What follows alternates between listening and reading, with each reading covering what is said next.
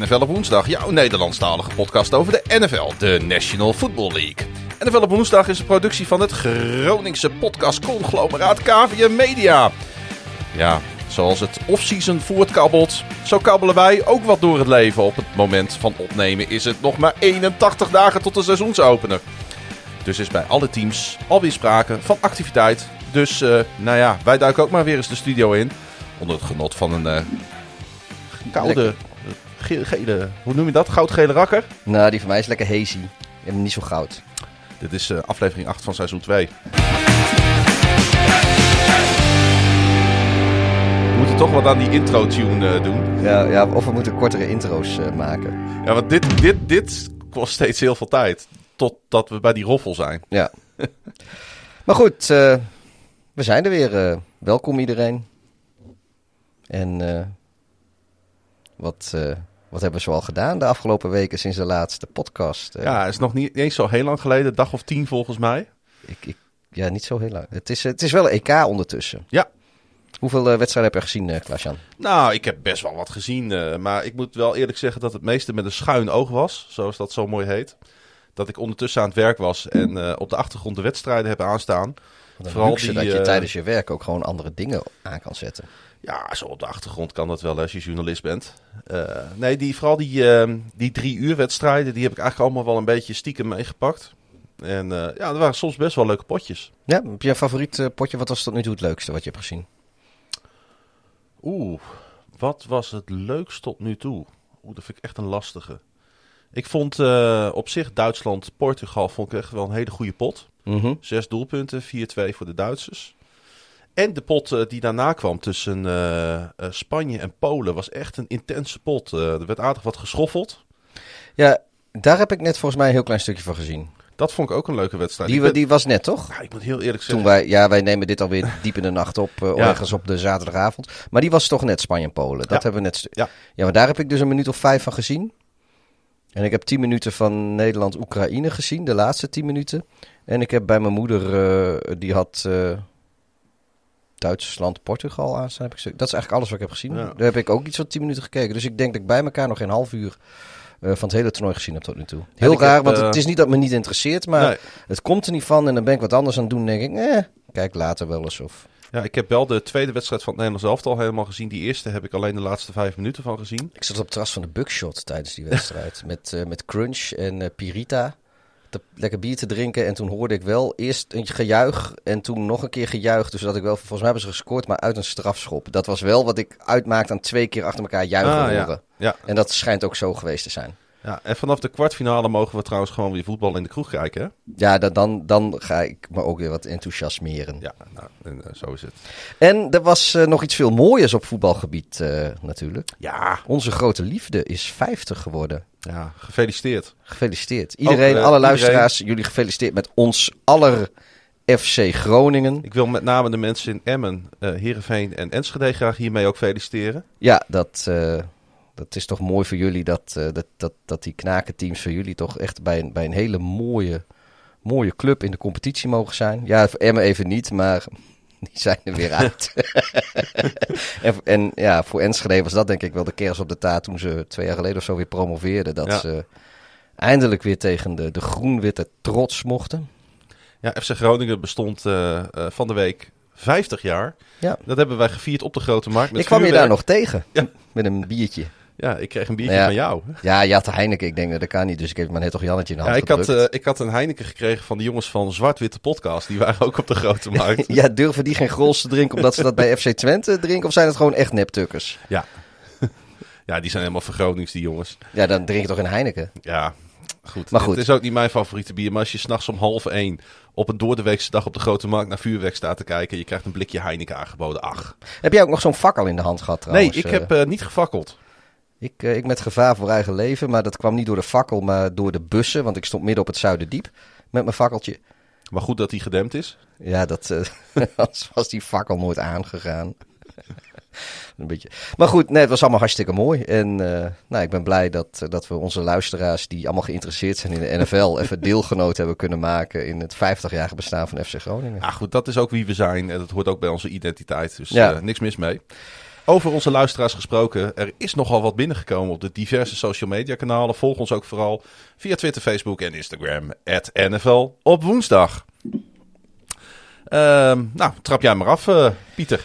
Martijn Koetsier, die, eh, die eh, kwam, volgens mij was het vroeg deze week.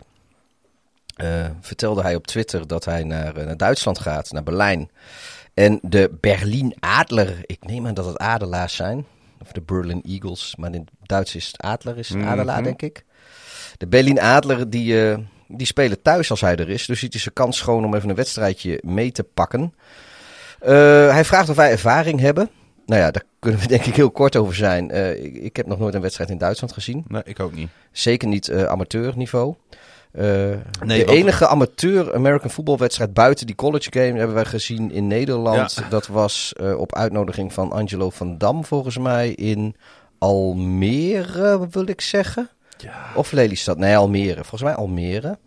En dat was toen de Arnhem Falcons tegen Crusaders. En dat was de, zeg maar de Tulip Bowl. De De, Tulip ne- Bowl, de, Nederlandse Ik kampioenschapswedstrijd. weet nog dat Sam, Sam Al-Zahawi, zo heet mij. Samman, ja. Die Samman was die zat op een, eh, op een grote stellage. Ja, Met een microfoon en een box naast zich zat hij de, de play-by-play eh commentaar ja te en was. Angelo toen nog niet bezig met uh, ref? Zat hij ook niet eh, ergens? eh, die deed toen nog iets met de arbitrage volgens mij. Dat zou kunnen, maar dat is eigenlijk inderdaad naast eh, NFL het enige wat wij aan andere college, American voetbal echt... eh, ja, eh, en Ja. de Admirals heel lang geleden Ja, natuurlijk. ja.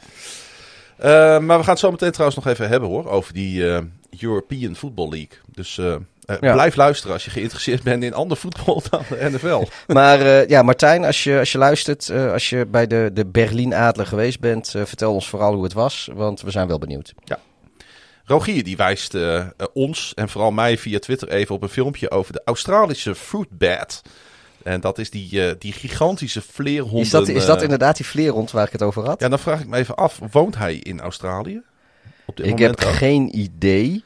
Of hij maar heeft kan- er in ieder geval gewoond, volgens Ja, mij. nou, het kan ook best zijn dat hij ergens in Helpman woont en daar op een zomeravond al die vleerhonden over zijn huis had zag vliegen, zo, Volgens- zo, zo richting Nee, volgens mij, Hoorn. volgens mij heeft hij er gewoond of woont hij er. Oké. Maar laat dat ook even weten, Rogier. Zijn natuurlijk Ja, want dat, dat, dat hoop jij. Jij hoopt ook dat hij zo ver mogelijk weg woont, zodat die vleerhonden ook zo ver mogelijk weg zijn. Ja, nou, ik was... Ja, moeten we het daar toch nog even over hebben? Nou, voor mij hoeft het niet. Ik, iedereen weet volgens mij wel een beetje hoe jij nu in het leven staat Ja. tegenover Als vleermuizen. mensen het raw material van dat moment nog een keer willen terugzien... dan moeten ze even onze Twitter-tijd Ja, checken. even terugscrollen. Hij is erop gezet. Ja, ja, inderdaad. En ja, en nou ja, ik, we hebben gemerkt dat iedereen dat doet. Maar inderdaad, het laatste, laatste paar minuten van onze vorige podcast, geloof ik, zit hij ook gewoon eh, helemaal in. Ja, en, en eh, ja, ik laat dit even aan jou over. Maar eh, Niels eh, Habraken, onze grote vriend uit eh, Brabant... dat is wel een held, hè? Ja, ja Want, die, eh, heeft, eh, die heeft dus even eh Shaq Miller getagd over het feit dat wij hem... eh, ja, dat hij Shaq Miller aan het luisteren was dankzij onze podcast. En eh Shaq Miller heeft dat opgemerkt. En daar zijn, wij- zijn wij dan weer blij mee. Hij vond het tof, hè? Dat Ja. hij eh, vanuit Nederland, NFL-podcast... Maar goed, we blijven hem promoten en we houden het in de gaten. Als zijn album komt, dan, eh, dan hoor je ongetwijfeld nog meer. Eh, voor de luisteraars die dit geen mooie muziek vinden, pech gehad. En we gaan natuurlijk kijken als wij in Amerika zijn... of hij eh, de behoefte aan heeft om eventueel naar Chicago te komen. Kunnen we even het gesprekje Ja, maken. en anders gaan we hem gewoon bellen. Wij gaan, dat is ons nieuwe, onze nieuwe doelstelling is om, om minimaal een telefonisch interview met Zack Miller te regelen voor, voor in de podcast. Ja, dat zou wel heel tof zijn. Chris Septe, die stuurt een vraagje in via de Twitters. Ik eh, lees bij verschillende franchises dat spelers niet komen opdagen bij minicamp. Kan dit zomaar en zitten hier geen consequenties aan? En gelijk daaraan willen koppelen de vraag die op Instagram bezig kwam van eh, Stefan van Klink. Hoi man, een stukje input voor vanavond of een andere aflevering. Nou, eh, komt goed uit. We gaan hem vanavond al behandelen. Ik verbaas me nogal over de hoeveelheid spelers die niet opkomen dagen vanwege contractonderhandelingen. Zoals Aaron Rodgers. Het zijn er niet eens zo heel veel, heb ik gezien. Ik heb Nee. het lijstje even opgezocht. Valt op zich mee. Maar eh, hij zegt als coach zou ik er niet echt gelukkig van worden om te werken met spelers die niet bij de training aanwezig zijn. Vooral in combinatie met salary cap regel vind ik dit bijzonder. Een hoog salaris betekent namelijk dat er minder geld is om een goed team te bouwen. En dus een lagere kans op de Super Bowl. Kunnen jullie verklaring geven waarom dit zo vaak gebeurt in de NFL? Ja, eh, het- spelers hebben niet, eh, niet heel veel eh, gewicht in de onderhandelingsschaal eh, te leggen. Mhm. Ehm, omdat de contracten in de NFL die werken heel anders dan dat ze werken in het, bijvoorbeeld het profvoetbal hier. Um, in, in, in het profvoetbal hier is het zo dat als, ongeacht hoe lang je contract duurt, als er een ander team is die, die jou per se wil hebben, dan komen ze, kunnen ze dat contract afkopen. En als zij het bedrag willen betalen wat de, je huidige club voor je wil hebben, dan is dat zo geregeld. Zo, zo gaat dat in de NFL gewoon niet. Je, de, je koopt geen contracten af. Een contract moet uitgediend worden, tenzij een team je, je echt ontslaat van, van, van je contractuele verplichtingen. Dan word je gekut. Ja. Um, dus als een, als een speler uh, of nieuwe uh, contractvoorwaarden wil hebben, of uh, misschien wel eens wil kijken of er andere teams in hem geschikt zijn, is het enige wat hij eigenlijk kan doen, is staken. Maar dan hebben we het echt alleen maar over de spelers die tot de, tot de top behoren over het algemeen, hè? Ja, want als jij een vervangbare speler bent, dan zeggen ze: Oh, jij staakt, oké, okay, beste maar weer. Ja. Uh, voor jou tien anderen. Uh, maar als jij dus een, een, een uh, skill-positiespeler bent van, van enig statuur, of je bent anders, anderszins heel goed op jouw positie. Ja, dan wordt het al lastig. Dan wil een team best wel eens met jou gaan praten over, uh, over bepaalde contractvoorwaarden. En dan zijn er ook nog veteranen, maar dat is, daar hoor je minder van. Die uh, soms niet opkomen dagen of niet opkomen hoeven dagen van. Uh, dat doen ze vaak in overleg met het team. Mm -hmm. Omdat zij zelf bezig zijn met een regime om fit te worden. En zoiets hebben van ja, weet je, ik wil niet geblesseerd raken in minicamp. Uh, dat is vaak in overleg hoor. Dat zijn, dat zijn echt de, grote jongens zoals de J.J. Watts en de Khalil Max en de Aaron Donalds. Uh, dat, dat soort spelers. Die uh, quarterbacks komen over het algemeen wel, want die moeten met hun offense gaan klikken. Met Ik heb hun nieuwe. Watt receivers. al wel op een trainingsveld Ja, dit jaar komen ze allemaal wel. Ja. Want Khalil Mack was er ook in Chicago. En volgens mij was Aaron ze hebben Donald vorig er jaar ook. niet gehad, hè? Dus, ja, ja. precies. Maar, en Aaron Donald was er bij de, bij de Rams. Maar dat zijn vaak spelers die, eh, die zelfs minicamp... eh, sowieso alle, alle vrijwillige trainingen slaan ze vaak over. Ja. Eh, en soms doen spelers van dat, dat soort spelers, dat soort statuur... die eh, willen ook nog wel eens eh, eh, de rest van... dat ze pas echt op training camp pas serieus mee gaan doen. Maar dat is... Maar toch om even terug te komen hè, op die vraag van Chris en Stefan. Kan dit zomaar? Ja, dit kan zomaar. En dat heeft er vooral mee te maken omdat teams zelf mogen beslissen of ze wel of niet de boete opleggen. ja, En vandaar dat er heel vaak in overleg veel mogelijk is. Dus verplicht is niet echt verplicht. Verplicht is een, is een zeer fluïde, rekbaar begrip als het gaat om deze fase van het offseason. ja. Eh, maar er zijn echt talloze situaties te bedenken dat het, eh, dat, dat, dat, eh, ja, dat het ook in het voordeel van de franchise kan zijn. Want vaak willen, soms zijn er franchises die bijvoorbeeld een speler willen traden. En dan is het in hun voordeel dat die speler niet geblesseerd kan raken tijdens Nee, een camp. dat is waar. Dat is waar. En even op de achtergrond blijft, zodat de kantoren de onderhandelingen kunnen doen. Ja, nee, klopt. Dus Dat het is, eh, mes kan aan eh, twee kanten snijden, zoals dat zo mooi heet. Ehm, en ik wou er toch ook nog even bij vermelden, die eh, zogenaamde verplichte minicamps, mandatory noem je dat in het Ja. Engels. die zijn qua importantie echt het, echt het minst belangrijkst van alles wat er tijdens off-season bij teams gebeurt. Je hebt de rookie minicamps die natuurlijk ongelooflijk belangrijk zijn omdat je je nieuwe spelers wil leren kennen. Ja, maar dat is wel echt alleen voor rookies Ja. en voor undrafted free agents. Of, Precies. of spelers die misschien geen rookie zijn, maar die eh, het voorgaande jaar second of third string waren, die zich wel weer willen bewijzen. Ja. Maar dat, dat soort, de rookie minicamp komen sowieso de veteranen zelden. Nee, maar die zijn ongelooflijk belangrijk. eh, met name gewoon voor inderdaad die, de jonge gasten. Of de gasten die eh, om die 53ste plek op het roster hangen. De OTA's zijn ook wat belangrijker alweer. Maar ehm, die drie dagen minicamps. Er wordt geen enkele contact drill wordt er, eh, gespeeld. Nee, het is, eh, het is, ze, hebben de, volgens mij, ze hebben wel de helm op, maar lekker gewoon een kort broekje, t-shirtje. Ja, het, is, het, het boeit gewoon niet zo heel veel. En het is met name gewoon, eh, die minicamp is een beetje bedoeld van, over vijf weken zien we elkaar weer. Ja. Het is een beetje een uitzwaaimoment. Eh er wordt tegen de Ja, spelers gezegd, eh, blijf fit, doe ja. geen gekke dingen. Over vijf weken, dan start de trainingskamp en dan moet je er staan, dan en, begint het het, is, seizoen. ja, en het is een beetje een introductie. En als ze bepaalde wijzigingen hebben in, in playbook of dat Mhm. soort dingen, in schemes, dat soort dingen wordt er ook even verteld. En dan krijgen ze inderdaad eh, wat, wat, wat eh, in een classroom wat uitleg mee. En dan kunnen ze dan de komende weken kunnen ze zich daar lekker in verdiepen. Maar eh, ja, nee, het, is, eh, het is niet het allerbelangrijkste. Ja, grootste namen die dit jaar natuurlijk voorbij kwamen. Jij zei het al even. Dat eh, zijn natuurlijk Aaron Rodgers en natuurlijk ook de Sean Watson. Rodgers is officieel een minicamp holdout. Watson is dat niet omdat de Texans, net als de Colts, de Eagles en de 49ers, dacht ik, hun minicamps hebben geannuleerd. Vanwege COVID? Uh, nou ja, gewoon een keuze gemaakt om niet, uh, om niet een minicamp te ja, doen. Ja, de Niners die hadden waarschijnlijk al geen spelers meer over. Die, die hadden, waren allemaal geblesseerd. die waren er alweer even klaar mee, ja. nee, maar ja, nee, ik lach wel, maar dat is best wel, best wel erg hoor. Ja. Uh, ja, nee, ik, ik, ik, ik, wist niet eens dat, dat die teams een minicamp hadden geannuleerd. Ja, ja, vier teams hebben daarvoor gekozen. Overigens heeft Gilmore, daar gaan we het zo meteen nog even uitgebreid over hebben, van de Stefan. Patriots. Die heeft wel een boete gekregen van zijn team aan ruim 93.000 dollar. Dus daar is de shit aan. Ja, die, uh, ik moet eerlijk zeggen, ik weet van, uh, uh, natuurlijk weet ik dat, bij Chicago's Eddie Goldman niet opkomen dagen op de eerste dag van mandatory minicamp. En dat, ja, daar waren mensen wel verbaasd over, want vorig seizoen heeft hij, dus de nose tackle, die was twee seizoenen geleden, was die echt heel goed. Uh, uh, was, was Loki een van de betere spelers op die, op die defense. Dankzij hem konden Hicks en, en Mac en zo uh, wat, wat lekker spelen. Vorig jaar heeft hij een holdout gedaan. Ik ben sowieso groot fan van nose tackles. ja, vorig, vorig jaar was hij dus holdout vanwege COVID. En nu kwam hij in één keer niet opdagen. Oh. Uh, ik moet even kijken of hij de tweede dag wel gekomen is. Want uh, hij was ook non-ex not excused. Dat hebben ze ook, de Bears hebben het ook eerlijk gezegd van... nou nee, we hadden hem gewoon verwacht vandaag. Nou, die kan dus ook dus, een, uh, een, boete van de CIB verwachten binnenkort. Al, ja, ik moet even kijken of hij een dag later alsnog is komen opdagen. Maar dat Als mensen trouwens denken, wat heeft die jongen een zware stem... Ik heb nog oh, heeft, je hebt het nu over jezelf, ja, niet over ik, mij. Ik heb, ja, ik heb een beetje last van de hooikoorts ook deze week, merk ik. Dus, geen covid? Nee, geen covid. Oké. Okay. Maar wel een klein beetje uh, de polletjes. Dus uh, mijn stem is een klein beetje anders dan normaal. Ik vind het wel, het heeft wel iets seksies. Je bent een soort van mannelijke, ja. mannelijke Katja Schuurman ben je. Ja, ik moet een beetje denken aan die Family Guy aflevering met uh, Peter Griffin. Dat, dat hij ook die, die, die verkoudheidsstem had. Oh ja. En dat, nou ja. Ik heb toch liever een, een Dat de vrouwtjes dat nog wel aantrekkelijk Ik vonden. heb toch liever een mannelijke Katja Schuurman. Ja.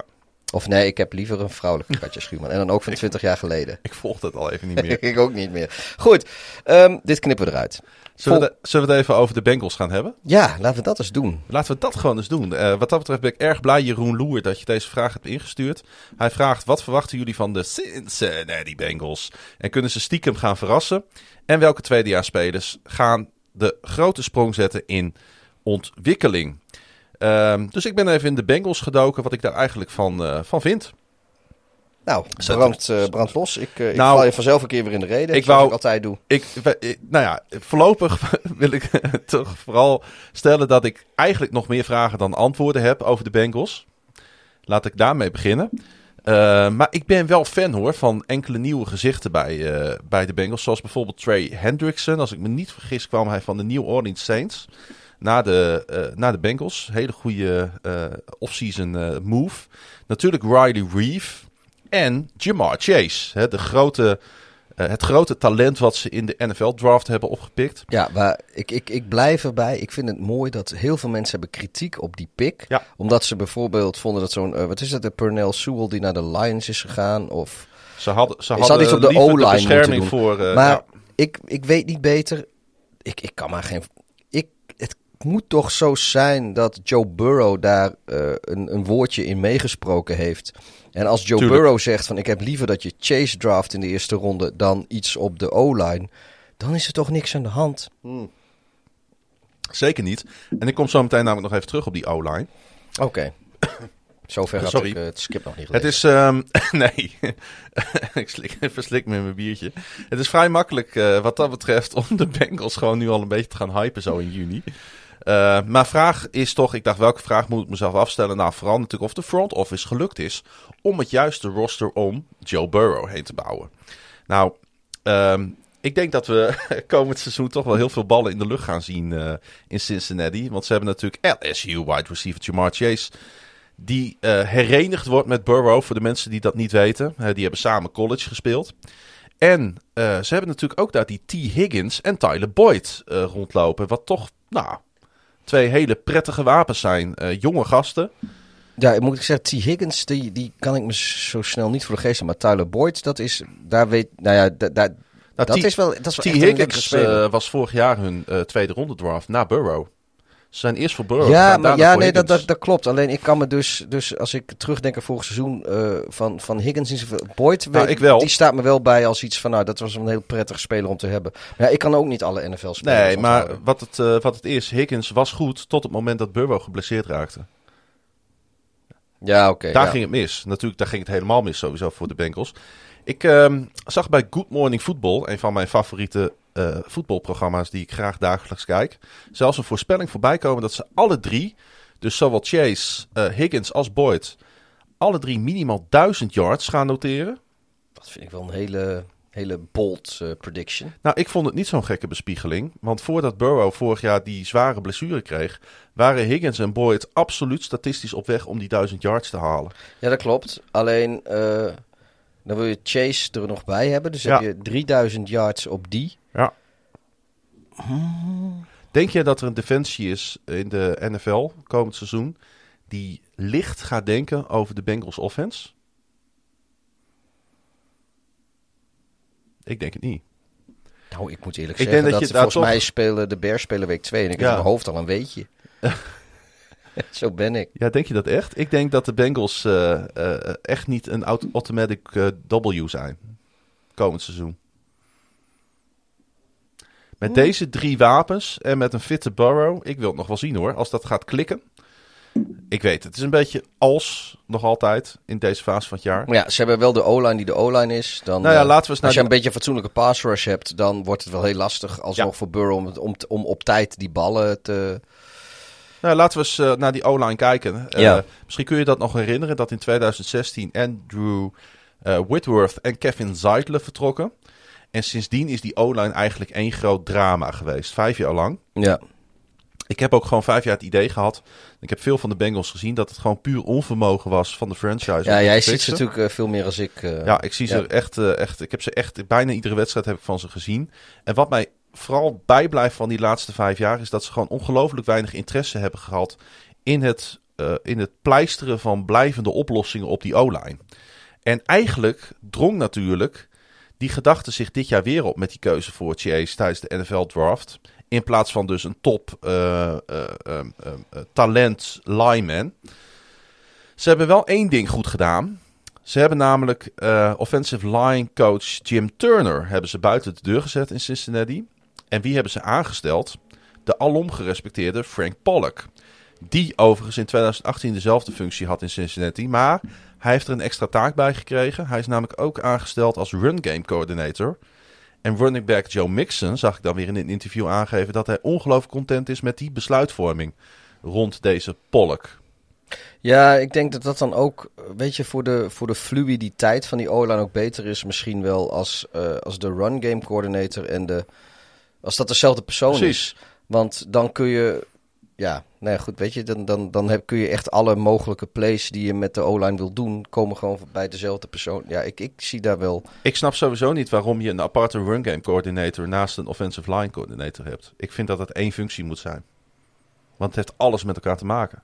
Ja, maar ik denk wel dat als je een eh, O-line hebt die heel goed werkt met veel veteranen en, en misschien één of twee eh, eh, potentiële pro-bowlers, dat je dan kan zeggen van dat je dan specifiek gaat controleren op, op pass en run packages en dat je daar je specifiek op, op, op zodat dat nog beter wordt. Maar Ja, maar je hebt Al- ook een running back coach. ja, maar die is voor de running backs. En Ja. de running game coordinator is voor de Ja, O-line. precies, dat snap ik. Maar ja, Nou, ik denk als, als ik vind het geen verkeerde zet hoor van de Nee, als het, als het niet werkt, dan kun je denk ik beter even back to basics en dan ga je het gewoon doen. Als jij een, een O-line hebt eh, die, die goed is met, eh, met een paar veteranen, dan kan het misschien eh, lonen om daar specialisten tegenover te zetten. Die, die, Hm. die, maar goed, wat weet ik man. Ik heb... Nee, dat is ook zo. Maar goed, we kijken er gewoon naar en we, we vinden er wat van. Ik vind in ieder geval wel, ze hebben dus die Riley Reeve. Ik zei het net al, dat is echt wel een veteraan die jarenlang furoren maakte in NFC North bij de Lions en de Vikings. Dus jij moet hem eh, ook wel eh, zo ergens een beetje kennen. Ehm, dat was echt een big move om hem binnen te halen. Samen met Jonah Williams vormt hij, denk ik, een van de beste tackle tandems in de NFL. Rive die eh, stond in 2000 slechts één sack toe in meer dan duizend snaps die hij gespeeld heeft. Dus dat is toch wel een nou, indrukwekkende statistiek. 2000. Eh, sorry, 2020. Ik, ja, ik wil zeggen, van het, ik sta wel bij veteran tackle, maar ik had zoiets van als die gast nu echt zijn 22e NFL-seizoen ingaat, dan eh, is Ja. het... Maar ik heb vooral een beetje naar de aanval gekeken. En als, mijn, als ik echt mijn grote vraagteken, Jeroen eh Loer, moet, moet zetten, dan is het bij die interior offensive line. Daar word ik niet zo vrolijk van. Ze kozen de Bengals in de tweede ronde van de draft voor Jackson Carmen. Op zich een veelzijdig talent van Clemson. Die waarschijnlijk zal starten als right guard. Ja, geen idee. Weet je, kan een verrassing worden. Blijft een rookie. Ze hebben daar die veteran eh, Quinton Spain. Daar ben ik geen fan van op left guard. Dat is echt de weak spot op de O-line. Eh, Trey Hopkins zal in De, principe... misschien wel de belangrijkste plek. Of Ja. een van de belangrijke left tackle, left guard. Ja, ja. Ja, en ik, eh, ik, ben, nee, ik ben geen fan van deze speler. Ehm, heeft heel veel laten gaan afgelopen jaar. Trey Hopkins is in principe de center, maar nog niet, niet hersteld van een blessure. Dus zal Billy Price dat gaan overnemen. Ehm, hij was in 2018, toen Pollock dus ook al bij de Bengals zat, de eerste rondekeuze van de Bengals. Heeft wat mij betreft de verwachtingen ook nooit kunnen waarmaken. Dus eh, daar liggen echt problemen. Maar overall ziet het er echt goed uit ten opzichte van al die jaren daarvoor. Dus in vijf jaar is de offensive line van de Bengals niet zo, niet zo sterk geweest. Ja, eh, ik ben sceptisch. Eindigen ze boven de Steelers of niet? Of worden ze vierde? Ja, er- ervan uitgaande dat de Browns en de Ravens boven de Bengals eindigen. Dat lijkt me re- relatief. eh, maar eindigen ze. Wie, wie, wie zijn beter in jouw optiek? De Steelers of de Bengals? Ik vind het een eh, lastige vraag. Als ik nu zou moeten kiezen, zou ik toch de Steelers op drie zetten. En uiteindelijk wel weer de Bengals op vier. Maar dat komt ook gewoon omdat de Bengals pech hebben dat ze in de AFC North Ja, spelen. maar eh, verrassen ze dan of niet? Of hangt, kijk, Ja. als zij vierde worden met de 8-8 record, verrassen ze. Dan verrassen ze. En dat zou best wel eens kunnen. Ja. Ja, ik denk dat ze ergens wel een overwinning gaan Oh afsnoepen ja, 8-8 hoor, van de Ravens trouwens de eh, gaat niet lukken meer natuurlijk. Maar Nee, 8-9 8-9 of 9-8. zo. Ja, Nou, nee, met 9-8 word je nooit vierde. Nooit een keer. nee, Er gaat niet bestaan dat je met een winning record vierde wordt in de divisie. dat zou... Ja, Zelfs dit jaar niet. En ja zelfs dan, de AFC dan North zouden ze natuurlijk wel over de Steelers heen kunnen gaan. Het zal, het zal spannend worden. Oh, nou ja, goed. Ik, eh, En met een, met een 9-8 seizoen kun je ook maar zo een wildcard pakken. Dus eh, Ja, maar ik zie de Bengals geen negen wedstrijden winnen. Ik, ik denk niet. Ik, ik denk dat de, de Bengals eh, goed op weg zijn. Ja. En ehm, denk wel dat ze het vierde worden in de divisie. Ik denk dat de Steelers. eh, eh, die hebben gewoon. Ja, die verdediging is zo goed. En die hebben het aanvallend ook best wel voor elkaar. En ja, dat valt of staat een beetje bij, bij Roethlisberger.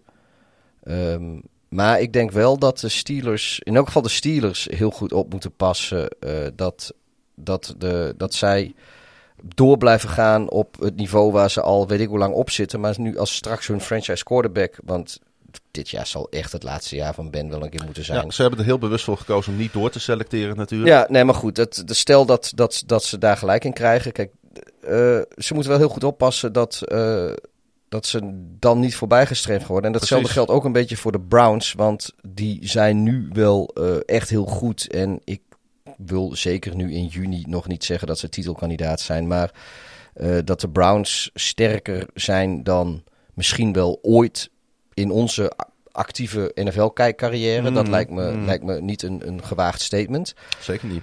Maar eh, de Browns moeten nog wel bewijzen dat zij eh, constant zijn.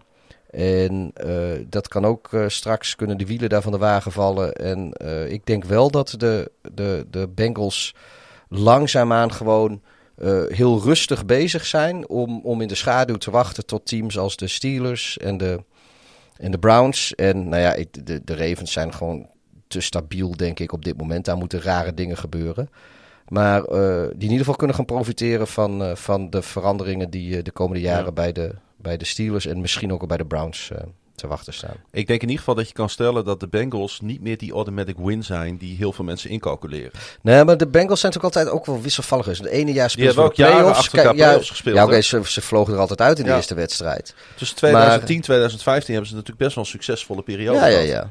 En eh, kwam natuurlijk door die geweldige quarterback die... eh, nee, maar eh, kijk, de, de, de Browns die komen, die zijn echt van niets iets geworden. En, en de, de Bengals die hebben, die zijn ja, de laatste jaren gaat het daar bepaald niet goed. Maar die hebben natuurlijk ook gewoon eh, best veel uh, playoff wedstrijden gehaald. Uh, of best vaak de playoffs gehaald. En drie, drie of vier keer of zo in de laatste 10, 12 jaar. Nee, vaker zelfs. Vaak, maar, of, maar ja, ze, ze vliegen er altijd meteen ja, uit. Ze dat hebben nog nooit een playoff wedstrijd gewonnen. Dat is wel een true. Nou ja, de, de, nee, onder, onder met Andy Dalton onder, uh, onder Dalton, sorry, in die hele periode. Ze hebben ja, natuurlijk... Uh, ik moet het wel goed ze zeggen. hebben van de ja. 49ers een, een Super Bowl zelfs verloren Je in hebt, uh, Detroit. Nee, precies. Even de nuance erbij. Dat is niet eens een nuance.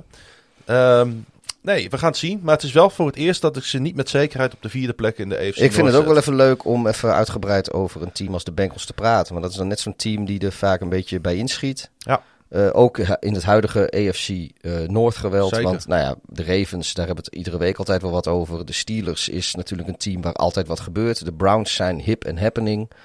Dus ik vond het wel mooi om nu de Bengals er even bij te pakken. Ja, bedankt voor je vraag Jeroen. Laten we naar de volgende uh, opmerking gaan van Jasper Leenaerts. Hij reageert op onze Instagram story. En hij zegt, ik ben eigenlijk wel benieuwd naar de teams waar een quarterback battle plaatsvindt. En dan noemt hij Chicago, Denver, New England, New Orleans en San Francisco.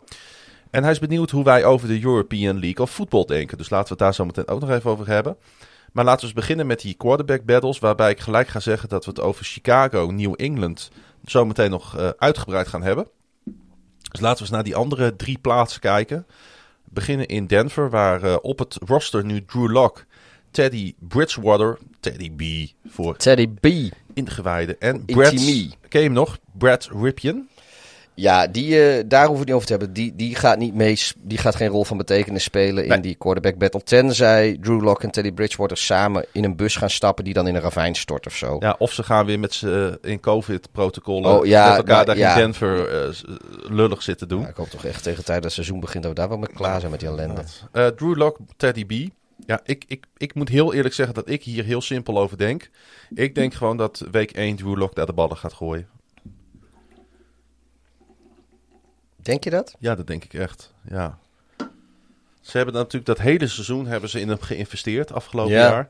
Hij deed ook af en toe best wel heel erg leuk. Met name, hij kan echt wel onder druk spelen. Ja, weet je, Teddy hij doet ook af en toe hele ik, gekke ik, dingen. Ik, ik, ken Teddy Bridgewater natuurlijk vooral, of mijn, mijn ik, ik, ik, nee, zo ken ik hem niet. Maar ik, zo kan ik hem niet vergeten. Is als die uh, QB bij de, bij de Vikings. Dat ik dacht van fokken. Gaan, hebben zij nu ook al een, een, een geweldige quarterback? Want Stafford was natuurlijk goed. En, en, en Rodgers. geblesseerd?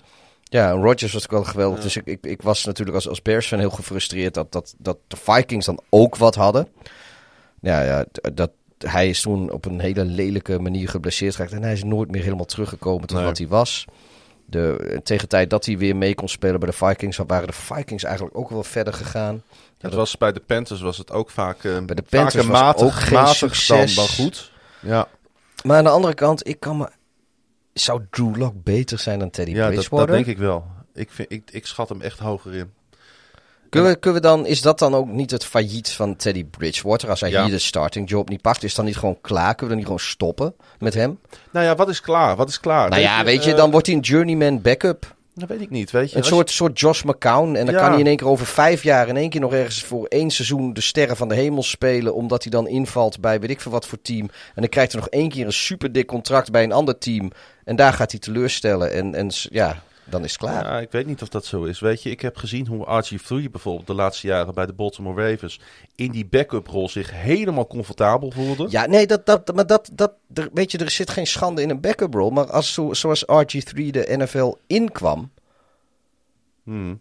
dan, dan gaat hij er toch niet uit als een nachtkaars in een backup rol bij de Ravens. Ook al is het voor de Ravens zelf als organisatie een geweldige aanwinst. Maar voor ons als fans is, is hij toch gewoon heel stilletjes door een achterdeurtje verdwenen. Dat is ook zo.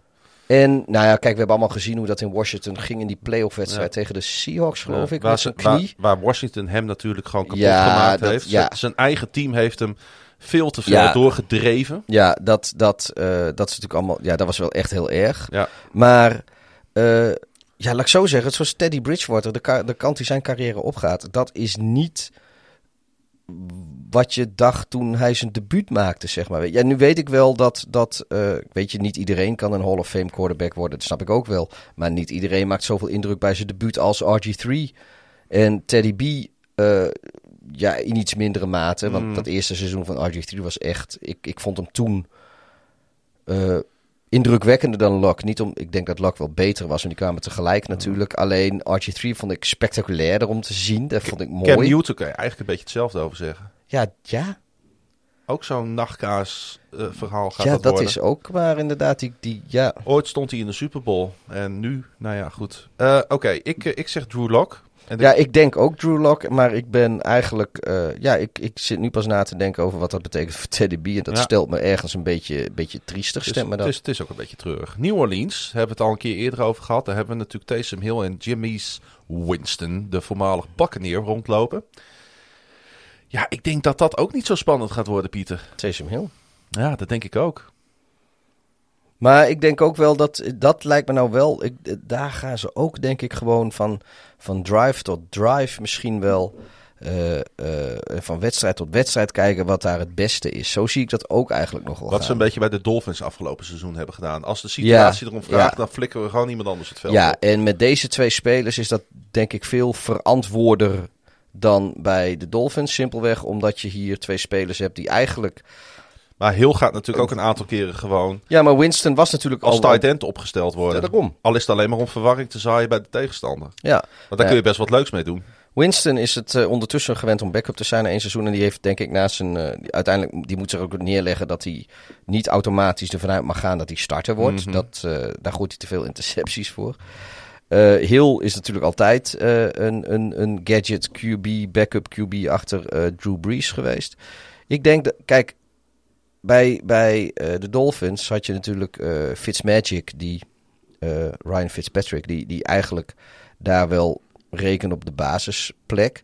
Die net een hele goede reeks had en in één keer werd hij eruit gehaald voor Tua. En dat frustreerde hem. Ik weet het nog, want daar hebben we het volgens mij over Zeker. gehad. Dat hij daar, frustraties weet ik niet, maar hij was wel heel verbaasd. Maar daar kunnen wij ons wel in dat konden, wij, dat konden wij ons Ja. toen heel goed in vinden. Want het was niet alsof hij slecht speelde of zo. Hij speelde de sterren van de hemel op dat moment. Nee, maar ze zijn bij de Dolphins ook niet bang om... eh, nee, precies. hè? En, en dan zit die Tua zit er goed op. Die trekken ze er ook zo uit. En ja, wij waren daar een beetje... eh, ik, ik wist niet zo goed wat ik van moest vinden. Aan de ene kant vond ik het een heel raar beleid. Aan de andere kant denk ik, ja, weet je, het zijn allemaal profs. En ze moeten niet zeiken. En wat ze denken wat best is, is het beste. En het ging best goed uiteindelijk. Ja, ze hebben om haar naar hebben ze de playoffs gemist. Ja, maar ik door denk- de keuzes die de coaches gemaakt Maar ik denk wel hebben. dat het met Hill en Winston beter gaat. Omdat dat alle... Kijk, eh, eh, Ja. Fitzpatrick dacht op dat moment gewoon dat hij start, de startplek had. En die speelde op een manier waarop je hem niet op de bank zet. Nou, en toen dacht Tua waarschijnlijk van... Nou, weet je, dit is mijn moment. Vanaf nu gaan ze met mij doen. En die werd er ook meteen weer afgetrokken voor een wedstrijd. Ja. Dat is hier dus niet. Dit, dit, hier kan het denk ik wel echt werken. We gaan zien, San Francisco, het laatste team wat eh, Jasper aandraagt. eh, die natuurlijk te maken hebben met eh, drie quarterbacks van naam. Jimmy G, Trey Lance en Josh Rosen, niet te vergeten. Ja, die, dat, dat is toch... dat- Ah, hij zit wel in de mix. nee. Nee, ik zeg niet dat die Ja, in aanmerking komt voor de startende positie, maar hij zit wel in de mix. ik denk dat het zou mij niet verbazen dat eh, Josh Rosen nog gekut wordt voor dat seizoen begint. Dat zou inderdaad kunnen. Maar eh, de grote vraag is natuurlijk Jimmy G of Trey Lance. En ik denk dat hier, eh, in tegenstelling tot bijvoorbeeld New England, we wel heel duidelijk kunnen stellen dat als hij fit is, dat de 49ers Dat is wel een Jimmy grote caveat. Is hij fit? Ja, als hij fit is, Jimmy. Jimmy Garoppolo. Is hij niet fit genoeg of eh, laat hij niks zien? eh. maar dat, wordt wel, dat zijn wel de leuke dingen natuurlijk. Hè? Pre-season komt er natuurlijk misschien, vrij snel eh, ik, al aan. ik denk dat als Jimmy G zich in trainingscamp nog eh, enorm blesseert, dan zou het mij niet verbazen. Want ik, Josh Rosen, daar geloof ik niet in. En ik geloof Ja. ook niet. Ik denk dat. dat het is niet, eh, het is niet de mocht meest het- beroerde third string quarterback natuurlijk. Nee, oké. Maar ik denk, ik denk wel dat als Jimmy G zich voor start van het seizoen zou blesseren. En het is een beetje raar dat we het erover hebben, want zo praten we niet over andere spelers. Maar eh, volgens mij is hij zo'n beetje de helft van zijn, van zijn profcarrière eh, bijna geblesseerd geweest. Dat scheelt niet veel. Het is 60-40 of zo. Mhm. Ehm, dus het is geen, gek, eh, geen gekke eh, hypothese. Dan denk ik dat de Niners nog gaan kijken of ze een, een, eh, een, een veteraan, backup of een, een starter die ergens net buiten de boot gevallen is, of ze die kunnen pakken als starter, omdat ze niet met Trey Lance willen starten. Trey Lance start gewoon niet. Oké. Weet je, dan misschien komen zij er wel bijvoorbeeld een, een Foles bij de Bears weghalen, om maar wat te noemen hoor. Ik zeg niet dat ze dat doen. Dat Mhm. past ook niet bij hun ski, maar dat soort dingen gaan ze denk ik dan, dat is mijn idee. Oké. En hij vroeg natuurlijk, eh, en hij is Jasper, ook wat over de European League of Football. Ehm, ja, leuke vraag, want dit weekend is de start, jazeker, van die European League of Football. Eh, misschien voor de mensen die dat niet weten, die league is verdeeld over twee divisies met ieder vier teams. Een Noord- en een Zuiddivisie. Met de Berlin, Berlin, De Berlin Thunder, Thunder. de Hamburg Sea Devils, de Leipzig Kings en de Wroclaw Panthers. En Wroclaw ligt in Polen, mocht je dat niet eh, weten. Dat is de Noorddivisie. En dan heb je ook nog een Zuiddivisie met de Barcelona Dragons, de Frankfurt Galaxy, de Cologne Centurions. Cologne. Dus Cologne. De Cologne Centurions. Cologne wordt het ook wel in die grensstreek genoemd voor de Franstalige mensen. Ja, maar dat is ook Centurion zijn. Centurion. En de Stuttgart Surge in de Zuiddivisie. En elk team gaat een 10-game regular season spelen. Dan zijn toch de Leipzig Kings, de Wroclaw Panthers en de Stuttgart Surge zijn drie nieuwe teams. Ja. Want de Berlin Thunder, de In Hamburg Sea. Devils, eh, de Barcelona Dragons, de Frankfurt Galaxy en de Cologne Centurions, die kennen eh, de oplettende luisteraars eh, met, met die al enige belegenheid in het leven hebben. Natuurlijk allemaal nog uit de NFL Europe. Zeker.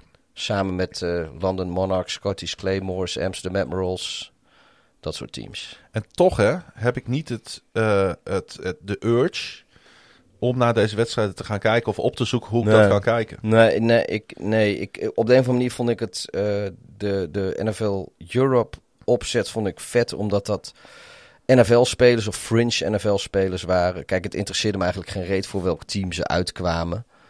Nee. Eh, ik vond het gewoon mooi dat dat, dat ja, dat wat ik zeg, dat dat, dat, dat fringe eh, spelers in, bij NFL-teams waren. Ja. En ja, ik weet niet, ook natuurlijk omdat eh, een, een deel van die tijd woonde ik ook in Amsterdam, maar ook vanuit het noorden was, eh, was, was het niet zo ver om naar de Admirals te gaan. Je had ook een, een team in de buurt. Ehm, ja, dit, dit, dit, dit is gewoon, ja. Nee, nee, als, ik- wij op, als we naar afstand kijken, dan zou denk ik Hamburg voor ons ja, dit is het dus- dichtstbijzijnde team zijn. Hè?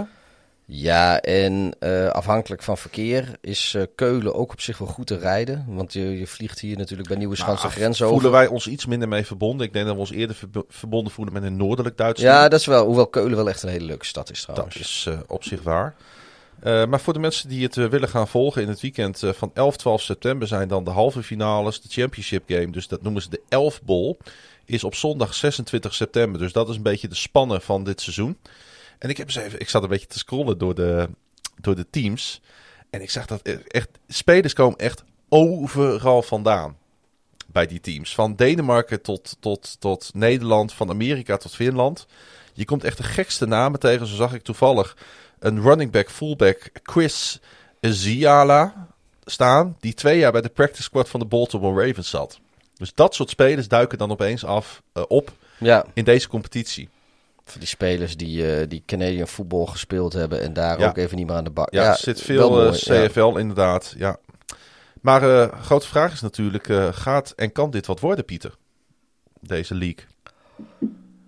In, ja, in, in, ik denk in Duitsland wel. Weet je, het is daar best groot. Ik denk alleen dat. ehm, Zes van de acht teams zijn Duits. Ja, maar ik denk wel dat ze de timing een beetje verkeerd hebben. Want als zij, eh, als zij de halve finale hebben, opent de NFL. En als zij de championship game hebben, zit NFL in week drie. Ja. Eh, ik denk wel, kijk, een van de successen van, nou ja, voor je het verder succes mocht noemen, maar ik vind als jij voor, af en toe voor, voor ruim 20.000 man in de arena speelt, American football, meer dan 20.000 man in Nederland, vind ik een succes hoor, dat meen ik echt. Hmm. Ik wou dat wij 20.000 luisteraars hadden. Maar Nou, we zijn onderweg. maar ja, jongens, eh promoot ons. Maar dat, dat een van de was op dat, dat was in maart, april en in mei was dan de finale. Het, was de, het begon volgens mij ergens half maart en dan ging het de hele maand april door en ergens half mei was het voorbij. Dat was precies in die periode dat er geen flikker te doen is in de hele fucking NFL. Dus die wedstrijden die werden ook nog eens in Amerika al dan niet integraal uitgezonden. Eh, d- daar, de voetbalhoofden daar, die hadden ook zoiets van, ach ja, weet je, ik zie mannen met, eh, met pads en helmen en eh, ik zie yardlines op het veld. Ik eh, ga dit kijken, ongeacht het niveau, want de- Ja. we- verder was er niks. Dus in Amerika had je, had je wel een beetje wat inkomsten. Ja, en hier zaten ook gewoon mensen. En nu, ja, het hoogtepunt van, van, die, van die league, die valt gewoon helemaal weg. Want En ze beginnen natuurlijk op een moment dat de stadions absoluut nog niet vol mogen zitten. Ja, Dat nou ja, goed, ja, maar, ko- goed, maar die, die COVID, dat is, eh, daar konden ze eigenlijk niks aan doen. Maar als dit zeg maar hun schema is, ja, dan, beginnen, dan, dan is het hoogtepunt van het seizoen.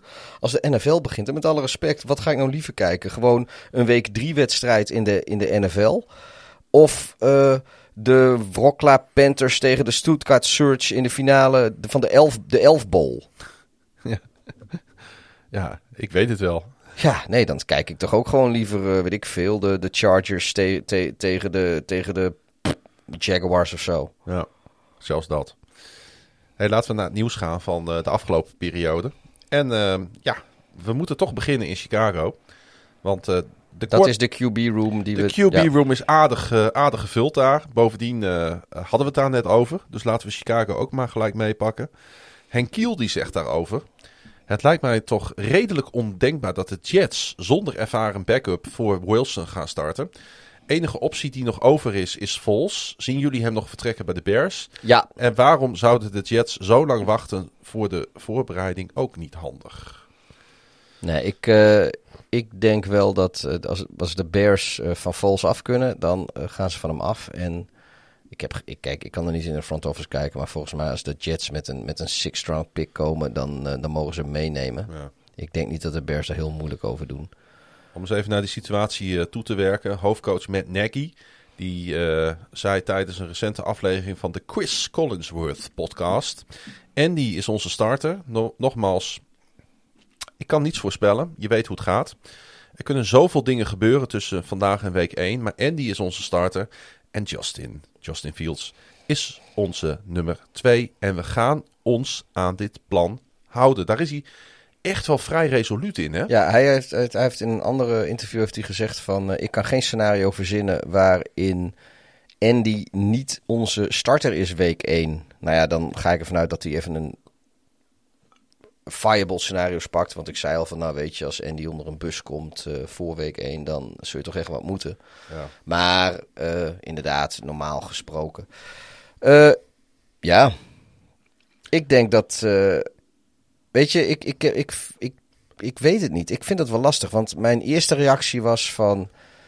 Eh, ja, weet je, breng hem maar rustig. Ik, het, van mij hoeft het niet. Eh, ik vind eh, de Bears hebben Justin Fields hopelijk voor de komende 15 jaar of zo. Dat, dat, al, dat, dat komt niet op een paar weken aan. Ik, ik ben ervan overtuigd dat Justin Fields in, in seizoen 1 van hem, dus ergens komende seizoen, gaat Justin Fields starten. Daar ben ik van overtuigd. Ja. Maar ze zitten. Maar hij hoeft niet per se week 1 te starten. Nee, maar met Vols erbij zitten de Bears natuurlijk veel te ruim in de quarterbacks. Te Ja. ruim, hè? Ehm, eh, ja, eh, eh, ze hebben natuurlijk... Nou, Nick Vols hadden ze al. Ze hebben Andy Dalton natuurlijk vastgelegd voor één jaar met die deal van 10 miljoen dollar. Ja, is denk ik nog, Nog- steeds wel een goede keuze geweest. Ja, trouwens. dat denk ik ook wel hoor. Maar tijdens, ze wisten toen natuurlijk ook nog niet wat er tijdens de draft zich zou... hè, ont, hoe noem je dat? Ontvouwen. Nee, ik denk dat de Bears echt zaten te kijken naar de. God, die, dat, die jongen die nu naar de Vikings gegaan is. Ik kom heel even niet. Wentz. Kellen, Kellen Mons is dat volgens oh, mij? oh, die bedoel je? Die is volgens mij. Die, die quarterback die ze uiteindelijk eh, naar de Vikings is. Volgens mij is dat, hebben die Kellen Mons. Oh, die in de tweede Ja, ronde gegaan is. Ja, en dan heb je nog. eh, Mills. God weet nog een voornaam. Ja, die naar de Buccaneers Die is naar de. Buccaneers gegaan. Ik, maar die Mills en die Mons, weet je, dat waren volgens mij de, de quarterbacks waar de Bears realistisch achteraan zaten. En ook daar hadden ze van, dan hebben we aan Andy Dalton wel een goede mentor. Kijk, dat de Bears met een quarterback, quarterback, een quarterback uit die draft zouden komen, dat weet Mhm. denk ik iedereen wel. Dat het Fields is gewoon de manier waarop het werd. Prima, daar, nou ja, goed, dat... eh, Maar je kunt toch wel nu concluderen dat de 2018 Super Bowl MVP eh buitenspel staat. Ja, ja, ja. Maar dat is ook. ehm, ik denk dat werkelijk. Iemand die zegt dat hij eh, had van tevoren had geweten hoe belabberd Vols eigenlijk speelde afgelopen jaar. Niemand had dat verwacht. Hmm. Dat, dat Vols niet een Super Bowl MVP, zeg maar niet zijn Super Bowl eh, MVP eh, niveau zou halen bij de Bears. Dat, eh, dat wist eigenlijk ook iedereen wel. Want al, het begint er al mee met dat de Bears niet een Eagles 2018 O-line hadden. En hebben. Maar nou, het was toch een, een, een zielig hoopje excuus voor een quarterback af en toe wat daar speelde. Dat was toch, ja, het, het, het, wa- het was echt treurig Ja, hoor. pijnlijk. Dus zou een trade ideaal zijn. Eh, nou, dan moet je je natuurlijk afvragen, is er een markt voor Vols? Nou, dan is er maar één team, en Henk heeft daar gewoon gelijk in, dat serieus in aanmerking komt. En dat zijn de New York Jets. En ik kan ook geen enkel ander team verzinnen. Ja, als Garoppolo geblesseerd raakt. Nee, ja, Ja, nee, nee, in realistische zin. Dat zijn de Nee. Jets. Nee, want de Jaguars zullen hem nooit terug willen.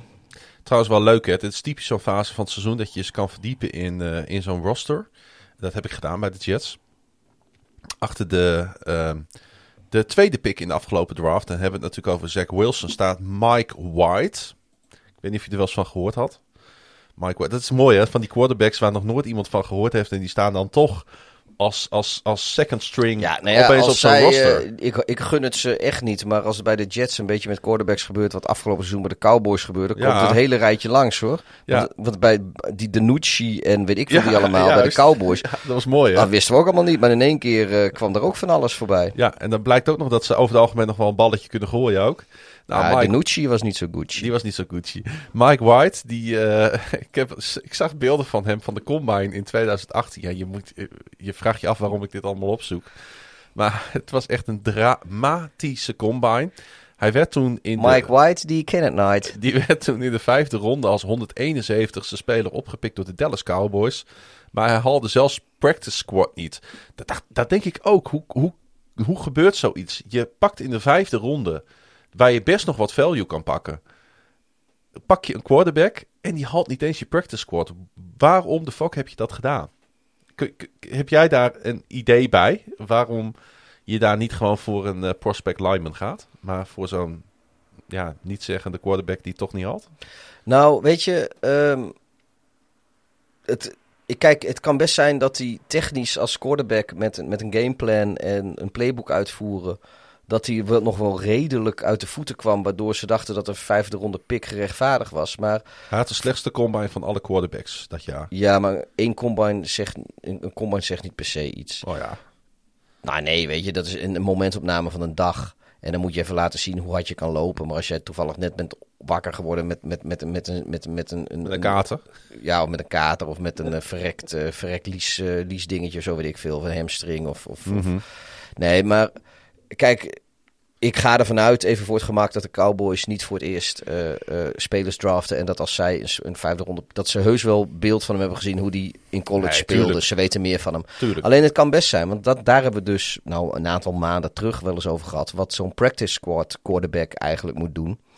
En die moet eh, in principe de quarterback van de tegenstander en hun playbook moet hij naspelen voor de, voor de defense.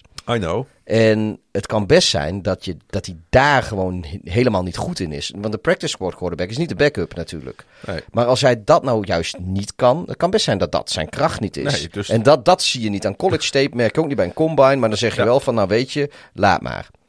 Ik eh, vind het dan niet Maar dat terug. is het antwoord op jouw vraag, hè? Van, Van hoe kan het... NFL-verhaal in de marge. Ja, dat klopt. Bij de Jets pendelde hij het hele vorige seizoen trouwens op en neer tussen active roster en practice squad. En eh, hij is op dit moment de trotse bezitter van een reserve future contract. Dus hij verdient geen drol. De andere backup is James Morgan. Dat vind ik ook weer zo mooi, hè? Kom je zijn naam tegen, James Morgan. Hij werd eh, vorig jaar gekozen door de Jets in de 2020 NFL Draft. Welke ronde, weet je dat toevallig nog? Oeh, dat weet ik niet meer. nou, niet een vroege ronde. Dat, is- eh. Nu mis ik even Edu. Ja, hij was eh, in ieder geval geen enkele keer actief voor New York. Maar dat komt natuurlijk ook omdat ze vorig jaar geen eh, pre-season games hebben gespeeld. Nee, vorig jaar was een beetje een raar seizoen. Dus ja, alleen al om deze twee no-no's zou Nick Foles natuurlijk de ideale optie zijn. voor de Vierde ronde, 125ste overall pick 2020 Ja. NFL draft. Dat is nog best hoog. Ja, en is Foles niet gewoon de perfecte mentor voor Wilson, Pieter? Met, Ja, ik, ik ja, kijk, ook al kan die als speler... Een beetje eh, de Joe Flacco-rol, zeg maar. ik, ik denk dat hij als mentor, jongen, met zijn ervaring... Maar dat is ook waarom, waarom, waarom ze in Chicago gebruiken ze hem daar op dit moment ook maar gewoon voor. En, eh, maar aan de andere kant, ja, Dalton en Fields, die hebben al echt een, een beetje een rapport onderling. Dat, dat, dat werkt al, voor zover ik dat lees en hoor. En, en Nick Foles, ja, die komt eigenlijk bij de Bears omdat hij er onder contract staat. Maar ik geloof niet dat iemand in de organisatie eh, hem een, een serieuze optie vindt voor een quarterback. Als hij gaat spelen, dan betekent dat dat er een absolute drama van een seizoen bezig is wat betreft blessures en weet ik veel wat. Ja, eh, zolang hij er is, mag die, eh, mag die coachen, denk ik. Goed, Pieter, jij beelden gezien van, van het minicamp van de Dolphins, volgens mij. Ja, de eerste dag was eh eh Tua Tagovailoa eh dramatisch slecht. Vijf intercepties maar liefst. Wauw. En Ja, ik zeg wel wauw. ja, nee, maar weet je, nee, maar eh, maar nou, klinkt, klinkt altijd gelijk veel dan, hè? als je, als je gewoon in shorts en t-shirts staat en niet in, weet je dat, er is geen fysiek contact. Hè, dus de druk van de, van de, van de defense in, in die zin is er niet. Nee. Je- Het is nooit zo, je wordt echt niet getackled of gesekt of, of, of wat dan ook als quarterback. Maar al je aanvallende wapens staan wel op het veld. Ja, en, en eh, de, de defense natuurlijk ook. De secondary van de Ja. defense staat er ook wel. Maar eh, ja, kijk, je kan best een keer een interceptie gooien in, eh, in, in, in, in minicamp. Laten we eerlijk zijn. Maar vijf op de eerste dag, dat, was wel, dat is wel iets om je zorgen te maken hoor. Ja, dat Dus ik zeg, de, de- je, je hebt geen druk van de D-line. Die is er niet. Weet je ook of het eh, de, de dag 2, dag 3 beter Ja, het, het werd beter. Het werd beter. Ehm, dat is het mooie dat het, script een zichzelf ontwikkelend document is. Want eh, ik had eh, die vijf, vijf intercepties, had ik, nou, ja, daar, had, daar vond ik wat van, dus dat heb ik erin gezet. Maar dan zie je wel dat het de volgende dag al ja, veel nauwkeurig gespeeld, geen intercepties gooide. Eh, ik geloof dat hij op de derde dag zelfs een, een, een barrage aan eh, touchdown passes heeft gegooid in, in een bepaalde eh, red zone drill. Mm. Dat ging steeds goed. Dus ehm, ja, weet je, ik, ik, ik weet nog. Ik, ik was natuurlijk vorig jaar nooit verkocht. Ja, maar nie- niemand weet het echt, hè? maar nou, er waren mensen, er zijn Tua Truthers. Die zijn er. Eh, Ik heb er een gevonden. Angelo van Dam is er volgens mij ook eentje. Ja, maar goed, dat is, Maar dat is een fanboy. Nou nee, maar, maar ik, ik ben wel, eh, eh, ik ben wel echt, dit is wel een van de dingen die mij voor het komende seizoen, eh, eh, vind ik echt heel leuk om in de gaten te houden, hoe het met Ja, gaat. het Eh, afgelopen seizoen al een beetje, hè? Ja, maar toen kon hij dus zijn, belofte niet waarmaken. Nee, hij En, heeft, en aan eh, alle rare dingen om hem heen. Dat, ja. Ja, hij heeft in ieder geval de zegen, en dat is misschien wel fijn voor hem, van, eh, van, eh, van de god daar in, eh, in, die, eh, in die regio. Dan hebben we het natuurlijk over Hawaii? Dan Marino. Oh, Dan Marino. Oh, van die god. Ik dacht, oh, ik dacht van een of andere, Nee, een, een of andere, hoe heet het ook alweer? Polynesische, god of zo. god, ja. Nee, ik heb het echt over Dan Marino. En het is alweer 22 jaar geleden, Pieter, dat hij met pensioen ging. En sinds die tijd hebben de Dolphins eigenlijk, als je heel eerlijk bent, nooit een serieuze vervanger voor de voormalig sterspeler weten te vinden. En in die 22 jaar versleet Miami ook precies 22 startende quarterbacks. Dus één, ieder jaar een nieuwe. En Gemiddeld. eh, eh, Marino die had een eh, interviewtje met ESPN. En hij liet weten dat hij ongelooflijk fan is van de, de jonge quarterback. Hij heeft het geweldig gedaan. Awesome zelfs, zei hij. Hij heeft alle talent dat nodig is. En hij moet er nu voor zorgen dat hij een relatie opbouwt met de rest van de spelers. En eh, ja, ik, ik viel een beetje van mijn stoel van zoveel eh, lof voor een quarterback die toch een iets bovengemiddeld seizoen heeft gespeeld. Vind ik dan persoonlijk. Maar eh, ja, ehm, het is, nou ja, laat, oké, het is toch wel goed om even op, op, op in te gaan. Want ik zat ook nog even een interview met Tua te kijken. Ja, ik heb echt, eh, ik had eigenlijk geen tijd deze week, maar ik heb wel heel veel gekeken. Ehm, Ja, voor iemand die, eh, die geen tijd heeft. ja, heb je altijd best heb veel ik wel tijd heel over. veel tijd over, ja. Maar ik slaap gewoon heel weinig. Eh, Ik zag een interview met eh, bij, afgenomen in mei. Waarbij hij toegaf niet comfortabel te zijn geweest met het callen van de plays. En dat vond ik wel opvallend. Hij zei, ik denk dat mijn teamgenoten fenomenaal waren. Maar ik merkte dat ik niet comfortabel was om de juiste play toe te passen en aan te passen waar nodig. Ik volgde het plan, zelfs als ik wist dat het niet zou gaan werken. Dan probeerde ik het alsnog te laten slagen. Ja. Dus echt een rookie quarterback dit. Ja, en het is denk ik dan ook... Nog eh, geen leider. Nee, maar dat, dat is dan ook een beetje het verschil. eh, kijk, je hebt, hij komt natuurlijk van Alabama. Mhm. En Alabama heeft uh, nou, geen knakenprogramma wat betreft uh, uh, college voetbal. Maar ja, misschien heb ik het nu helemaal mis hoor. Want ik doe het even uit mijn hoofd. Maar volgens mij staat. ja, volgens mij komt Mac Jones komt er ook vandaan. Maar volgens mij staat Alabama in principe niet bekend. Omdat ze, dat ze nou altijd van die geweldige quarterbacks afleveren. Uh, Alabama staat vooral bekend om receivers en verdedigers. Nou ja, weet je, geweldige quarterbacks, oké. Okay, nee, maar ik bedoel, als het in college dus niet... Uh, als je niet, niet een stel voetbal speelt in college of jouw college team... waarin dit soort dingen gevraagd worden van een quarterback... Ja, tu, inderdaad, dan heb je dus inderdaad last van het gebrek aan offseason... want dan weet je dit dus niet. Dan, dan nou ja. heb je hier geen ervaring mee. En die ik, spelers ja. van de Dolphins, die staan allemaal om je heen in de huddle. En die hebben zoiets van... Uh, zeg het maar. Zeg het maar. Want dat is inderdaad zo. Ik denk dat Tua misschien wel het meest duidelijke voorbeeld is van een speler... die ontzettend veel last heeft gehad van het ontbreken van zo'n volwaardig offseason. Ja, dit voelt haast een beetje als Sam Darnold met zijn I'm Seeing Ghosts uh, verhaal. Mm. Wat enorm overtrokken is geworden omdat het toevallig op camera is gekomen omdat hij mic'd up was. Uh, maar ik denk dat alle quarterbacks daar wel een keer last van hebben. En ik vind het op zich wel weer prijzenswaardig van Tua dat hij daar zo eerlijk over is. Want. Um... Nou, Marino zei daar ook wat over. En daar was hij, vond ik ook wel op. Dat vond ik wel een terechte opmerking. Want ik vond die eerste opmerking eigenlijk nergens op slaan. Hij zei. Um, uh, uh, dat, dat, dat ontbreken van een volwaardig offseason, dat het een vertragende factor is geweest in de ontwikkeling van Tua. Geen OTA's, een minimaal summercamp, geen oefenwedstrijden. En die zijn juist bedoeld om je collega's te leren kennen en als quarterback je timing te fine-tunen. Ja. Nou, daar heeft hij natuurlijk op zich uh, heeft hij daar gelijk in. En, het, en daar voegt hij dan aan toe. En toch heeft hij succes gehad. Hij speelde veel. Hij won ook best veel. We haalden bijna de play-offs. Dus dat is positief. En daar moet op doorgebouwd worden. Dus het is niet allemaal uh, natuurlijk negatief wat er gebeurd is met nee, nee, nee, jaar. nee, zeker niet. Kijk, hij heeft het heel lastig gehad. En alle rookie quarterbacks of alle rookies hebben het wel lastig gehad. En alle teams met nieuwe trainers of coaches of nieuwe schemes, nieuwe coördinators ja. hebben het allemaal lastig gehad. Um, ja, maar kijk, maar, maar Joe Burrow bijvoorbeeld. Ja. Ja, die heeft het toch. Ja, die, nu was natuurlijk sowieso Joe Burrow. Die was, het is niet voor niets dat dat de first overall pick was. En toen was geloof ik op de fifth overall gegaan. was volgens mij de vijfde keuze vorig jaar. Herbert op acht. Herbert, nou ja, Herbert net... Zes, zes of acht, wat was het? Ja, volgens mij is Herbert nog naar Tua gegaan. Ja, ja, na, daarna. Maar met... En dit is niet, niet geen kritiek op Tua hoor, maar... Uh, die hebben, uh, Burrow en Herbert hebben niet zoveel last gehad van Die stonden er eigenlijk wel vanaf seconde 1 hè? Nou ja, uh, Herbert kwam natuurlijk een wedstrijd, die, die had natuurlijk ja, Pryor nog een keer gehad, maar, maar, dan twee, nog, ja. dan nog, weet je. Mm. nee, dus, maar weet je, het, kan, het, is een verschillende stijl en een persoonlijkheid en dat wil niet zeggen dat Tua minder quarterback is, maar... Ja, de aanlooptijd van Tua is duidelijk langer. En uh, Brian Flores die gaf ook aan, die spinde eigenlijk die vijf intercepties waar jij het net over had door te zeggen: wij zijn hem aan het dwingen om agressief te spelen.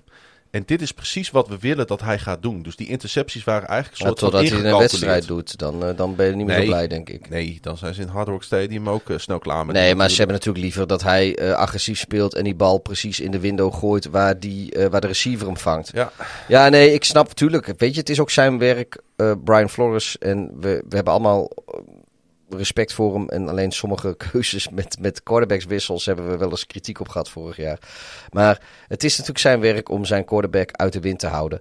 En uh, te, te zeggen dat, als, als die, dat die intercepties eigenlijk zijn schuld zijn vanwege de plays die ze op dat moment aan het callen waren. Ja. Maar uh, ik kan je garanderen, ze callden geen, geen interceptie als play. Nee. Dus uh, nee, en weet je, nu klinkt het weer, en dat was vorig jaar ook heel vaak zo, alsof ik negatief ben over Tua. En dat is niet per se zo. Ik ben uh, alleen niet overtuigd. En dit soort excuses, ook weer van trainers van ja, maar we deden dit en dat en daarom kwam dit. En ja, ik ben een Bears fan. Ik heb zoveel slecht quarterbackspel gezien. En ik heb zoveel excuses gehoord voor quarterbacks. Ja. Dat ik ken ze ook allemaal. En ik hoop gewoon dat Tua de real thing is. Maar uh, ik heb bij Tua een beetje een soort van uh, Trubisky gevoel in de zin van uh, iedereen gunt die jongen het beste en iedereen hoopt ook op het beste. Maar ik weet niet of ik het ver- de verwachting heb dat het ook het beste wordt. Als ik reëel ben. Het is meer, meer hopen dan, dan verwachten. Ja, ik heb dat ook hoor. En Ja. Eh, dat vind ik jammer, want eh, ik, gun de, ik vind de Dolphins een mooie organisatie. Ik eh, gun eh, Tua ook echt een, een mooie carrière. En weet je, ik, ik hoop gewoon dat, dat hij meer is dan wat hij mij tot nu toe heeft laten zien. Ja. Maar goed, ik, ja, nou ja, laten we het daar maar een beetje op En ze houden. hebben de fits niet meer achter de hand. Dus nu is het eh, buigen of barsten. Ja, en ik gun Annie gewoon een succesvolle Dolphins keer. Absoluut. Weet je, na al die jaren gecurbstompt zijn door de, door de Patriots. Mhm. En dan, eh, ja, de, de Bills gun ik ook van alles, maar de Dolphins ook, weet je. Eh, ja, Nou, we het toch over de Patriots hebben, Pieter. ja dat was wel een beetje het bruggetje. de situatie. Cam Newton, Mac Jones. Ehm, want Cam Newton die ziet er ook nog niet scherp uit bij de Pets. Hè? Nee, daar heb ik ook beelden van gezien. En die, die zat er meters naast, Ja. En echt ook, ook over passes van 20 meter, die die gewoon drie...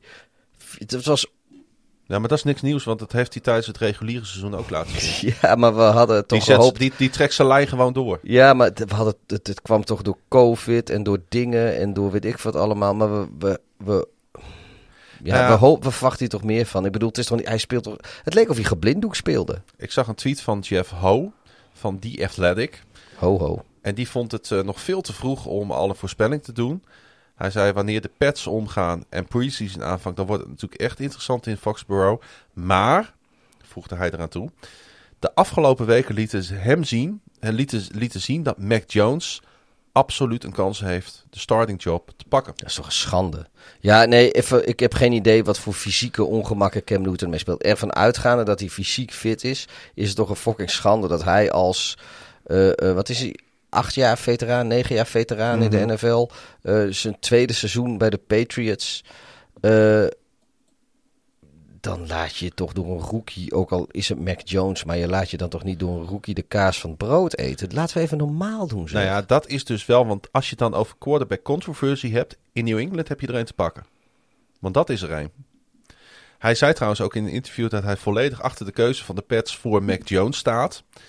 Maar ja, de realiteit is wel dat hij met een low money één jaar contract in een hele beroerde uitgangspositie zit voor de competitie met Jones natuurlijk. Het is ook niet zo dat hij. eh, soms heb je, weet je, Andy Dalton, die heeft nog, nog serieus geld gekregen. 10 miljoen dollar, Ja. één jaar, dat is serieus geld. Cam Newton, Nou, nou, ik wil ook wel. eh, het is nu 20 juni, mhm, eh, half twee s'nachts. ja, zo gaat dat hier soms. Wij, wij leven anders dan de rest van Nederland, eh Klaas-Jan en ik, qua Mhm. ritme. Maar ik denk serieus dat op dit moment Andy Dalton een betere quarterback is dan Cam Newton. Punt. ja, ik ben het wel met je eens. En we zagen in die trainingsbeelden dat Jones nu al meer reps dan Newton krijgt. En Newton was volgens lokale reporters zichtbaar niet blij met die situatie. Gleed hij weer van de bank af als een wormpje. Ja, zo, dit is wel een mooie, mooie gif is dat. Ja. Maar goed, ehm, We zijn, blijven even in New England. We gaan dit in de gaten houden voor, eh, voor onze Ja, luisteraars. want eigenlijk speelt er nog iets veel groters in New England. En dan hebben we het wel over een van de grote jongens in de National Football League. Dan hebben we het over Stefan Gilmore. En Ja, hij is wel een grote jongen, maar het is geen quarterback. En Nee. dat, nee, ik, ik, ik denk nog wel. Die quarterback situatie is wel het grootste ding wat speelt in New England. Met alle respect voor Gilmore. ja, Maar sorry dat ik je in de reden viel. het is geen quarterback, maar het is een cornerback. Ja. Lijkt een beetje op elkaar. Ehm, ja, de 2019 Defensive Player of the Year. Die was ook in 2020 al betrokken bij allerlei potentiële trades. Dus toen speelde dat ook al. En hij gaat het laatste jaar in van zijn vijfjarige deal. En hij is op zoek naar, eh, naar meer geld, Pieter. Dus hij is typisch inderdaad zo'n veel voorbeeld. Ik heb dat ook wel trouwens. dat je op zoek bent naar meer geld. Ja. Maar ga je dan ook niet naar je werk? Nou nee, ik, sterker nog, juist omdat ik op zoek ben naar meer geld, ga ik wel gewoon naar mijn werk en doe ik wat beter mijn best, want ik ben gewoon een ordinaire loonslaaf. Ik denk dat het heel simpel is, Pieter. Ehm, Gilmore gaat weg uit New England. Waar gaat hij heen? Ja, dat is natuurlijk de grote vraag. Ehm, Heb jij daar ook alweer over... Oh ja, ik volg... ja, daar heb je over nagedacht. Natuurlijk ja. heb ik erover nagedacht. Eh, allereerst even nog kijken naar de situatie van de Patriots. Ja, die ja. hebben momenteel nog iets meer dan 16 miljoen dollar cap space. En kunnen Gilmore dus makkelijk wat overmaken. Hij verdient dit seizoen, en dat is voor een cornerback van het formaat Gilmore echt niet veel. Slechts 7 miljoen aan basissalaris. Dat zint hem niet. En hij is duidelijk op zoek naar, ja, laten we zeggen, top 5 cornerback money. Zou die daar nou op zoek zijn ongeveer? Ja, maar dan weet ik niet of, of dat wel helemaal terecht is. Want ik, ik heb alle respect voor Gilmore, maar... Is hij een top 5 cornerback? Ja, ik denk het wel. Ja. Nou, ja. Ja. Ja. Ja. weet je, ik vind het altijd best lastig Misschien- om Patriots-spelers op, op, op, op individueel niveau zo in te schatten. Want de Patriots zijn altijd een, een machine. Want er zijn, ja oké, eh, Brady en eh, Gronkowski nu in, in, eh, in Tampa. Maar los van dat zijn er eigenlijk zelden spelers die weggaan naar New England en dan nog een uitblinkersrol hebben. Ja. Eh, Akeem Hicks is misschien een van de weinigen die ik zo kan verzinnen. Maar, maar zeker, maar dat is niet per se een skillpositie. Maar hoeveel cornerbacks... Tom Brady? Ja, dat, ja, dat zeg ik net. Bra Oh, sorry, eh, Brady en? Gronkowski en Tampa. Oh. Die, die reken ik Oh. even niet mee. Oké. Want, maar eh, receivers die weg zijn gegaan bij New England. Die daarna nog, eh, nog een, een, een, eh, andere cornerback... Die cornerback, weet je wel, die Russell Wilson in de Super Bowl intercepten. Die is volgens mij naar de Titans gegaan later nog en zo. Die heeft op die interceptie alleen heeft hij zoveel geld verdiend... terwijl hij helemaal niet zo goed was. Is dat Butler? Eh, ja, dat zou wel eens kunnen, ja. Die is toch bij de Cardinals geland? Ja, uiteindelijk wel. ja, maar, nu. ja, maar... En het Titans zat hiervoor, toch? Ja, volgens dat? mij wel. Ja. ja. Maar die was helemaal niet zo goed als het geld wat hij kreeg. Maar die heeft, omdat hij toevallig een Super Bowl beslissende interceptie had. Maar ehm, ja, ik vind, het, ik vind skillposities bij de Patriots vind ik echt heel lastig om op die op individuele waarde te schatten. Want ik, voor mijn gevoel gaan daar zelden spelers weg die het elders in de league helemaal weer waarmaken. Terwijl Ja. die defense van de Patriots bijna altijd goed is. En die Het, offense eh, ook trouwens. Hij zal niet zo interessant vinden hoe wij of eh, Pieter hierover denkt. Hij wil zelf wel eh, top 5 eh, cornerback money verdienen.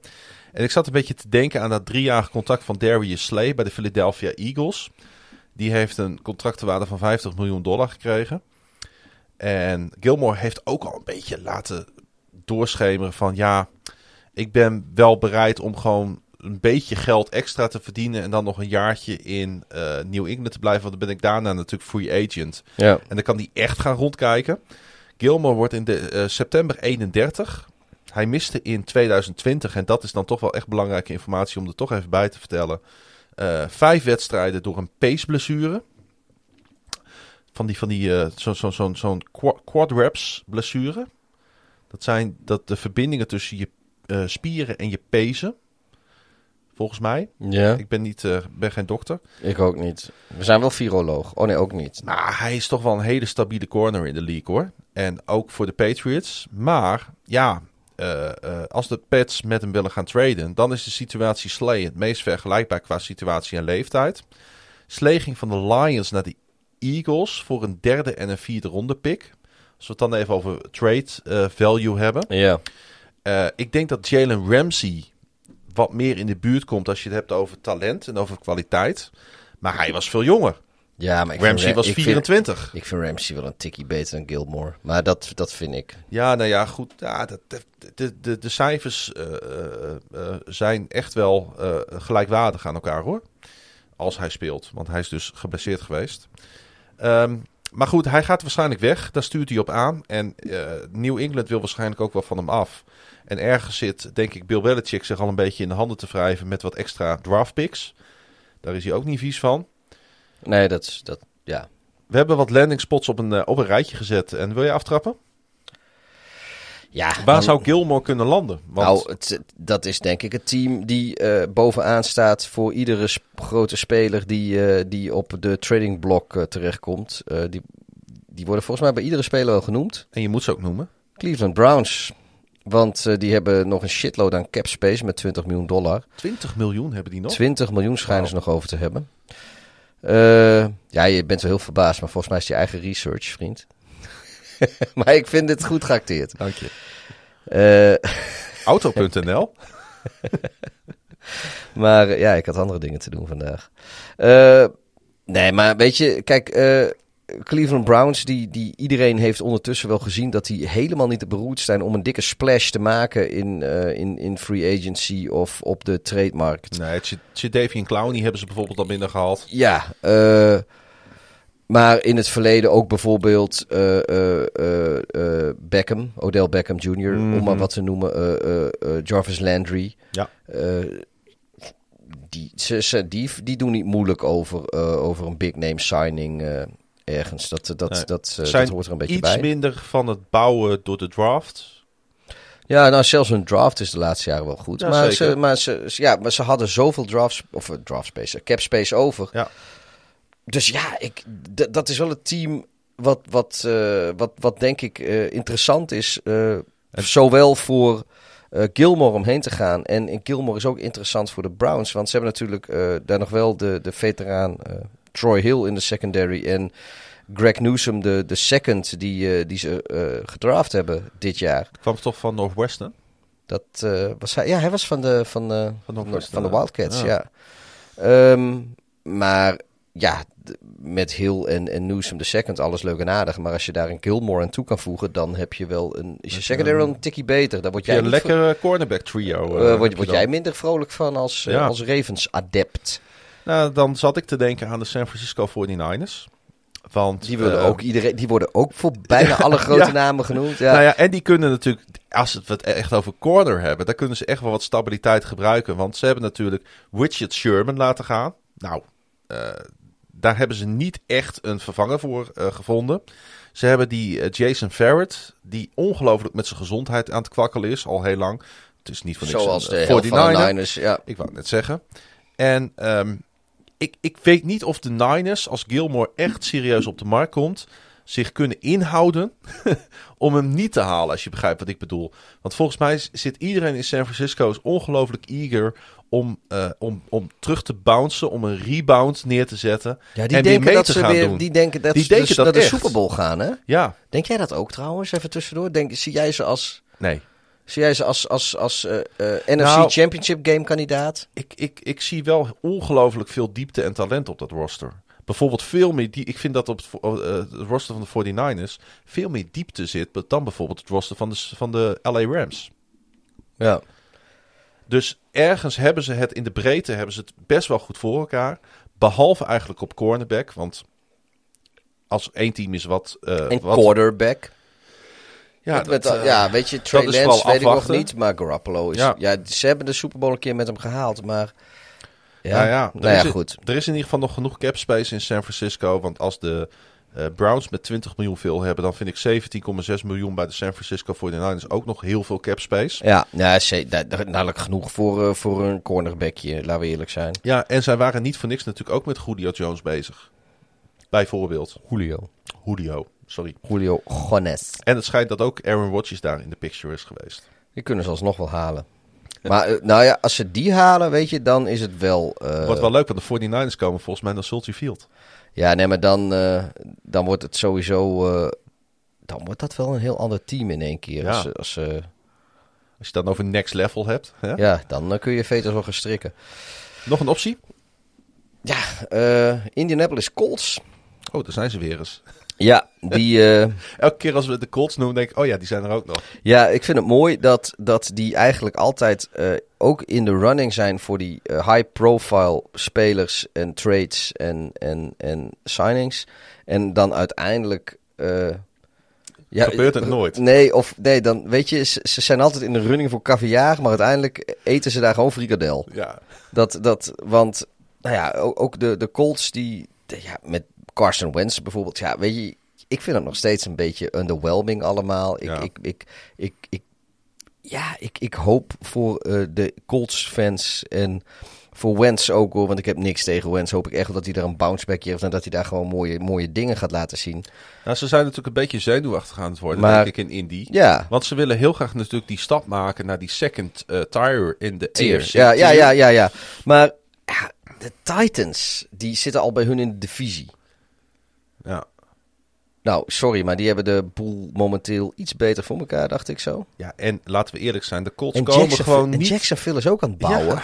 En zij hebben, eh, ja, nou goed, het is maar goed ook dat de, de, de, de, het kompas van de, van de Texans eh, strak aan het zuiden blijft wijzen naar beneden. En, en dus, dus laatste in de divisie worden ze echt niet. En de Colts zijn ook echt wel een, een, een team om rekening mee te houden. Maar, Maar dat zijn in principe... nee, maar dat, zijn ze al heel lang. Ja, en dat en zijn die natuurlijk... laatste ja, stap maar- zetten ze nooit. En Nee. weer niet. Nee. En de Titans, die, die ze dus al jarenlang achter zich gelaten hebben, die hebben nu gewoon, die zijn erop en erover gegaan. Ik weet niet hoe lang, maar op dit moment zit, Nou, het is op zich goed dat je dat zegt. Want ik denk dat ook de Colts in een best wel tight window zitten. Die zitten in zo'n periode van twee, drie jaar nu met Wentz. Waar Ja, ze een duidelijke ze, keuze nu, ja, van als hebben ze, gemaakt. als ze nu echt mee willen doen, ja, dan moet dat wel echt nu. Want ze, ze, zitten Ja. ook, ze, hebben, verdedig, ze hebben een paar hele leuke verdedigers eh, rondlopen. Die defense was vorig jaar al wat om rekening mee te houden. En, eh, waar dat heel lang niet zo was. Dat is waar. En ze hadden natuurlijk, god, onze vriend van de Chargers met al zijn kinderen, Flippy Rivers. Die, die hadden ze daar te quarterbacken. En dat ging wel goed. En dat was ook helemaal niet slecht. Maar Rivers was natuurlijk niet meer de oude Rivers. En uiteindelijk was, kon dat. Weet je, Rivers Ja. die was een quarterback, daar kan je mee winnen. Maar je wint niet meer dankzij hem. Dat je- was wat hij vorig jaar was. En dat is wat ik nu bij Ja, Wentz ook Pieter, weer heb. Als je in de AFC niet bent opgewassen tegen het geweld van Kansas City, Baltimore, Cleveland, Buffalo en Tennessee. Dan doe je dus gewoon echt niet mee. Nee. Dan ben je kansloos. Ja, dus ja, aan de ene kant kun je het wel doen. Ik heb zoiets, ja, ja, je, het kan. Ik, ik vind dit, ja, we, ik heb hem ertussen gezet of hij, hij staat ertussen. Maar Ze hebben daar natuurlijk Xavier Rhodes, als ik me niet vergis. ja, maar het is wel de minst interessante optie, hoor, vind ik. Want Ja. eh, ik, ik denk niet, laat ik zo zeggen, als, als, als zij Gilmore erbij halen, eh, verandert jouw prediction voor het record dan wat? Nou, misschien een beetje. Ik denk niet dat ik anders ga voorspellen of, ze- of de Mm. Colts wel of geen Gilmore hebben. Ik denk dat het uiteindelijk onder de streep. Daar, ik denk niet dat hij bij de Colts een verschil gaat maken. Dan ga ik de Cardinals op tafel gooien. Dat is wel een realistisch. Of te- tenminste, ja, voor wat. Ja, dat is wel een team waar hij heen kan gaan. Nou ja, en Arizona hebben we natuurlijk gezien, voelt zich best wel comfortabel op dit moment met het binnenhalen van relatief oudere spelers. Hè, denk alleen maar aan eh, JT Watt en A.G. Green. Dat zijn natuurlijk goede voorbeelden. En ehm, ik heb het idee dat ze in Arizona, tenminste als ik, als ik fan zou zijn van de Arizona Cardinals, dan zou ik mij best wel druk maken om de periode eh, na Patrick Peterson, die daar natuurlijk weggegaan is. Ze hebben daar nu Malcolm Butler. Kijk, daar is hij. Ja, En, eh en Darquise Denard staan. Nou, die gaan nooit de productie leveren die natuurlijk eh, Peterson bracht. En de Cardinals zijn toch in een soort van... waar zit Patrick Peterson nu trouwens? Is hij niet nog steeds free agent? Ik weet het niet. Hm. Waar is hij heen gegaan? Nou, ga, verder, ik zoek het even Zoek op. maar even op. Ehm, er speelt ongelooflijk veel natuurlijk bij Arizona. Dat is een beetje zo'n... eh, je hebt natuurlijk... eh, ik zat... Ik kreeg een heel raar beeld bij de Arizona Cardinals. Eh, je hebt, ken je die wildwaterbanen in zwembaden? Ja, Nou, dat is een beetje wat de Arizona... dat is waar ook. Die zit bij ons, man. Die zit bij de Vikes. Oh, ze hebben de Vikings. Ja. Ik wou het zeggen, maar ik denk zeg Ja, het niet, nee, dat- omdat ik het niet zeker weet. Ja, nee, sorry. 32 teams, jongens, meer dan 2000 Ja, spelers. nee, maar het het is gewoon bij mij in de divisie. Ik ga Ja. wel even heel nat hier. Hey, ehm, maar er speelt natuurlijk wel ongelooflijk veel daar. Outside linebacker Chandler Jones, een van mijn favoriete spelers in de NFL, is op zoek naar meer geld. Een beetje dezelfde situatie als Gilmore. Krijgt dat voorlopig in Glendale niet. Er zijn echt sterke geruchten over een deal met Dolphins over Miami eh, eh, cornerback Xavier Howard. Die is ook in holdout. Dus we zitten in zo'n fase van het seizoen dat er van alles geschoven kan worden natuurlijk. Ja. En ehm, het zou best eens kunnen dat, ehm, dat omdat zij achter Howard aan zit en stel dat lukt niet en ze komen er niet uit, dat Gilmore de volgende next best option is voor de Cardinals. Ja, ik, nou ja, ik, ik, ik, ik vind dit wel een. Ik, ik Maar dat denk komt wel ook dat op- het hier. Nee, maar ik denk wel dat, dat een Gilmore, dat hij in, eh, in Glendale, Arizona, dat hij, dat hij meer verschil gaat maken dan in, in Indianapolis. Dat zou zomaar kunnen. Ja. Goed. Seattle, eh, Pieter. Ja, Die natuurlijk Ja. die dramatische NFL-draft achter de rug hebben. Ja, ik, ik, ik, ze hebben de cap space, acht, acht, ruim 8 miljoen dollar aan cap space. Niet heel veel, maar op zich zou dat uh, met wat geschuiverij, want cap space is natuurlijk hartstikke mm -hmm. fluide. Um, uh, dit moet wel kunnen. Uh, Shuttle vindt dat ze in een win-now mode zitten. Ik, ik weet het niet. Ik heb niet heel veel vertrouwen erin op de een of andere manier. Ik geloof dat, er, dat de chemie, de magie is een beetje uitgewerkt. Zowel offense als defense. Russell Wilson, die blijft dan wel, maar die wilde de, die, die, die zat ook hard op te fantaseren over de niet meer zijn. Um, ja. Nou, hij zegt zelf dat het allemaal niet gespeeld heeft, hè?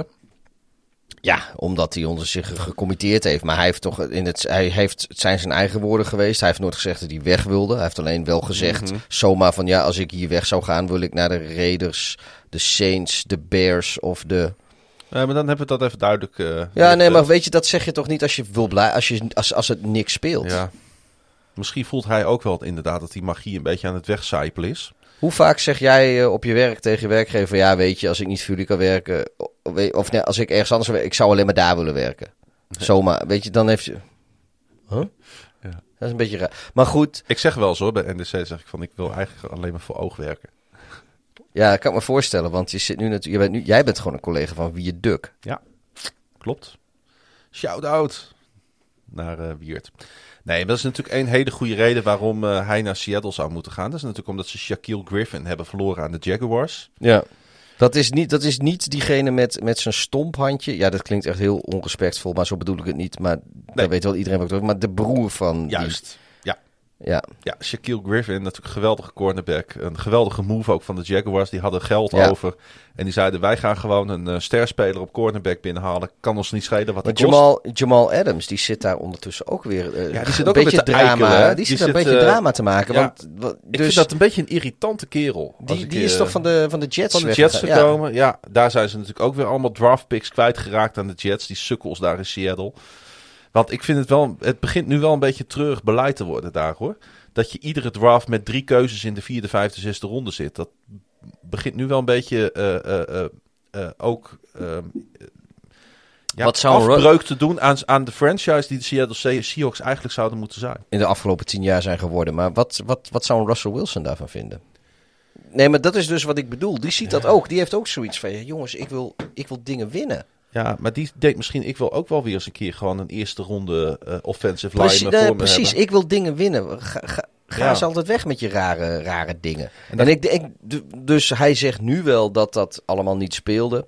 Maar uh, nou ja, ik weet ook gewoon voor een feit dat als het niet speelde, waarom heb dan een af, afvaardiging van de Seattle Seahawks daar ergens in de, in de Black Hills in, uh, in, in een van de Dakota's met de Bears gesproken? Ja. Op, uh, rondom uh, ja, Trey Lance zijn, uh, zijn pro Jij day. noemt heel, heel terecht de naam van Jamal Adams. En er is natuurlijk maar één winnaar geweest van de Jamal Adams trade. En dat is Jamal Adams. Ja, die, die, die hoeft die geen droge, droge boterham meer te vreten. Die heeft altijd lekkere dikke, dikke laag pindakaas erop. Goed, ik ga de Dallas Cowboys noemen. En die zijn eigenlijk voor hun doen, vind ik, relatief zuinig geweest dit offseason omdat natuurlijk een groot deel van de taart uh, richting Dak Prescott moest. En um, een contract voor Gilmore zal best wel wat inventiviteit vragen, denk maar ik. cap space is fluide. Maar inderdaad, dus dat kunnen ze wel op de back-office in Dallas.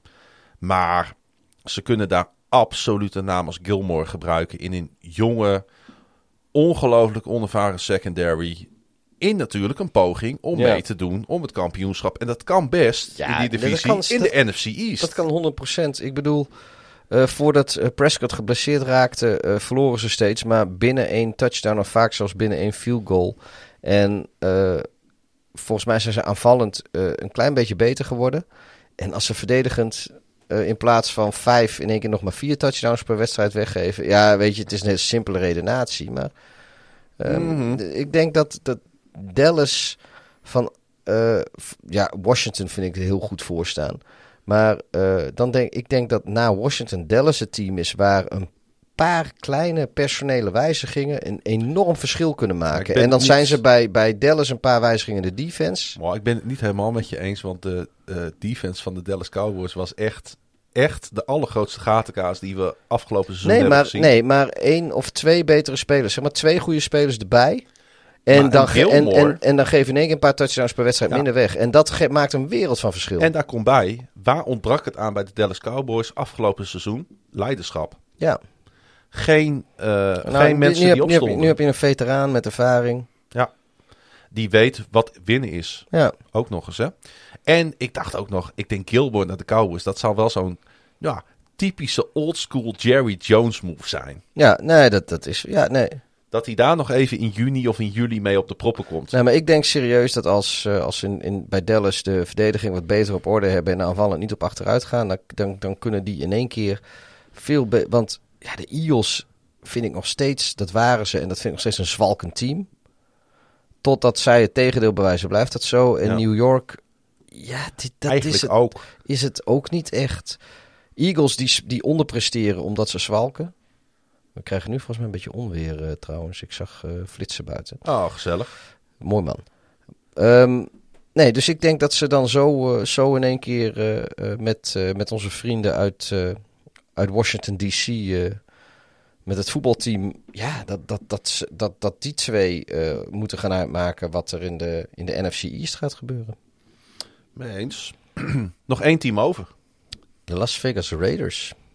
Terecht dat ze hier tussen staan. Nou, ook dat is een team die bij iedere grote naam eh, eh, genoemd wordt. Mhm. En eh, dat snap ik wel. Zeker omdat het defensief een dikke puinhoop is daar. Ja. Maar ook daar gaat het wel heel erg geschuif worden met, met contracten en cap. die hebben echt heel weinig cap space, hè? Ja. Dus daar moeten ze ook heel, heel erg gaan schuiven. Maar die defense, ik had het eigenlijk, ik had het net over de Cowboys. Maar eigenlijk was het in eh, Las Vegas net zo erg vorig jaar. Ja, en nog meer dan de Cowboys zijn ze denk ik in, eh, in Las Vegas met, met Gruden en, en Mayock eh, wel in staat om enorm te overpayen voor een speler als Gilmore. Want dat doen ze al jarenlang met die Ja. defense van ze. En dan, en dan releasen ze weer en dan krijgen ze weer, komen ze weer te zitten met ongelooflijk veel dead money. Ja, het is eigenlijk een dramatische franchise. Het gaat wel heel slecht daar. Oh, wat, eh, dat is, het, is, het is echt treurig. En ehm, ik zie het daar ook niet snel verbeteren trouwens. Maar het is eh, wel een landing spot natuurlijk. En misschien zou het ook kunnen dat de Raiders gewoon aantrekkelijke organisatie zijn om op dit moment heen te gaan. Toffe stad of zo voor zo'n NFL-speler om te wonen. Eh, Ja. in een mooi stadion. Misschien dat Ja. Gruden ook nog ergens tot de verbeelding speelt. Hoe noem je dat? Tot de verbeelding spreekt. Ja, maar de, Las- de Raiders blijven natuurlijk wel een iconische franchise. Daarom. Ja. Maar goed, ik heb het idee dat, ehm, eh, dat, dat bij de Raiders iedere eh, veteraan zomaar per ongeluk kan landen. Ja, die, die zijn ook... Zonder die dat zijn, daar een doordachte... Ja, daar- die, zijn, die, die, die, die, zitten ook inderdaad, die worden bij, bij door alles en iedereen ook wel genoemd. En eh, we, gaan het, we gaan het meemaken. Waarschijnlijk is het zoals wel vaker dat uiteindelijk hij terechtkomt bij een team die we niet genoemd hebben. Ja, dat zou, dat zou mooi zijn. Hey, het is eigenlijk, dit is een persoonlijke noot. Ik heb het ook niet overlegd, maar ik heb hem gewoon ingezet in ons script. Omdat het eh, een van mijn favoriete spelers in de NFL is. Zal ik dan heel even... eh, eh, ja, dit is echt leuk voor de luisteraars. Dan ren ik even naar beneden en dan gooi ik even het, een raampje daar dicht voor als het straks losgaat. Er staat nog eentje heel ver open. Oh ja, nou ja, ja, mag wel. Ja. Maar dan ga ik even vertellen over Star Lotulei. Volgens mij spreek je het zo uit. Het is echt, ik, ik weet niet waarom, maar die jongen spreekt enorm tot de verbeelding bij mij. Hij is eh, defensive tackle bij de Buffalo Bills. En misschien was je hem alweer een beetje vergeten, want in 2020 koos hij voor een opt-out. En hij stond weer op het trainingsveld. En ehm, hij gaf aan na de training genoten te hebben van de tijd die hij doorbracht met zijn vrouw en vier kinderen, maar liefst. Dus mevrouw uh, Lotulei is een uh, aardige clownsauto. Maar ehm, hoe meer hij op, op televisie naar zijn teamgenoten keek, hoe sterker de heimwee naar het spelletje werd. Sterker nog, hij keek niet eens alle wedstrijden omdat hij het te pijnlijk vond. Dus hij was ongelooflijk uh, blij dat hij weer, uh, weer op het veld stond. Hij was trouwens in 2013 de eerste rondekeuze van de Carolina Panthers. Voor wie dat vergeten was. En het schijnt ook dat ze bij de Bills toch wel rijkhalsend uitkijken naar de terugkeer van deze Lotulai. Want ten opzichte van 2018, toen hij gewoon nog meespeelde, deed de defense toch wel een stapje terug in 2019. Want de Bills eindigden uiteindelijk 14e in yards allowed per game. en 16e in scoring. Dat terwijl ze in 2019 in scoring de op één na beste waren. En wat ik ook mooi vond was een opmerking van Josh Allen over ehm, deze, deze defensive tackle. Hij zei, hij zegt het hele jaar nog geen twee woorden, maar straalt wel goede vibes uit. Dus die gaan wij niet vragen in de podcast.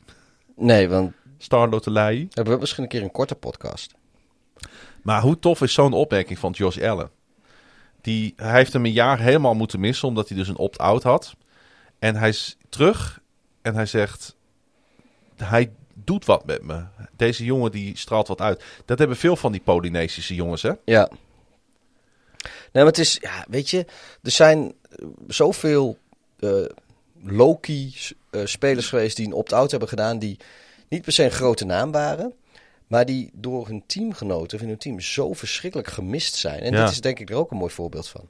Ja, en ik denk dat hij ook echt die, die defense van de Bills, die toch wel problemen had afgelopen seizoen, weer terug kan brengen naar dat niveau 2018. Ja, En de Bills die moeten terug naar dat en niveau. ondertussen hebben ze hun nou, offense eh, drastisch verbeterd eh, Ja. in vergelijking met 2018. Het is wel een beetje een powerhouse aan het worden hoor, daar in de AFC. Zo. En eh, over eh, eh, eh, trade eh, geruchten gesproken. Niet dat we het daar net over hadden, maar dat is wel de time of the year, zeg maar. Derek Carr. Ja, Ja, dit, is, eh, dit wordt in denk een hele anticlimax. Want eh, er waren de. eh, eigenlijk was Derek Carr, was, in ieder geval voor de draft, was hij een van die quarterbacks die, die in best veel geruchten genoemd werd. En ja, uiteindelijk kan dat nu de ijskast in. Want hij heeft aangegeven dat hij liever de NFL verlaat dan dat hij voor een team anders dan de Las Vegas Raiders gaat spelen. Eh, hij heeft gezegd: I'd probably quit football if I had to play for somebody else. Eh, ja en weet je, ik heb dit ook ge- gelezen en gezien. En toen dacht ik van, ja jongen, je kan wel van alles roepen. Maar welk team, bij welk team zou Carr op dit moment, als hij er naartoe gaat, de eerste quarterback worden? ja, nu niet zoveel meer. Geen enkel team. Sinds de draft is dat allemaal anders geworden. Kijk, hij, is, hij, is, eh, eh, eh, hij was actief eh, onderdeel van de, van de eh, geruchten rondom de Bears natuurlijk weer. Want die waren Mhm. eh, tot de draft waren die bij iedere quarterback zo'n beetje betrokken. Het is maar goed dat die Aaron Rodgers ellende pas begon op draft day. En dat de Bears toen snel Fields draften. Anders hadden we waarschijnlijk nu nog steeds... Oh, nou, misschien Ja, gaat. Rodgers wel naar de Bears. Oeh. Nee, maar... maar ook omdat John Gruden, die heeft zich... Ja, hij heeft nooit gezegd dat hij niet met Carr verder wil. En wel gezegd dat hij wel met hem verder wil. Maar wel op die John Gruden manier dat Ja. je het niet precies weet. Dus die, die Het is wel een heeft hele- zich in woord wel gecommitteerd aan Gruden. Het is maar wel een het sympathieke jongen, hè? Of aan Carr. Ja, het is echt hele Het is ook best een goede Het quarterback is ook een goede quarterback. Hij, hij profileert zich. Ik heb, eh, eh, hij, zat, hij zat natuurlijk een keer in, eh, in dat NFL-programma, hoe heet dat? Hard Knocks. Ja, Waar ik best heeft- wel sympathie voor hem heb hij heeft gekregen. ook eh, een broertje. God, ik weet niet zo snel hoe hij heet. Ja, ook Carr, maar klopt. zijn voornaam dus weet ik even niet. Maar zijn achternaam is ook. Ook een hele toffe gast. Iets, iets minder getalenteerde quarterback. Heeft Ja. nog wel wat her en der gedaan in de NFL. En die was nog wel eens te, te gast bij... ehm, God, hoe heet die podcast nou? Van, eh, eh, van, Dem, van Dave Demeshek. Oh ja, Eh, eh, maakt niet ook uit. mooie inzichten Ja. heeft hij. Ik, en, en ook over Derek. En ik heb wel een waardering voor Derek Carr eh, in die zin. Ik ook. Eh, Larry, Larry Fitz. gaat hij nog eh, een jaartje door? Beetje de Arjen Robben natuurlijk van de NFL.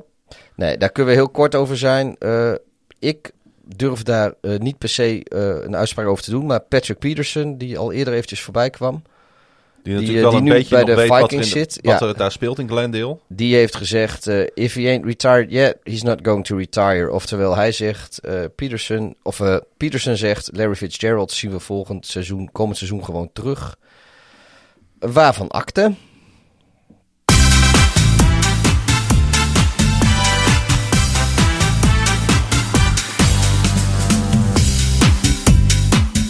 De eh, biertopper van de week. Week, week, week, week. Pa, pa, pauw.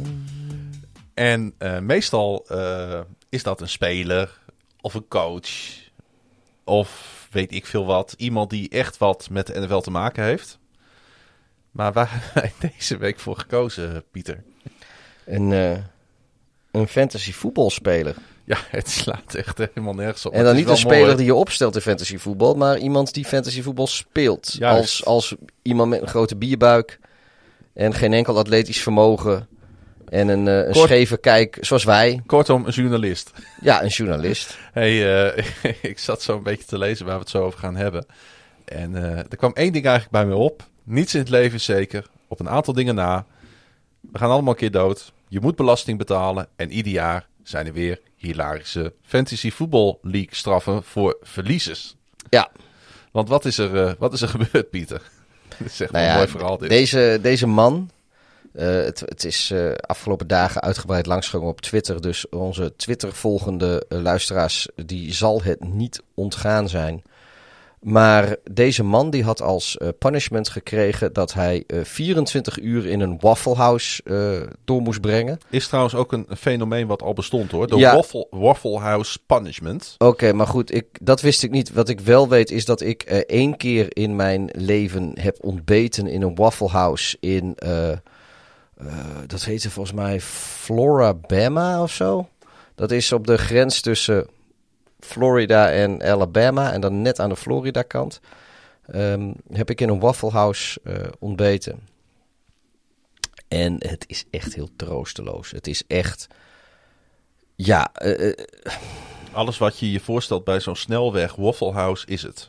Ja, en, en omdat een Waffle House is eigenlijk een ontbijttent. Weet je, het is niet. Kijk, een McDonald's is ook niet per se. Of, of een pizza hut of, of wat je noemt ze allemaal op. Het zijn niet de meest mooie plekken van Amerika en niet de meest sfeervolle restaurants. Maar zijn wel- Waffle, maar het zijn- Waffle House is grijs met TL-licht. En maar het het zijn wel de plekken waar je een keer geweest wil zijn. Ja, nou, het ontbijt was op zich best oké. Maar zelfs een fucking IHOP is eh, gezelliger dan een Waffle House. Een Waffle House is het ongezelligste van alles waar ik ooit heb gegeten eh, in, sowieso in de Verenigde Staten. Maar goed, deze man die heeft er dus 24 uur moeten zitten. Want wat houdt dat nou in deze challenge? Nou ja, 24 uur lang doorbrengen in een Waffle House, want de Waffle Houses gaan niet dicht. Die zijn gewoon altijd open. All day En- breakfast. Ja, all day breakfast. En voor iedere waffle die je eet, mag je een uur eerder weg. Dus als jij één, nou, één waffel is 23 uur, twee waffels is 22 Mhm. uur enzovoort. Maar zo'n waffle is, heeft wel het formaat van een fucking pannenkoek. Van een goeie, en dan niet een pannenkoek zoals wij die hier in de koekenpan bakken als we, als we thuis pannenkoeken maken, maar een beetje zo'n zo'n pannenkoekenschip pannenkoek. En- Waar je, En volgens mij, een waffle is altijd dubbel. Als een goede waffle is.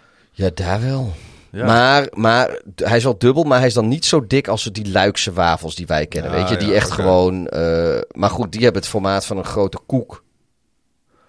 En dit is gewoon. eh, ja, ik denk wel dat je gewoon anderhalf tot twee centimeter wafel hebt op het formaat van een pannenkoekschip pannenkoek. Ik zag daar trouwens vanmiddag nog de Belastingdienst naar binnen gaan bij het pannenkoek. Ja, die gingen er beslag op leggen, zeker. Goed. Eh, in elk geval, eh, dat is de challenge. En deze man, die heeft geloof ik, heeft hij het uiteindelijk voor elkaar gekregen om een, een pannenkoek of een wafeltje of 7, 8 naar binnen te werken. Heeft hij gewoon een uur of 15, 16 dus in dat Waffle House gezeten. Ja, het is... Eh, fantastisch. ja. Ik moet wel zeggen, denk ik, dat eh, deze punishment een beetje aan kracht heeft ingeboet sinds je je laptop en je telefoon en dat soort shit kan meenemen en gewoon altijd kan internetten. Mm, mm, mm. Moet je je voorstellen joh, dat je dit twintig jaar geleden deed. En dat je Ja. gewoon een paar boeken en een tijdschrift of zo mee moest nemen. En dat dat het gewoon was. Weet je? Had en hij trouwens ook je, gedaan, hè? Hij ja, had dat ook meegenomen. En een Walkman met een cassettebandje. Ja. En dan nog een tasje met een paar extra cassettebandjes. En dan hopen dat je genoeg batterij had. Ja. Het eh, ging eh, om een, eh, een eh, journalist van de Clarion Mississippi Ledger. En eh, een lokale journalist dus. En zijn naam is Lee Sanderlin. Hij was de Sjaak en is de biertopper van de week.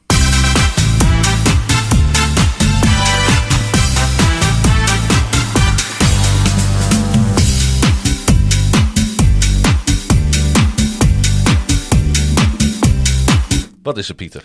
Wij hebben nog een, eh, nog een klein dingetje te melden over Le'Veon Bell en Andy Reid. Nou, dat mag. Dat eh, wil ik ook nog wel even eh, vertellen. Want eh Le'Veon Bell, zoals waarschijnlijk niemand meer weet, want het was niet herinnerenswaardig, heeft het afgelopen seizoen voor de Kansas City Chiefs gespeeld. Nou, dat weten de mensen nog wel hoor. Ja, nou die We overschatten ons publiek niet. Maar, eh, 76 touches, 353 yards en twee touchdowns. Dat zijn geen Levi- Le'Veon Bell-achtige nummers. en nee, ook- maar die, maar die, eh, die transfer was wel spraakmakend. ja, nee, dat natuurlijk. klopt. Maar hij heeft ook daadwerkelijk nog even gespeeld. Maar blijkbaar, het lag volgens Le'Veon Bell allemaal niet aan Le'Veon Bell. Hij heeft volgens mij de yards voorgepakt in de wedstrijd eh, tegen de Jets. Toen de Jets op bezoek moesten bij de Chiefs. Maar goed, ga door. Eh Le'Veon Bell, die, die heeft gezegd, het, het lag allemaal niet aan hem. Hij heeft gezegd van, joh, ik ga liever met pensioen dan dat ik nog een jaar voor Andy Reid speel. Dat is toch wel wat, hè? Maar Dus het tegenovergestelde van Carr, zeg maar. Ja, maar, maar Andy Reid die werd geconfronteerd met die uitspraak en toen zei hij van...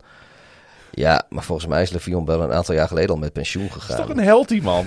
Ja. Dat is toch... Aan de andere kant, Wat een dan heeft hij dus al wel een ge- gepensioneerde speler nog even aangetrokken. Maar goed, weet maar je... wat een baas dat ja, je dat ik, dan ik, zegt. ik, vind het, ik, vond het, ik vond het echt een te leuke eh, eh, Ja, eh, woordengevecht om, eh, nog, eh, om niet even te noemen. oh, dat, dat waren twee tunes door elkaar heen. eh. Nou. Ik moet maar nooit DJ worden wat dat betreft. Maar goed, Making another run. The Love Boat. Ik begin dit liedje ook steeds beter te kennen. En te waarderen ook, hè? Ja. Goed, eh, eh, nou ja, eh, teams schijnen naar Green Bay te bellen om te vragen van eh que pasa met die, met die Aaron Rodgers. En in Green Bay schijnen ze dan de hoorn gewoon nog heel hard op de haak te gooien. dus tegenwoordig is dat figuurlijk je moet trouwens. ook geen Spaans praten in Green Bay, heb ik mij laten vertellen. Ja, je moet helemaal niet praten in Green Bay. Je hebt je mond vol kaas daar.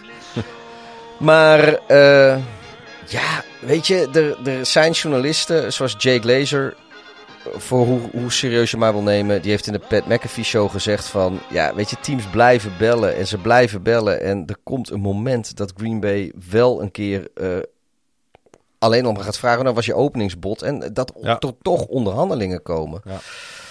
Ehm, dat was, eh, dat was eh, vroeg in deze week. Toen leek het er echt op dat de enige die er nog in geloofde eh, dat het wel helemaal goed gaat komen met, eh met Rodgers op Lambeau Field voor het komende seizoen, dat dat de Packers-organisatie zelf was. Eh, zelfs de, de Packers-fans die hadden er een heel hard hoofd in. Maar er is een lichtpuntje, Klaas-Jan. Ik ben heel benieuwd.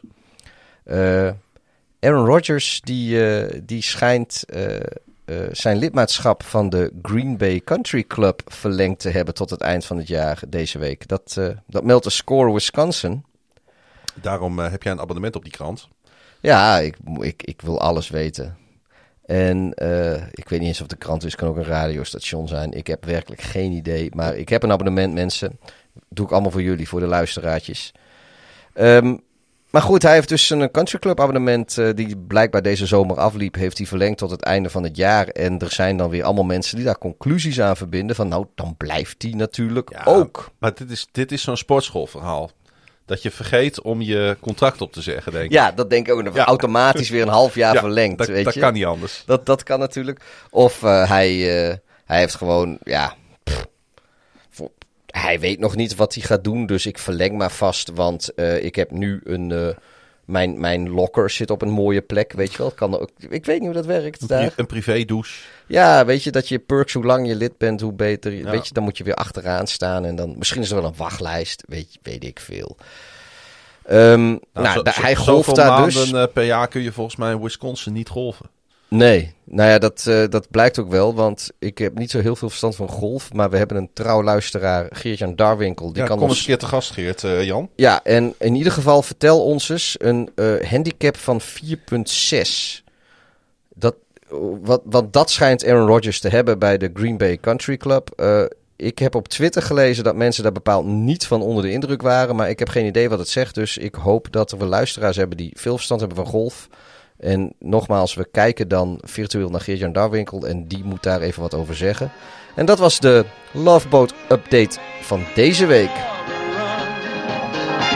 The love boat promises something for everyone. En we rollen echt van jingle in jingle.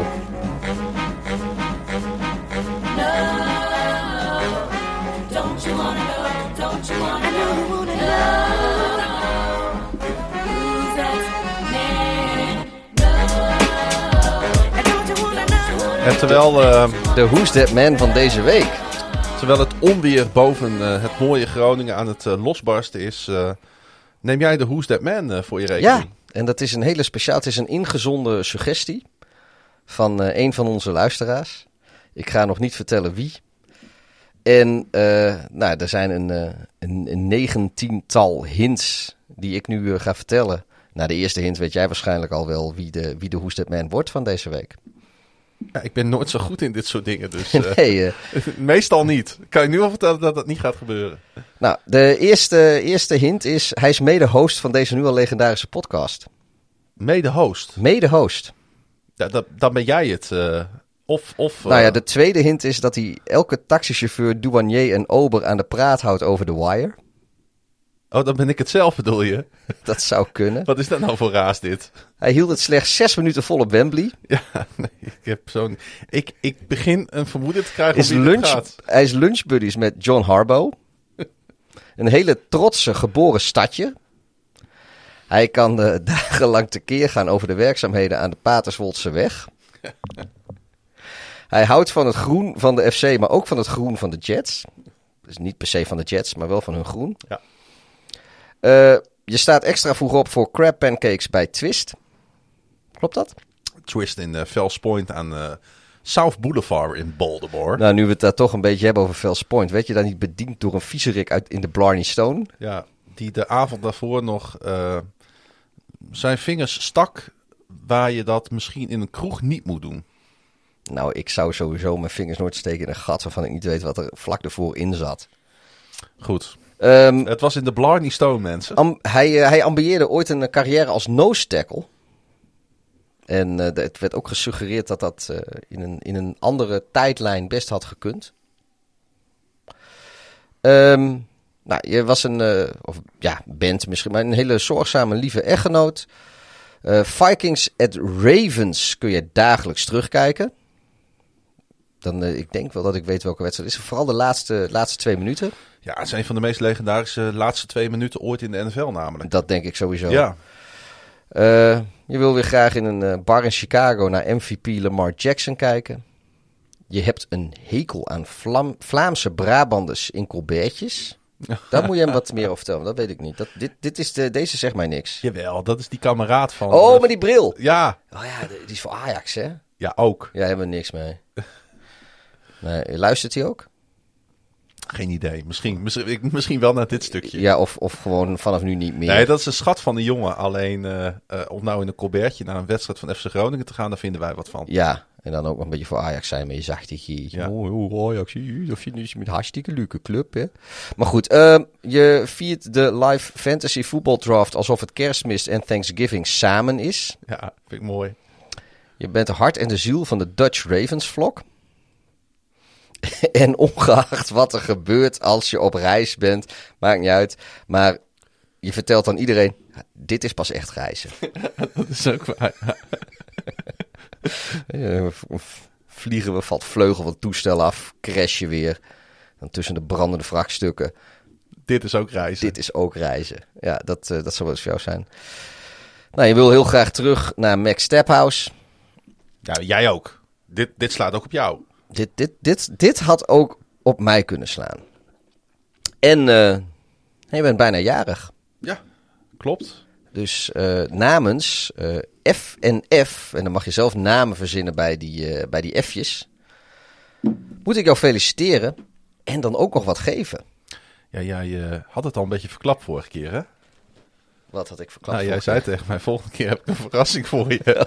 Oh ja, maar je weet nog steeds niet wat. Nee. Nee, nee, en, en nu had ik het ook nog... Ja jongens, dan kom ik hier dus diep in de nacht, want ik, ik kwam veel later hier dan de bedoeling was, want ik heb vandaag zelf ook allemaal dingen voor mezelf gekocht.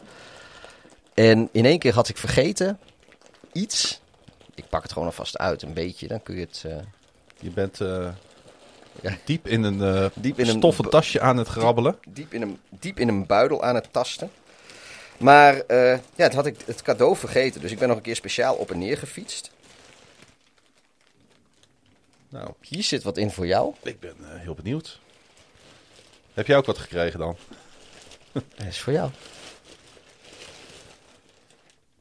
Wat is het? eh, er zit ook nog een, een, een envelop bij. Ja, daar zit er waarschijnlijk een kaartje in met eh, alle dingen die ik net voorgelezen heb. Ah, het staat in ieder geval op. Who's that birthday man? Ja, ik ga eerst het kaartje even openmaken. En eh, het kaartje is eh, geschreven. Ja, het is handgeschreven, maar het was zo'n beroerd handschrift. Oh, Dat daar ik, staat inderdaad alles op. Zo. ja, alleen het was niet zo goed leesbaar, vond de auteur zelf hoor. Ik klaagde niet, dus hij heeft me nog een keer digitaal opgestuurd. Frank en Frauke. Want we gaan ze nu gewoon even bij hun eh, echte namen noemen. Fernando en Felicia. Ze heet trouwens geen Frauke. Nee, ze heet Felicia. Nou, Weet je nog wie ons... eh, Het is niet kijk voor wat niets... is hoor. Ja, het is niet voor niets dat dit in dit, Who's? That Man komt.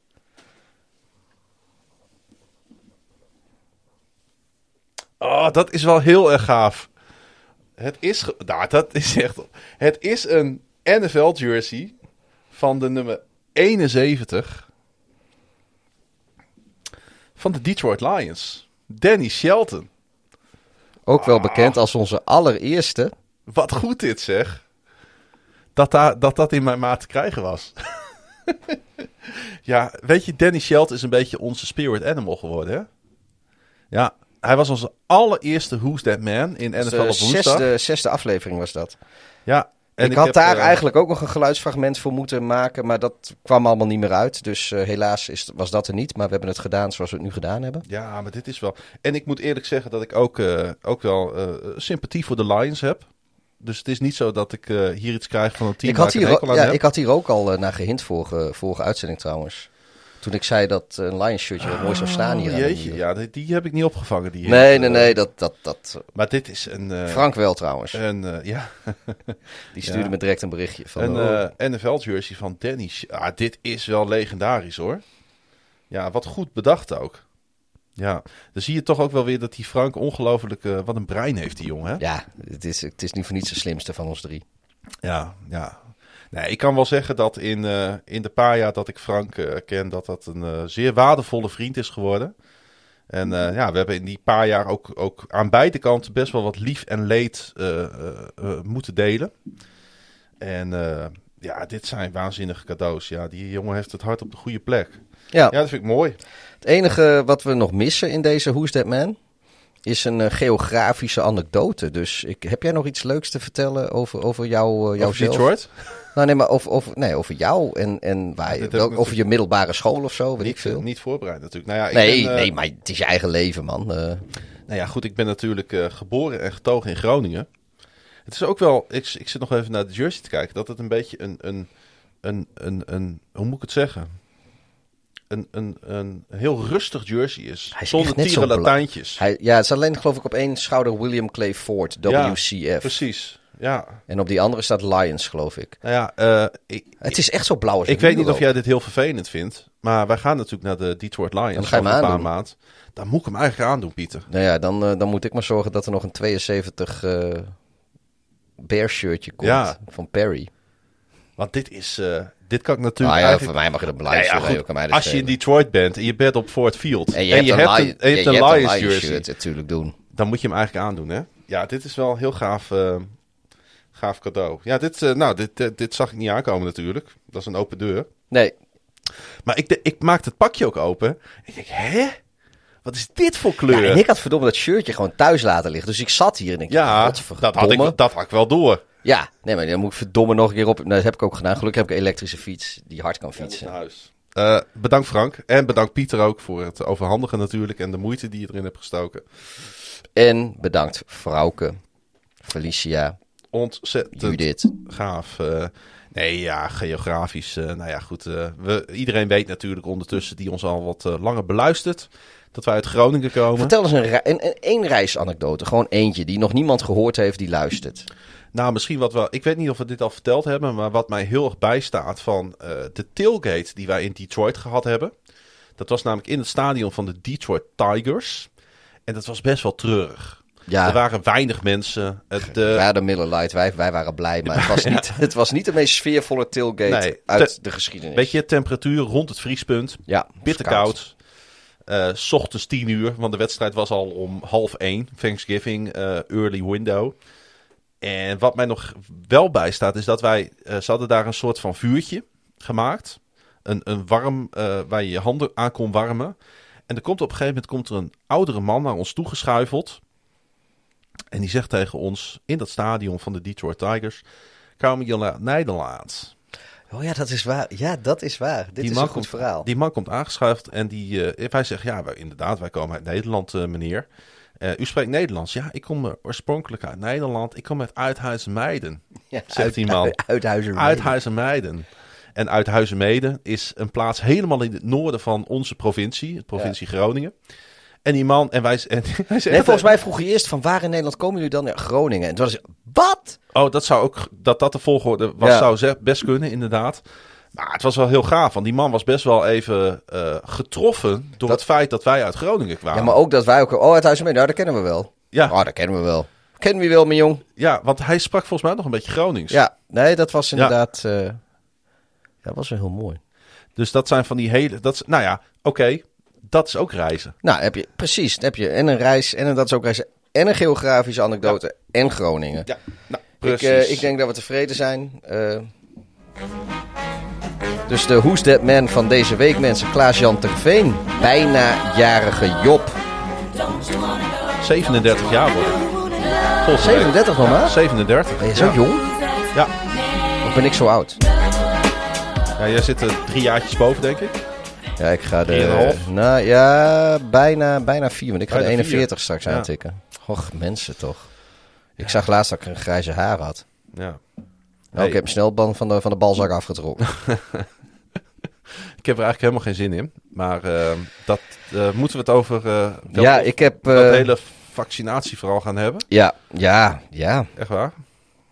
Daar, weet je, het is, het is echt nieuws, het speelt, het is belangrijk.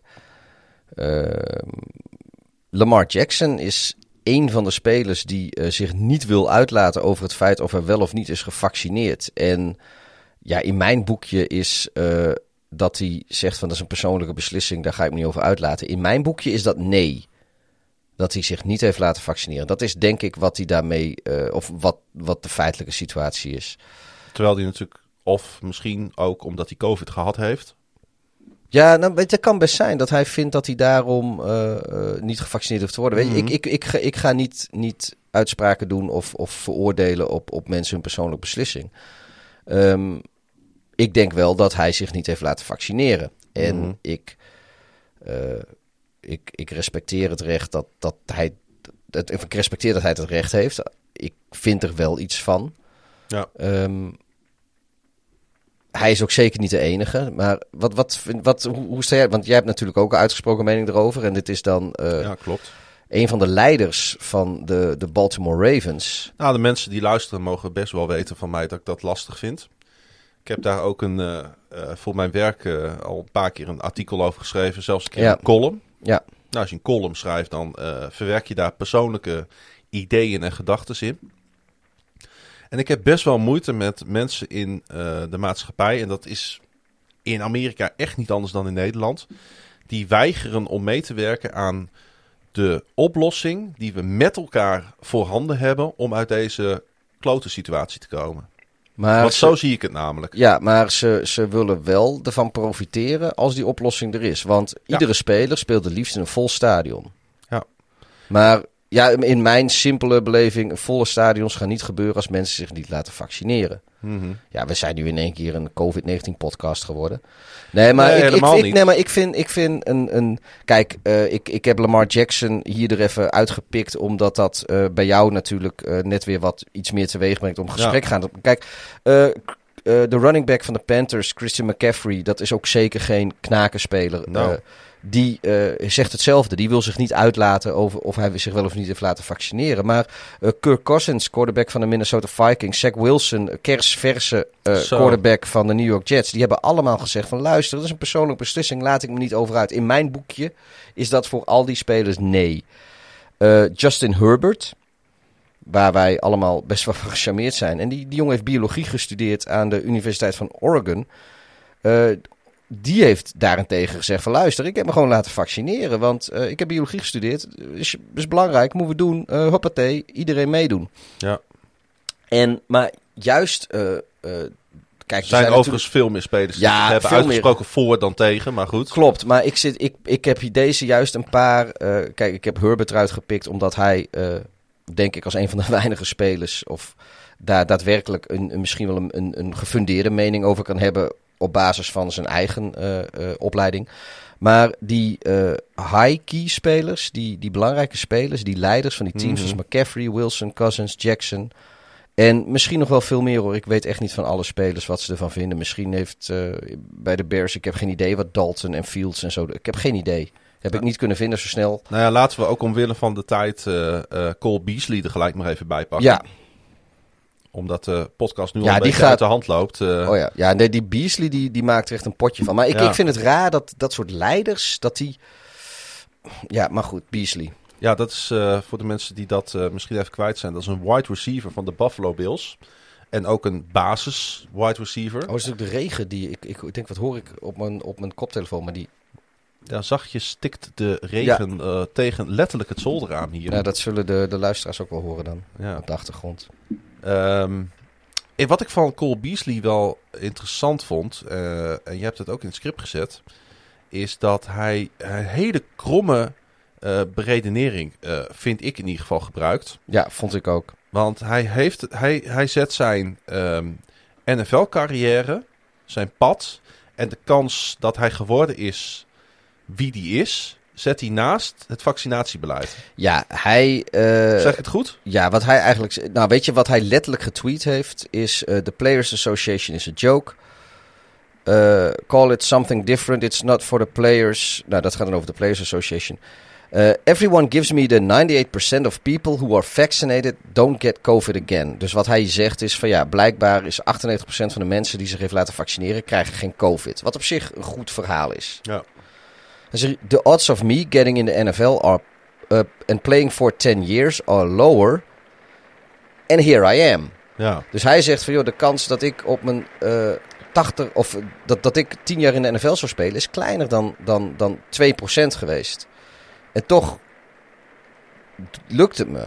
Ja, mijn eerste reactie was van ja, het is niet zo, als het zo makkelijk was, dan wil ik ook wel eens in een ruimte zijn met tien andere NFL-spelers. En die moeten even allemaal over me heen Precies. hoesten. En dan word ik ook NFL-speler Ja. blijkbaar, weet je. Dat, zo simpel kan het zijn. Het is geen, een kromme redenering. Die man is atleet en een verdomd goeie, maar hij is geen viroloog. En hij moet gewoon zijn mond houden met dit soort domme dingen. Ja. Ik, ik, ja, ik, hier kan ik kwaad om worden, meen ik echt. En ik weet niet of... Door, nou ja, goed. Ik, ik weet niet wat onze luisteraars ervan vinden. Ik, ik denk en hoop dat de meesten eh, het wel met ons eens zijn... dat eh, vaccineren de enige weg is uit deze ellende. Maar eh, ja, ik, ik, ik, ik denk als, als... Dan heb ik liever een Lamar Jackson die zegt van... luister, weet je, ik, ik laat me er niet over uit, het is persoonlijk. Hij liegt niet.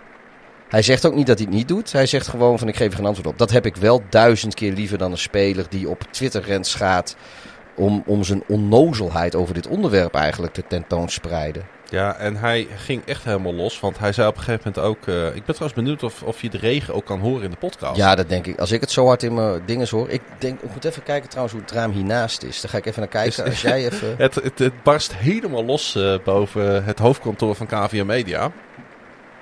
Hij zegt eh, op een gegeven moment in de reactie... Dit is belachelijk. Hebben we hier een stem in gehad? Eh, ik blijf... En het is ook weer zoiets, hè. Hij schrijft... Ik blijf in het hotel. We hebben nog altijd meetings. Daar zijn we samen. Gevaccineerde spelers kunnen het hotel gewoon uit. En COVID mee terugnemen naar waar ik ben. Dus wat maakt het uit of ik wel of niet in het hotel blijf? 100% immuniteit met een vaccin bestaat toch niet. Dus hij zit wel heel duidelijk op een bepaald pad, hè? Deze Cole Beasley. Ja, en weet je, ik, ik, eigenlijk wil ik het er ook helemaal niet meer zo lang over hebben. Nee, ik ik, respecteer iedereen zijn keuzevrijheid en ik respecteer iedereen zijn mening. Maar ik vind wel, als jij met een ongefundeerde mening komt die helemaal nergens op slaat, dan mogen we ook gewoon zeggen dat je, dat je gewoon dom bent. Weet je wat het vooral is, Pieter? Het is prima dat als je iets niet doet... maar je moet je wel realiseren dat het verdorie gewoon gevolgen heeft. Ja, en eh, kijk, ik, ik ben normaal ook niet zo van de voorbeeldrollen die spelers hebben. En dat ze daarom over alles wat ze doen 50 keer beter na moeten denken dan als jij en ik het doen. Ik Ja. bedoel, eh, we mogen allemaal een keer te veel zuipen en dan per ongeluk eh, in ons eigen kot zwakker worden in een steegje. En ja, als ons dat gebeurt, dan is het dinsdag. En als een NFL-speler dat gebeurt, is dan ik het drama. En moet zijn contract opgezegd worden, weet ik wat allemaal. Eh, daar geloof ik niet zo in. Maar ik vind wel, dit is bewust een onzinnige, ongefundeerde mening de wereld in helpen. Terwijl, ja, weet je, daar rondom Buffalo lopen er allemaal jochies in Beasley jerseys. En die nemen dit misschien wel serieus. En dat, dat, ja, ik, dat vind ik erg, heel, erg jammer. We hadden het net over Lamar. Of Ja, we gaan, even, eh, we gaan even verder eh, los van de COVID terug naar de sport. Nou ja, hoogtepunt van deze week, voor mij in ieder geval. En ik denk ook wel voor Lamar, was toch wel een paas over 50 yards. Die hij in een tight window aan de zijlijn met grote precisie wist af te leveren bij Sammy Watkins. Die op zijn beurt, zoals dat in goed Amerikaans Engels heet, stride for stride. Samen eh, de, de strijd aanging met Pro Bowl cornerback Marlon Humphrey. En zo denk ik toch dat uiteindelijk iedereen eh, in Baltimore en ook zeker Lamar Jackson met een goed gevoel terugkijkt op minicamp. En eh, ja, over vijf weken weer terugkeert op de trainingsfaciliteiten zoals alle teams dat gaan doen. Ja. En eh, wat ik wel mooi vond is dat Lamar aangaf dat het niet echt voelt als vakantie de komende weken. Echt off-season is het niet, zei hij. We willen in vorm blijven. Ik heb mijn lol al wel gehad. Voor mijn gevoel is het seizoen al begonnen. En ik denk ook niet dat je dan verbaasd moet opkijken dat er de komende weken filmpjes gaan opduiken van Lamar die in Florida met, eh, met zijn collega's aan het oefenen is. Ja, Eh, lekker is dat, hè? Dat gaat hij doen. Dat er zijn meer quarterbacks die dat doen. Die Ja, ik, deze ik, weken. Ik, ik word er altijd wel vrolijk van als deze vijf weken als Brady spelers... deed het ook altijd. Ja, ik, ja, ik geloof dat eh, Andy Dalton en Fields en, en Bears offense spelers gaan het ook doen. Ja. Ik word er wel vrolijk van. Het, het werkt niet altijd, bij heel veel teams komt het voor. Maar het is, ik vind het, het, het toont wel aan, als dit soort dingen gebeuren, toont dat ten eerste aan dat eh, het met het teamgevoel goed zit. Nou, dat dat bij Baltimore zo was, dat heeft... Ja, ik geloof dat er één andere Nederlandse NFL-persoon was die daar wel aan twijfelde, maar volgens mij verder niemand. Nee. Eh, dat, dat zit hartstikke prima in, in Baltimore. En dit is denk ik een van de bewijzen dat dat zo is. Anders ga je gewoon lekker eh, een beetje op de bank zitten, Netflix eh, en alleen aan je gewichten hangen. En dan zeg ik, zie je over vijf weken wel weer. Maar als jij gewoon in je eigen tijd met collega's gaat trainen, Mhm. dan, dan mag je elkaar wel. Zo is het. Pieter, semi-Chicago Bears nieuws. Ja, Want dat is Eh, toch, eh, toch een beetje de, niet, oude, eh, de niet- oude rot uit, uit Chicago. Ja, het, ook gewoon echt een van mijn favoriete spelers van de Bears. Jay Cutler. Ja, Daar was niet stuk leuk nieuws over te melden. nou ja, we gaan het over Jack Cutler hebben, maar eigenlijk in een veel breder perspectief. Ja, ja Jay Cutler is een beetje de aanleiding. Ja. Ik zat eh eh Pardon My Take te luisteren, die podcast. Die, volgens mij is dat de episode van donderdag. Als ik, eh, als ik het goed heb. Een van de aller, allerbeste NFL-podcasts die er is. Ja, het is, ja het, is, of het is een Amerikaanse sportpodcast. Maar in het NFL-seizoen is het eh, voornamelijk NFL-podcast en echt heel goed. Ja. En eh, Big Cat, Dan Katz, dat is een van de twee eh, hosts Mhm. van die podcast. Dat is een, eh, een goede vriend van Jay Cutler. Dus hij komt daar af en toe eens langs. En deze keer belde hij in vanuit de Bahamas. Want Cutler, Gonna Be Cutler, die, die doet echt precies waar hij zin in heeft. Ligt Ja. in scheiding ook, dus kan hem allemaal niet zoveel schelen op het moment. Peukie in de bek. Smoking Jay. Maar eh, op een gegeven moment werd hem gevraagd van... joh, eh, ben je nu echt met pensioen? Ja, ik ben echt met pensioen. Ik ga echt niet terugkomen. Heb je nog fysiek last? Heb je last van blessures? Hij zegt nee, ik voel me op zich eh, fysiek hartstikke goed. Ik heb tijdens mijn carrière regelmatig last van mijn knie... last van mijn duim, last van, van mijn ellebogen. Hij heeft, hij wel... Dus daar heb ik allemaal helemaal geen last van. Ik, ik voel me gewoon hartstikke fit. Hij had eh, in het zwembad daar in, in, eh, op de Bahamas, had hij met fans had hij een potje, potje voetbal in, in, in het zwembad gespeeld. Dat was ook hartstikke leuk, want hij was er dus Bears-fans tegengekomen. En eh, nou ja, die wilde met, met hem voetbal. Ook wel legendarisch trouwens, als je op Bahamas bent en je komt Jay Cutler tegen in het zwembad en die gaat met jou een potje bal spelen. Ja, mooi toch? Maar goed, ehm, maar toen vertelde hij ook echt gewoon heel casual erachteraan van... Ja, ik vergeet wel eens wat dingen, maar dat is waarschijnlijk de CTI die eraan komt. En eh, ja, ik zal wel over een jaar of 10, 15 eh, zal de dementie van, eh, van, van, van al mijn hersenschudding inzetten. Hij zei van, ik heb er nogal wat gehad. Nou, hij vertelde, hij heeft er een stuk of 15 behoorlijke gehad. En misschien ook nog wat meer kleine. Maar hij heeft in ieder geval een, een serieus 15 hersenschuddingen eh, gehad. En op basis daarvan gaat hij er dus vanuit, als je kijkt naar andere spelers, dat hij daar dus eh, eh, straks de gevolgen van gaat ontwikkelen. En dat houdt dus ook in dat. Hij heeft, dat- hij heeft daar dus angst voor. Ja, weet je, want wat het is, hij vergeet nu al dingen. En eh, we vergeten allemaal wel eens dingen. Maar als je dus oud NFL-speler bent met een, met een fix, fix aantal hersenschuddingen op je palmares. Dan is bij alles wat je vergeet, denk je van, is dit, het? Begint het nu? Is dit het? Hm. Weet je, het is een soort mindfuck gewoon. Ja. Le- Letterlijk en figuurlijk, omdat het natuurlijk je mind fuckt de ziekte zelf. Nou, dus maar het ook is- het feit Dus dat... hij leeft wel, eh, dus wel echt met angst. Ja, een soort van wel. Ja. En hij heeft dan wel een. eh, er schijnt een, een, een, een of andere eh, infuus te kunnen zijn die je, die je, waar je af en toe aan kan hangen. Tenminste, een IV-drip. Dat is volgens mij een infuus. Dat is in. eh dat Ja. is intravenil bla in je, in je bloed. Van een, een nicotinamide eh, dinucleotide. Geen idee wat het is. Maar eh, hij zegt van ja, dat, dat schijnt eh, de boel in ieder geval te rekken of te, te milder te maken. Wat dan ook. Dus dat doet hij. En verder heeft, zegt hij van ja, weet je ook gewoon. Het is niet bewezen, maar hij zegt: je wordt er nooit minder van. Ik doe min, zo weinig, min mogelijk suiker en koolhydraten eten. Ja, zo ken ik hem eigenlijk helemaal niet. En ja, maar het gaat hem om zijn kinderen. Hij wil zeg maar over 10, 15 jaar, 20 jaar Ja, wil hij ook nog gewoon. eh, maar dat, daar, hij is daar dus serieus mee bezig. eh, en dat, ik vond het ook wel. wel eh,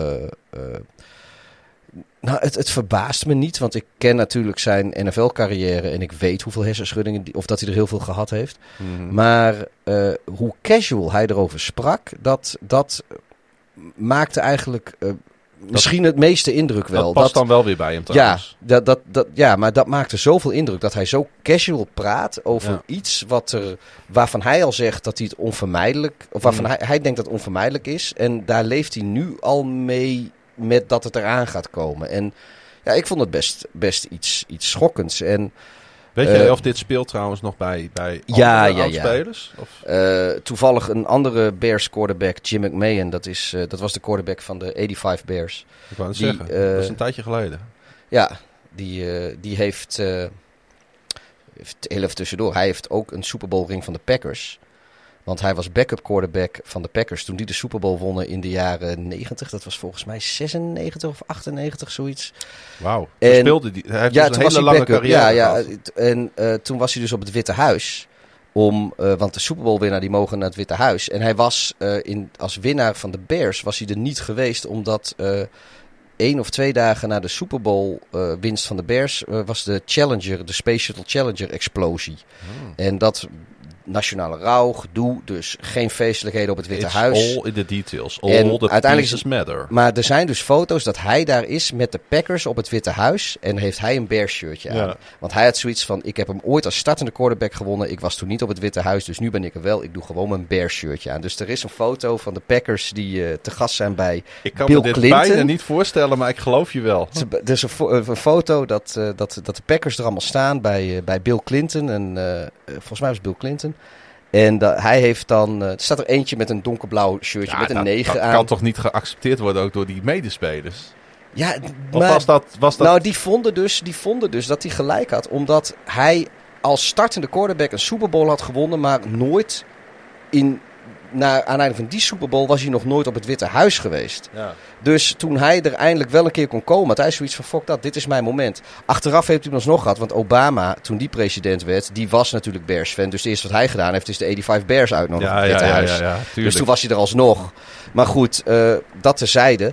Hij, eh, Jim McMahon heeft ook last van eh, CTE en hij vecht daar ook heel erg tegen. Ehm Brett Favre, die heeft...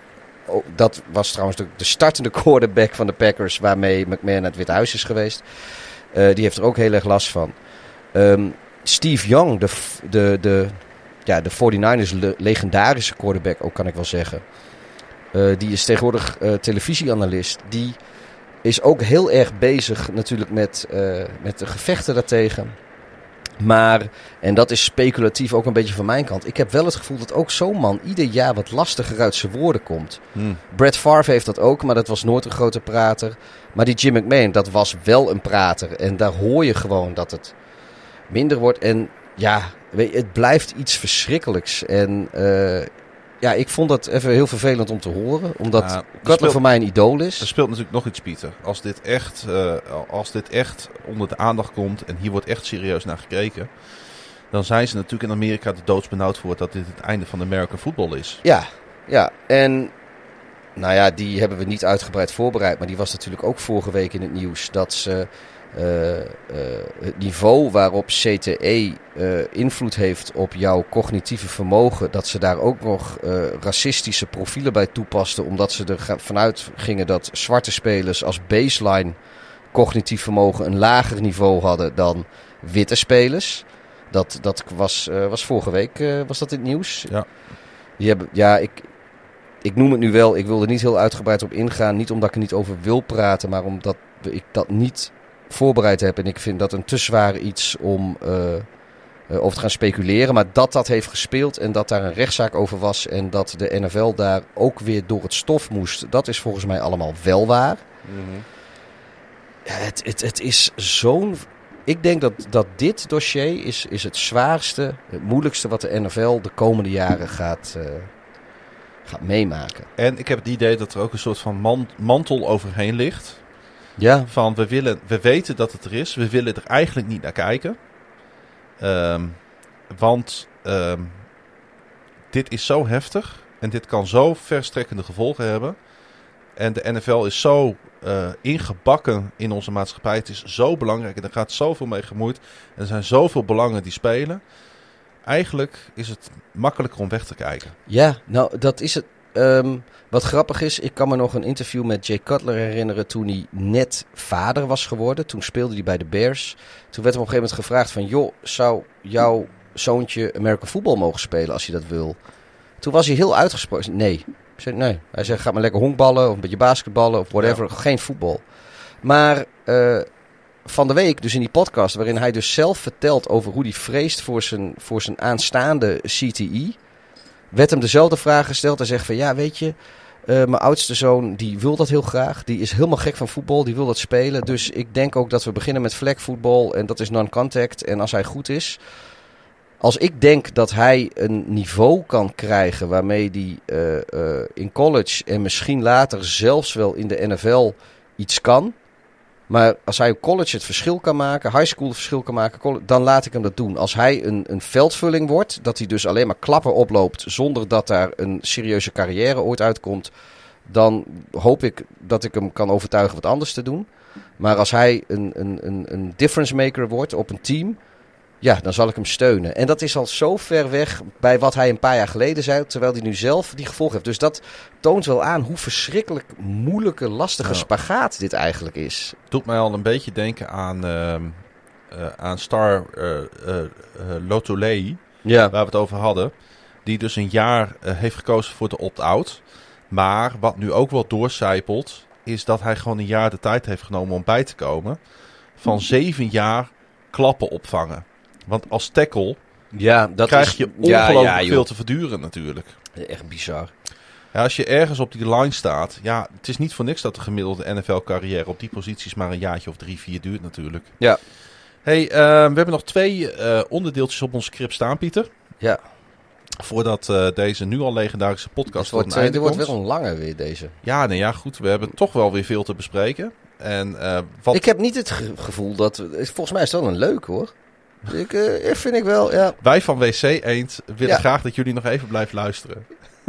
Ja, nou ja, mensen kunnen hem luisteren in zoveel etappes als ze willen. Ik denk Dat wel dat, ik ook eh, dat, er, dat er een poosje zit tussen deze en de volgende. Dus je kan hem ook lekker uitsmeren over een, over een, over een paar weken, Ja, doe- wat mij betreft. Doe dat zeker, want ik heb al even gekeken op mijn agenda. De komende weken zit het er even niet in. Ja, voor mij wordt het ook lastig. Dus eh, ehm, eh, ja, spaar, spaar de fragmenten op en luister lekker in vier, vijf keer of zo. Ja, Of niet. of tien. Kan mij het ook wat schelen. Ja. Hey, eh, we gaan afsluiten zometeen eh om daar even op vooruit te blikken met eh, wat ik ook vroeg in onze social media boodschap. De stadionperikelen in Chicago. Ja. Want daar speelt nogal wat. Maar het leek mij nou eens leuk. Een typisch zo'n off-season dingetje. Zo aan de, nou, hè, we staan een beetje... De, fin of de, de finish, de, de, de, de start van het seizoen ligt ergens in de verte op ons te wachten. Ja. Als je heel goed kijkt, kun je hem al zien liggen. Ik zit trouwens even te bedenken. We moeten sowieso deze podcast rekken tot het weer droog is. Want ik ga echt niet naar huis fietsen in dit weer. Dus we kunnen gewoon uren nog doorlullen als het blijft regenen. Nou, dat komt goed uit, want er zijn maar liefst zeven nieuwe headcoaches. Dat is mooi, want het is nog lang niet droog. in de NFL te bewonderen. En ik dacht, laten wij ze gaan ranken. Ja, ik, ik vond het een briljant plan. Ik had er niet aan gedacht. Maar ik heb wel zoiets van, nou, dit, je, je, je hebt hier iets. Zeven nieuwe headcoaches, die dus rookie headcoach zijn. Bij zeven verschillende teams. En dan hebben we het over David Colley bij de Texans. Robert Salou bij de Jets. Door sommigen uitgesproken als Saleh. De Arthur Smith bij de Falcons. Dan Campbell bij de Lions. Nick Sirianni bij de Eagles. Urban Meyer bij de Jaguars. En Brandon Staley bij de Chargers. En dan heb ik gelijk ook de volgorde trouwens verklapt. Van waarin ze staan. Ik Ja, mee. mensen, mensen weten niet of we nou zijn begonnen bij de beste of geëindigd zijn bij de beste. Nou, we beginnen met eh, degene die in de meest benarde situatie zit. En dat is David Colley van de Texans. En ik zat zo'n beetje na te denken over David, deze David Colley. En het enige waar ik eigenlijk op kwam was... Ik wil hem eigenlijk via deze weg, eh, via NFL op woensdag... gewoon heel veel succes wensen. Heel veel kracht en wijsheid ook. De arme man, David Colley, is in de, ver in de 60. Voordat hij nu eindelijk een kans krijgt als headcoach. En dan krijg je te maken met de Texans op hun absolute dieptepunt. Hey, maar krijgt hij die kans omdat hij die kans nu eindelijk een keer verdiend heeft? Of krijgt hij die kans omdat eh, hij de veertigste persoon op een lijst was en dit was de eerste die geen nee zei? Dat is een beetje de grote vraag natuurlijk. Wat denk jij? Ik denk dat het in het midden Ik, ligt. ik denk niet dat hij de eerste keus was en ook niet de derde. Nee. Nee, ja goed. Hij krijgt natuurlijk te maken met die situatie. De Sean Watson, die inmiddels helaas bekend is. Het roster, ik zat even te kijken vanmiddag, doet pijn aan mijn ogen. En dan heeft hij ook nog eens te maken met een general manager die een rookie is, uit New England komt, waar nog nooit iemand al na een jaar opzij gezet is. Ja. Ik, eh, heel, heel kort zijsprongetje. Ik las trouwens dat we hebben deze keer geen eh, eh, de Sean Watson update. Nee, Die is er wel. Ik, ik las daar even iets en ja, dat is ook, weet je, dan, dan in één keer doet die advocaat, die lijkt dan in één keer weer een soort van ambulance chaser te zijn, maar die zegt, we gaan niet schrikken wat er ook gebeurt. Ik heb zoveel vertrouwen in dat, dat daar zoveel misgaat. We- Wij gaan een rechtsgang, zien we met vertrouwen tegemoet, ook al duurt het jaren, we gaan niet schikken Hm. voor wat het waard is. Want voor hetzelfde geld eh, accepteren ze volgende week een schikking. Ik heb geen idee. Maar ik wil daar eigenlijk niet over hebben. Laten we het hebben over eh, David Cully. Eh, ja, die man die zit in een situatie waar je gewoon geen succes kan hebben. Nee. Aan de andere kant, als je mid 60 bent, hè. Dus je zit, om in Nederlandse termen te blijven, tegen je pensioengerechtigde leeftijd aan. En je krijgt de kans om nog een keer headcoach in de NFL te worden. Ja, ik denk Dan dat... laat je hem ook niet lopen. Natuurlijk niet, maar ik denk dat eh, die, die, die, eh, die dollars die hij krijgt overgemaakt... zijn net zoveel waard als de dollars die, eh, die ieder ander krijgt overgemaakt. Ja. Ik, en laten we ook eerlijk zijn, eh, eh, David Coley zit daar niet om een Super Bowl te winnen. Daar is niemand die daarop rekent. Als hij dit seizoen drie wedstrijden wint, heeft hij het goed gedaan. Maar ik denk dat niemand de Jets voor meer dan één of twee wedstrijden inschat. Zeker niet als... als eh, sorry, wat zei ik? Jets. Oh ja, ja, sorry, dat was de volgende. Die komen zo. Nee, maar als, zeker als Watson niet gaat spelen. Mhm. Stel, als Watson niet kan, mag of gaat spelen, of wat voor reden dan ook. Of hij doet een holdout, of hij wordt geschorst, of hij zit in de bak. Ik heb geen idee hoe dat gaat met, eh, met hem. Zullen ze niet boos zijn op David Colley dat hij dan drie wedstrijden wint? Omdat ze gewoon met die eerste pick eh, er vandoor willen? Ja, nou ja, dan moeten, ze, dan, dan moeten ze onderling maar regelen. Maar stel dat, hij, stel dat als hij er dan drie wint, jongen, dan is hij fucking toch coach van het jaar. Ja, Als je dat roster ziet. Als hij er drie pakt zonder Watson, coach van het jaar. Iemand die toch ook niet helemaal in een gespreid bedje komt, dat is de nummer 6 op deze lijst. En we tellen rustig af naar de nummer 1. En dat is die Robert Salou van de New York Jets. Ja, dat was de, de defensive coordinator van onze vrienden uit eh, San Francisco Yep. natuurlijk. Dat was met, eh, hij is ook een Hoested Man geweest, toch? Met Ja, zijn eh, zeker. Egyptisch, eh, Ja, hij heeft een Egyptisch eh ja roots, toch? Moslim is hij. Ja. Wat ook niet zo heel veel voorkomt in Zijn, eh, zijn coaches. Zijn favoriete rivier, rivier is de Nijl. Zijn favoriete paard is een zeepaard. De... het duurt echt te lang en het is echt te laat. En het is echt, eh, we hebben te veel bier op. Maar Zo'n lekker biertje. Moet je, moet je eens proeven. joh. wat heb Drink je? maar op. Dit is, dit is weer zo'n hele lekkere, maar die Een milkshake, een Imperial Milkshake IPA. van 11%. Ja, neem een slokje.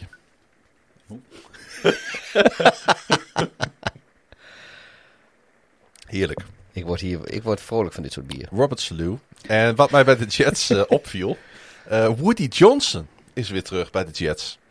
En denken mensen, hè, Woody Johnson? Maar ik denk dat de meeste Jets-fans dit wel wat zegt. Eh, hij is weer terug na 4,5 jaar ongeveer. En dat mondde uit in een gigantisch circus gelijk. Hij is de steenrijke eigenaar van de Jets. En hij was de afgelopen vier jaar was hij de ambassadeur voor Amerika in het Verenigd Koninkrijk onder voormalig president Donald Trump. Wist jij dat? Ja, eh, Dus de, nu, nu ik het teruglees, wist ja, nee, maar nu, nu ik het teruglees, wist ik het weer. ja, Eh, Herinnerde, herinnerde ik me het weer alsnog, laat ik het zo nou, hij had eh, de taken overgegeven aan zijn broer Christopher. En eh, nou, die heeft het dus niet zo heel goed gedaan. Nee, maar, nee, maar de jaren daarvoor waren ook gewoon triest. Dus. Ja, maar ik, ik weet je, Woody Johnson, en als je hem ziet in een interview, dan weet je precies wat ik bedoel. Is nou ook niet per se als eigenaar een stabiele factor voor zijn eigen organisatie. Ehm, en er zijn nog wel wat meer zaken die spelen bij de Jets, waarom ik denk dat Robert eh Salou het toch wel lastig gaat krijgen. Star en Stad left jack tackle. En we hebben hem eh, al een paar keer benoemd eh, tijdens eerdere afleveringen. Mackie Beckton. Die echt, wat echt wel een gigantisch talent is hoor. Daar, daar verwachten we wel heel veel van. als hij fit blijft. Want hij heeft Ja. last van een voetblessure. En hij schijnt eh, behoorlijk moeite te hebben zijn gewicht binnen de perken te houden. En dat is toch wel een dingetje. Ja. Want het wordt natuurlijk tot in de treurnis wordt dat allemaal gemeten in de NFL. Want die gasten zien er af en toe misschien voor ons idee eh, dik uit. Maar dan zijn ze voor hun positie zijn ze eigenlijk perfect. ja, Hè, dat vertekent wel eens, hè? dat vind ik dus ook. Voor mij, dus- dat zeg ik dus ook tegen mensen die mij... de- Oh, ja, ja, je bent wel eh, aangekomen, Pieter. ja, maar voor mijn positie Juist. ben ik perfect. Ja, ja, je bent sowieso perfect Ik, zoals je ik, bent. ik, ben, ik vind mezelf een beer drinking football guy. Nou, dat, daar heb ik echt een heel goed figuur voor. Ja, ik heb een beetje gelet op beelden van eh, quarterback Zach Wilson. Ik praat hier gewoon even overheen. En ehm, ik heb het idee dat de nieuwbakken quarterback er voorlopig vooral ook gewoon ongelooflijk nieuwbakken uitziet. Als je begrijpt wat ik daarmee bedoel. Ja, hij overtuigt niet echt, hè? Nee, nee ik, ik had liever anders gezien voor eh, al onze Jets-vrienden die luisteren. Maar eh, het is helaas nog niet geweldig allemaal. Is het ook echt niet geweldig of is het de New Yorkse pers die...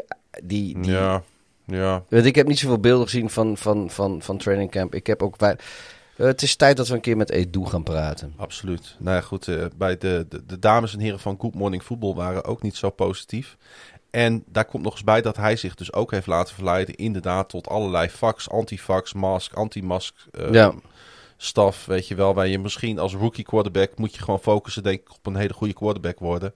En moet je niet op Twitter allerlei discussies gaan voeren. nee, dat, nee, dat Als ik. PR-manager zou zijn van Zach Wilson, zou ik zeggen van hier met die telefoon.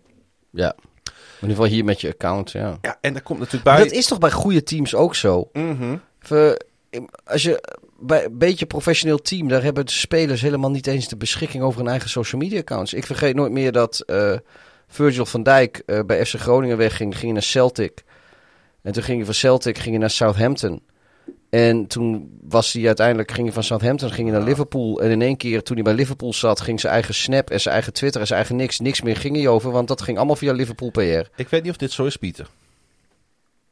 Oh, in- of dit in de NFL ook Ja, zo nee, is. blijkbaar, Ik ik bij Zach Wilson in elk geval niet. Maar bij Celtic, wat ook geen kleine club is, en Southampton, wat Ja. ook geen knakenclub is, en is- zeker bij het grote FC Groningen, had Virgil van Dijk de beschikking over zijn eigen Twitter-account. Maar toen hij bij Liverpool kwam, was, van Elzakker dat niet? was, het, eh, was het vrij snel van hierop aan met je wachtwoord. En eh, eh, we gaan het regelen voor je. Ik weet dat bijvoorbeeld een Lamar Jackson ook gewoon de beschikking over zijn eigen Twitter-account heeft.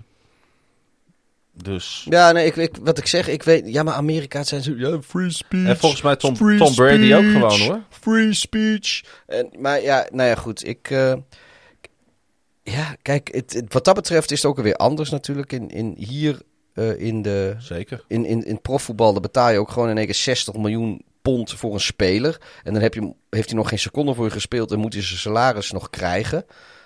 Ja, dan kan ik me ook voorstellen dat je zegt van luister, ik heb net 60 miljoen pond voor je betaald. eh, daar hoort je Twitter-account ook bij. Dan ga jij, nu, jij gaat nu niet je marktwaarde verkloten door domme dingen te roepen. Dat zou kunnen. Maar goed, eh, sorry voor deze tangent. Nee, dat Eh, geeft helemaal niet. Maar Robert Slew, die krijgt natuurlijk wel te maken met een organisatie waar het de afgelopen jaren tussen de front office en de coachingstaf alles behalve harmonieus verliep.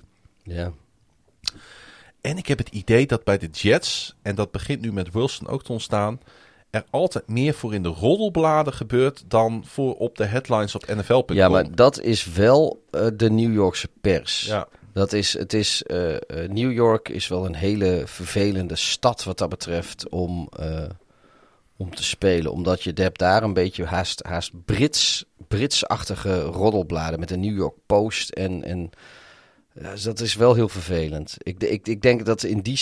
En dan lijken de Jets er meer last van te hebben dan de Giants. Maar dat heeft misschien ook te maken met dat Jets al, al jarenlang sportief eh, het slechter doen. Dus een makkelijker doelwit zijn. ja. Eh, en dan zit het ze ook tegen met dingen als butt fumble, weet je, en dat soort dingen. Ja, nee, het, het zit ze dan gewoon echt niet mee. Maar bij de Jets speelt wel altijd meer dan bij de Giants, heb ik het idee. Nou, ik heb dus het idee dat ze wat meer de pik hebben op de, de- meer het vizier hebben op de Jets dan Ja. op de Giants. En of dat nou is omdat ze een clubvoorkeur hebben of omdat eh, ze gewoon over een slecht team kun je makkelijker slechte dingen schrijven. Dat weet ik niet. Maar ik denk, ik denk wel dat die New York teams en zeker de Jets, die hebben het wat dat betreft misschien wel het lastigst van, van, van alle 32 teams in de NFL. Het zijn wel historisch grote teams. We gaan naar Atlanta. De, ik zei het al, Arthur Smith. Ja, Ehm, ja, Ja. Ik, ik, ik verwacht hier niet zoveel van. nee hè? Ik, sterker nog, ik, ik, ik zou persoonlijk, denk ik zelfs, dat, eh dat eh, Saleh het beter voor elkaar heeft dan Smit. Maar dat komt gewoon omdat ik van Saleh zelf heel veel verwacht. Daar ben ik het op zich met je eens. Toch sta- staat Smith wel bekend als een, eh, als een quarterback-goeroe. Ja, En zijn liefde voor aanvallend American football.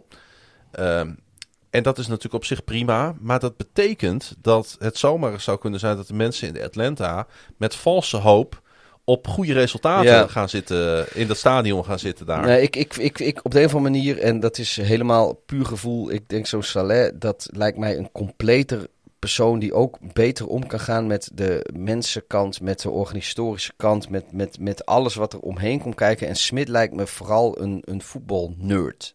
Hm. En eh, die is bezig met voetbal en heel technische dingen. Maar bij, in Atlanta is het zo'n puinhoop. Daar moet je- als hoofdcoach, daar, weet je, daar moet meer. Daar moet, je moet van alles doen. Ja. Je moet van alles wat kunnen. En ik heb het idee dat hij het liefst gewoon eh, eh, tape bekijkt. En als je geen tape bekijkt, dan wil hij de tape die hij gezien heeft uitleggen aan zijn spelers. Maar het geldt natuurlijk voor alle coaches. Maar zeker ook voor Smith. Hij weet natuurlijk donders goed waar hij ingestapt is. ja, ja, ja. Hij heeft te dealen met een eigenaar natuurlijk die weigert een full rebu- rebuild aan te gaan. Niet durft te stoppen met Matt Ryan. En Julio Jones voor een halve appel en een kwart ei weggegeven Ja, heeft. Drie kraaltjes en koekenpan. Ja. hem, jong. Vanwege wat cash en cap redenen. Dus ja, En hij wilde zelf ook weg. Hè? Jones wilde ook niet blijven. ook dat, dat klopt. Maar het is allemaal wel heel makkelijk gegaan. Realistisch gezien is er gewoon ongelooflijk weinig hoop op direct succes in Atlanta. Ja. En met die defense die er nu staat en een quarterback op zijn retour, kan wel eens een heel lang en treurig seizoen worden in Ik, Atlanta. ik, ik denk dat de Jets boven de Falcons gaan eindigen, zeg maar. Dat, dat is de, Record-wise. ja, dus dat de, de Falcons eerder gaan pikken dan de Jets in de draft. Oké. Hey, eh, ze zijn al een paar keer voorbij gekomen en er ligt hier een prachtig eh, jersey Koning van knieschijf. Eh, Dan Campbell, de nieuwe headcoach van de Detroit Lions. Ehm, ja, daar, als je het dan over een rebuild hebt, ehm, wat ze in Atlanta niet durven, dat hebben ze in Detroit natuurlijk wel gedurfd, eh, Pieter. Ja, daar zijn ze er even vol voor gegaan. Een nieuwe headcoach, een rookie GM, die allebei een long-term deal hebben gekregen. Binnen de Ford family zijn ook eh, dingen geshift, weet ik. Ja, Dus andere mensen binnen die Ford family zijn, eh, ja, eh, eh, zijn, hebben de leiding genomen als het gaat om de Detroit Lions. ik denk ook dat ze in Detroit proberen om niet, ze gaan dit jaar of volgend jaar gaan ze niet winnen. Nee. En aan de andere kant, weet je, als alles meezit en Aaron Rodgers komt niet terug in, in Green Bay, dan is die NFC North is in één keer een, een soort free for all. Dat kan echt bizar interessant worden dan, denk ik. Voor de grab. Ehm, maar ik denk wel dat ze voor de lange termijn be- goed bezig zijn in Detroit. Ehm, ik weet niet of Dan Campbell de persoon is om op de lange termijn eh, prijzen te gaan pakken. Ik denk wel dat Dan Campbell de persoon is voor dit seizoen en misschien volgend seizoen om eh, eh, het talent wat je hebt te houden. Ja. Terwijl je eh, ondertussen nieuw talent verkrijgt met hoge draftpicks. Want ik denk dat ze de kom de, dit seizoen, volgend seizoen niet goed gaan, niet, niet, volgens niet mij zo dat- goed gaan doen. Volgens mij is dat de definitie van een rebuild. En ja, alleen eh rebuilden is meer dan alleen eh, eh, zeg maar slecht resultaat halen, hoge draftpicks en dan nieuw nee, talent toevoegen. Het belangrijkste is eigenlijk om eh, te zorgen dat de, de kwalitatief goede spelers die je wil houden, dat die ook willen blijven. Dat die niet de kont tegen de krip gooien en zeggen ik ga liever ergens anders heen. Nou, ik denk dat de Vikings daar ook een goed voorbeeld van zijn. Ja, ik, ik, maar ik denk, ja. Eh, alleen, weet je, die zijn aan de ene kant zijn ze te goed om een hoge draftpick te pakken, maar te slecht Mhm. om mee te doen. Kijk, als je, eh, ik vond John Fox toen die bij de Bears zat. Ja, ik heb het nu weer over de Bears, maar volgens mij een goed voorbeeld. Want uiteindelijk hebben ze daar de derde draftpick mee ge- gehaald, die dan de tweede, ging nog treden en daar hebben ze Trubisky mee gepakt. Daar vind ik, daar, daar kun je dingen van vinden.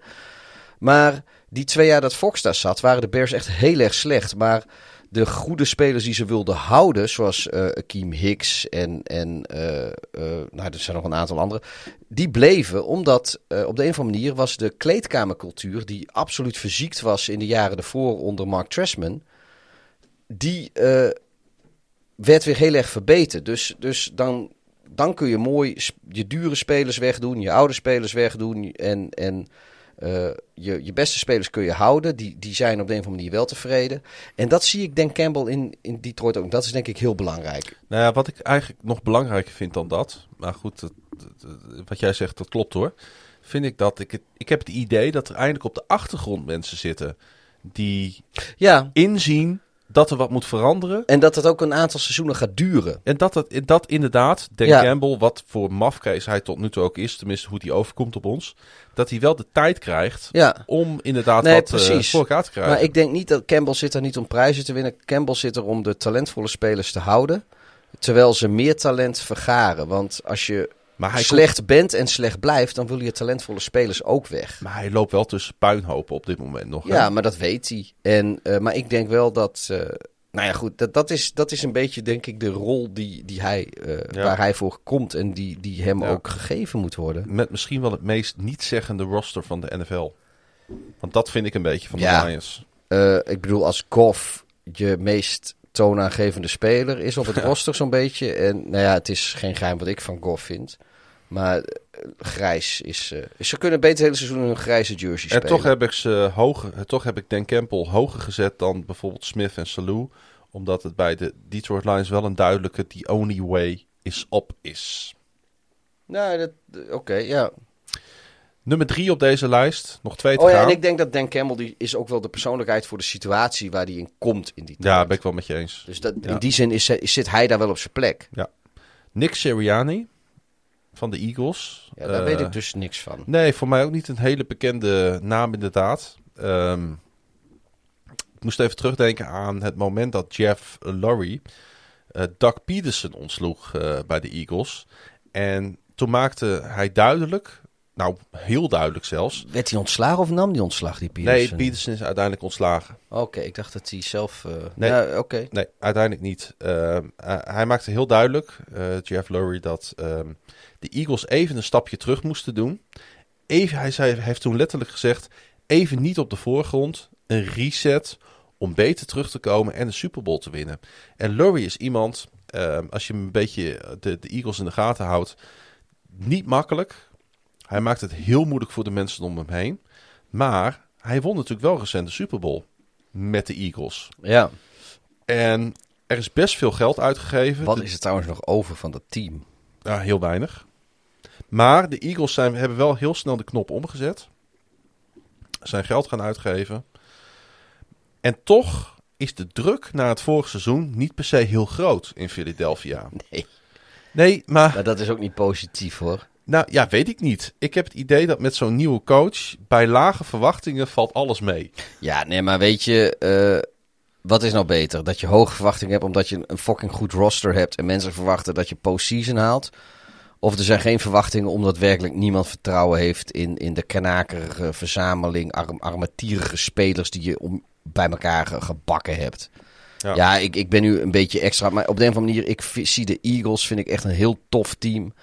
Met een, een, een toffe stad en een toffe reputatie. En, en een, een geweldige rij aan spelers die er in het verleden ge- gespeeld hebben. Die ik allemaal awesome vind. Van, van Vic en, en, en eh de Sean eh, eh, Jackson. Ja, weet je, Ja. ja, en eh, god weet je nou, dat hele kleine, kleine running backje die ze hadden. Weet je, er, en, en natuurlijk Shady McCoy. En, dus er zijn zoveel spelers eh, die daar gespeeld hebben die awesome zijn.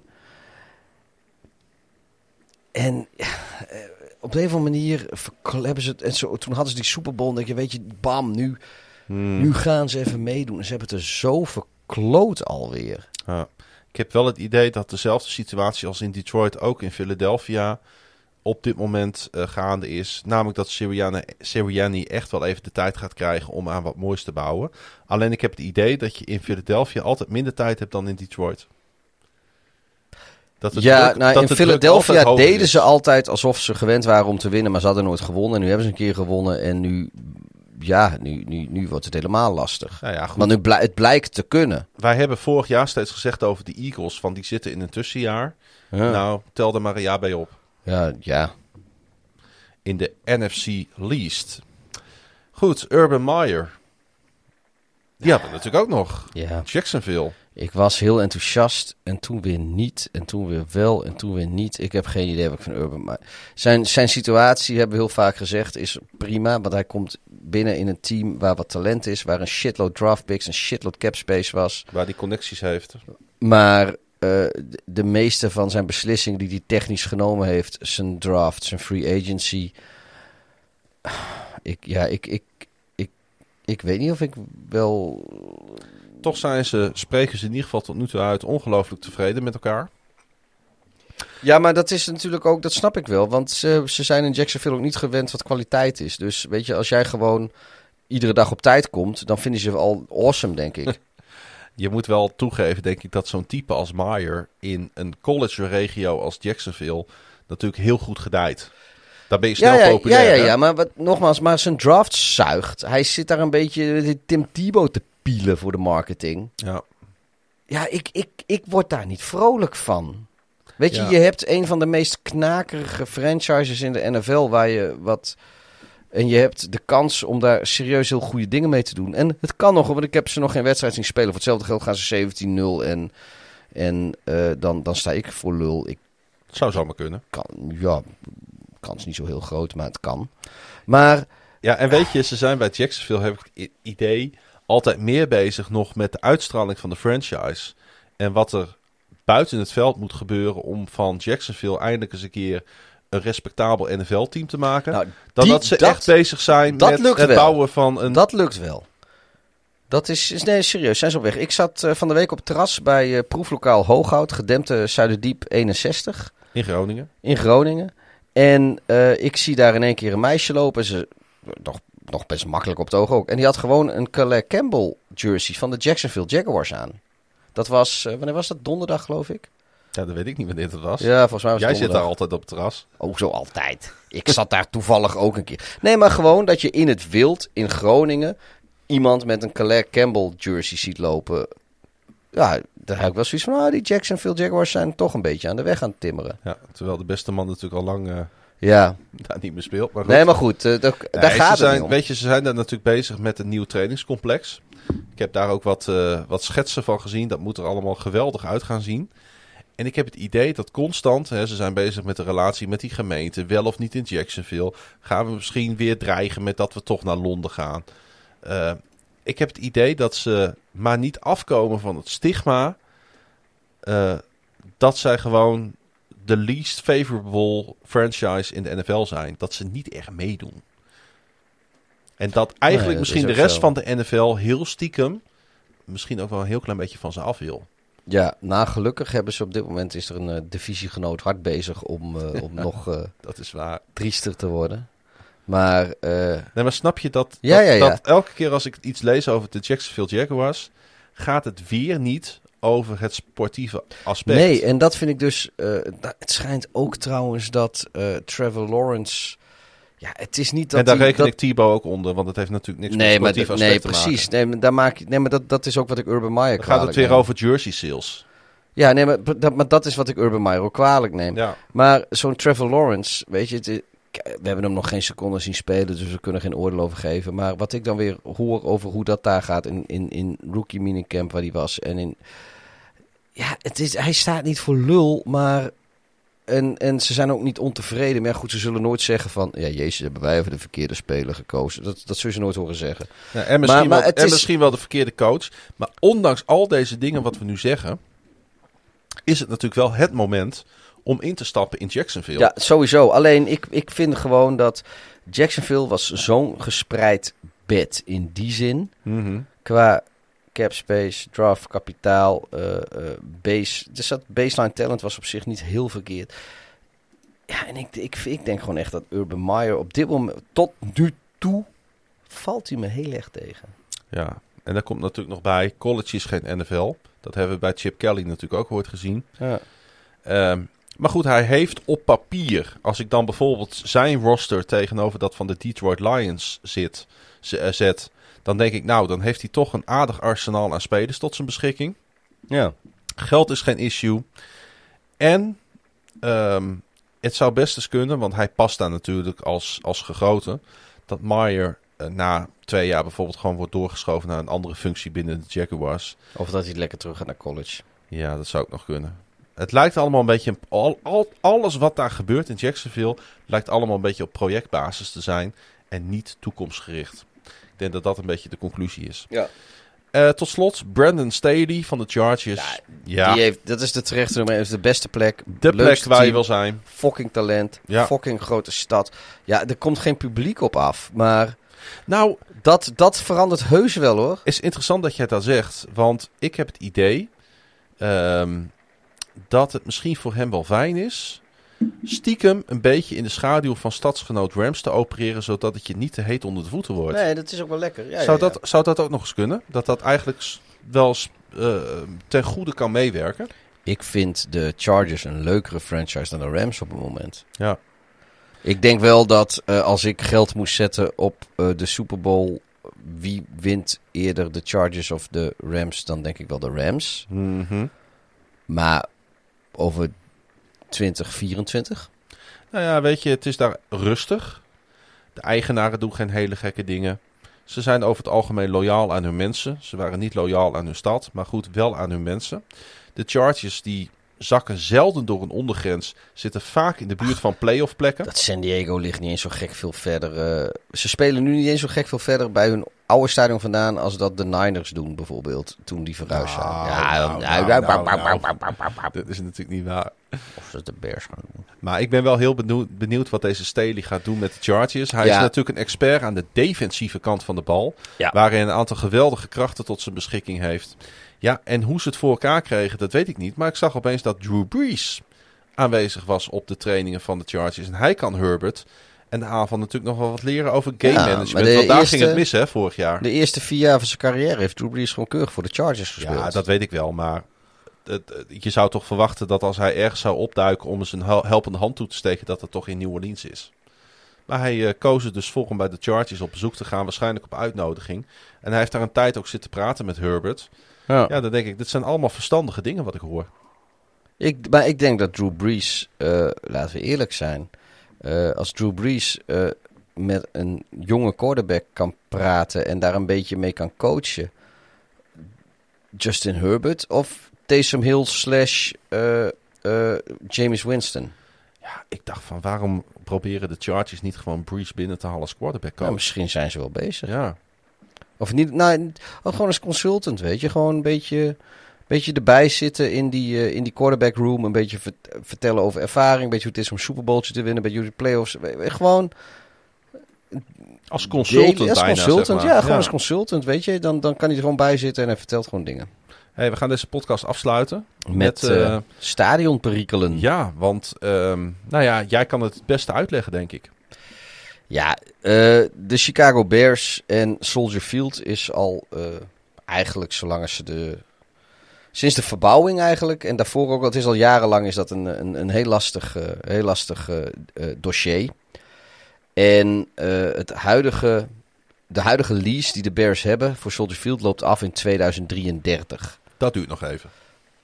Ja, maar dat is natuurlijk in eh stadionbouwtijd niet, Mhm. niet heel lang. Hoewel ze in Amerika vrij snel zo'n ding uit de grond kunnen pompen. Ja, nee, maar goed, als ze één keer beginnen wel. Maar nu wil het toeval dat eh, er ergens in een suburb van Chicago, in Arlington Heights... Weet je trouwens even het heel tussendoor wie in Arlington Heights geboren is? Nee. Jimmy Garoppolo, Dank u. bij deze. Eh, eh, maar Arlington Heights, dat is een, een, een, een, voorstad van Chicago, ligt net voorbij eh, O'Hare vliegveld. Dus nog verder uit de binnenstad dan, dan O'Hare al is, ligt daarachter een beetje. En eh, Een beetje in de richting van Evanston ook, maar dan wat iets meer het binnenland in, hè? veel verder, ja, het is nog echt een stuk verder dan Everston. Eh we hebben een luisteraar, Geert-Jan Darwinkel, die woonde er vlakbij ooit. In. Hij, woonde voor, hij woonde volgens mij in Carpenters, Carpentersville en Ja, dat is daar eh, vlakbij. Hebben we het ook een keer over gehad, weet je nog? Ja. maar goed, ehm, nee, maar daar is dus een, een drafbaan met een heel groot complex, heel, gro- heel partij grond. En die staat te koop. En er zijn een aantal partijen die zich gemeld hebben als eh, potentieel geïnteresseerd. En eh, de familie McKesky eh, is daar in één keer in dat lijstje geïnteresseerd. En dat zijn de eigenaars van de Bears. En de enige reden waarom zij geïnteresseerd zouden kunnen zijn in dat stuk grond... is om de hele flikkerse plat te gooien en daar een nieuw stadion te bouwen. Zictus, die pakte op, op Twitter de popcorn er maar eens bij. Hij is namelijk Packer-fan. Ja, En eh, hij heeft jou natuurlijk constant popcorn zien pakken. ja. En hij dacht van, nou, laat ik het ook eens een keer doen. Want hij las namelijk een statement van eh, burgemeester Lightfoot. Laurie Lightfoot. En eh, die vindt er ook wat van. Ja, dat is wel mooi. Laurie Lightfoot die begint al met... Our city is home to some of the world's finest sports teams... who have played a vital role in this city's reopening. Nou, dan heeft ze het voornamelijk over honkbal. Want eh, de Blackhawks deden het niet zo geweldig. Maar de Cubs en de, en de White Sox wel. Ehm, maar lang verhaal kort. Wat ze eigenlijk zegt is luisteren, weet je. eh, het interesseert me niet zoveel wat die Bears allemaal doen met hun gesodemieter met wel of geen nieuw stadion. Want ze hebben tot 2033 een lease op Soldier Field. En we zijn op dit moment in onderhandeling over ten eerste wat er met die lease moet gebeuren. Maar ten tweede wat wij, want dat is een beetje uniek of redelijk uniek aan de Bears, is dat zij geen eigenaar zijn van hun stadion. Dat stadion is, is eigendom van de Chicago Park and Lake District, dus eigenlijk van de stad Chicago. Dus eh, alles wat de Bears willen veranderen aan het stadion, moeten ze met, met de stad regelen. Dat kunnen ze niet zelf doen. Eh, en ze zijn op het moment in onderhandeling over aanpassingen die ze in het stadion gedaan willen hebben. En over een eventuele verlenging van de lease. En midden in die onderhandelingen, zegt de burgemeester nu, komen zij in één keer met van. Ja, misschien gaan we wel verhuizen. Dus zij zegt gewoon onderhandelingstactiek. Ik ben er niet zo, eh, niet zo van onder de indruk. Ehm, net als de meeste Bears-fans hebben wij gewoon het liefst dat de organisatie de focus legt op eh, een winnend team. En de, de, de Packers een keer verslaan. En, wat, een beetje relevant zijn na oktober. en wat ik mooi vind is dat... Dat is, ook- wel, dat is wel een popcornwaardige quote hoor. Dat de burgemeester van Chicago zegt van... eh, We want the organization to focus on putting a winning team on the field... beating the Packers finally... and being relevant past October. Everything else is noise. Hij durft wel. En wat ik heel tof vond... Zij, eh, Laurie Lightfoot is Eh, een excuses, mevrouw. zij inderdaad. Wat ik heel tof vond, is dat ze ook zei dat, ehm, ehm, dat zij, hij zegt, I am committed to keeping the Chicago name in our football team. Ja, daar is zij niet zoveel over te zeggen. Nou, maar met andere woorden van, Hoe de fuck durf je uit mijn stad weg te gaan? Nou, de meeste mensen lezen dit als dat als de Bears naar Arlington Heights gaat, wat technisch gezien buiten de stadsgrens ligt van Chicago, Precies. dat Lori Lightfoot wel even zou beslissen dat ze dan de Arlington Heights Bears Nee. moeten worden of de Illinois Bears. Dat is zoals de meeste mensen het lezen. Maar ik hou wel van dit statement. Oh, tuurlijk. Nee, maar ik vind ook lekker, lekker hardball, man. Zo van, eh, het is, ik moet een beetje aan ADO Den Haag denken, wat, wat ADO Den Haag heet. Maar een stadion heeft liggen half in Zoetermeer, bij wijze van. Nou joh, dat ligt in de oksel van, eh, van, eh, van de, wat is het, de A4 en de A12. Ja. Dat, kunnen, is gewoon Den Haag hoor, Ja, Vorenpark. Ja, het heeft geen reden met de stad te maken, Pieter. Ja, maar dat is omdat er een snelweg tussen ligt. Maar toevallig is het kantoor van mijn, van mijn werk ligt ernaast. Het is gewoon echt Den Haag Dit, hoor. Ik heb eh, gev- gevraagd aan onze volgers wat ze hiervan vonden. Ja, er waren wel meningen. Roy die zegt, Soldier Field is een prachtig stadion. Zullen wel weer mensen belang hebben bij de bouw van een nieuw stadion? In Nou, dit geval de eigenaren van de Bears. Dat Het speelt. kost ze aanvankelijk verschrikkelijk veel geld, maar Ja. daarna eh, leeft het ook heel veel op. Stijn Jansen die ziet een soort van 50-50 situatie als het gaat om blijven of weggaan. De huidige ligging is perfect, infrastructuur is goed. Nou, dat, tegen- dat, dat is niet helemaal dat waar. ben ik ook niet met hem eens inderdaad. Tenzij je natuurlijk met het openbaar vervoer komt, kun je maar er wel zelfs komen. dan niet, want die Red Line Station, wat is dat? Eh, ik weet de naam van het station even niet meer. Roosevelt Street Station. Ja, Roosevelt zoiets. is dat volgens Ja. mij. Dat is dan nog ehm, anderhalf kilometer een mijl lopen. Het is wel te doen. Ja, maar een mijl is nog ver. Zeker voor Amerikanen is dat ver. En daar zitten de bussen, daar zit de metro. Ja. De metra, dat is de lokale treinen in Chicago, die zitten ook...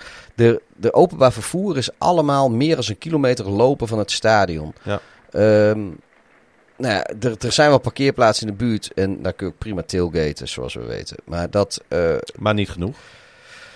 Nee, maar ook dat, weet je, je moet door, omdat het aan, de, aan het meer ligt. En het ligt feitelijk om. Kijk, Chicago, zoals denk ik de meeste luisteraars weten, als, als je zeg maar een normale stad ziet als een cirkel met in het midden het centrum, is Chicago een halve cirkel aan het meer met nog steeds eh, eh, aan het meer die, dat centrum. En daar ligt dat stadion ook. Dus Mhm. feitelijk ligt dat stadion midden in de binnenstad.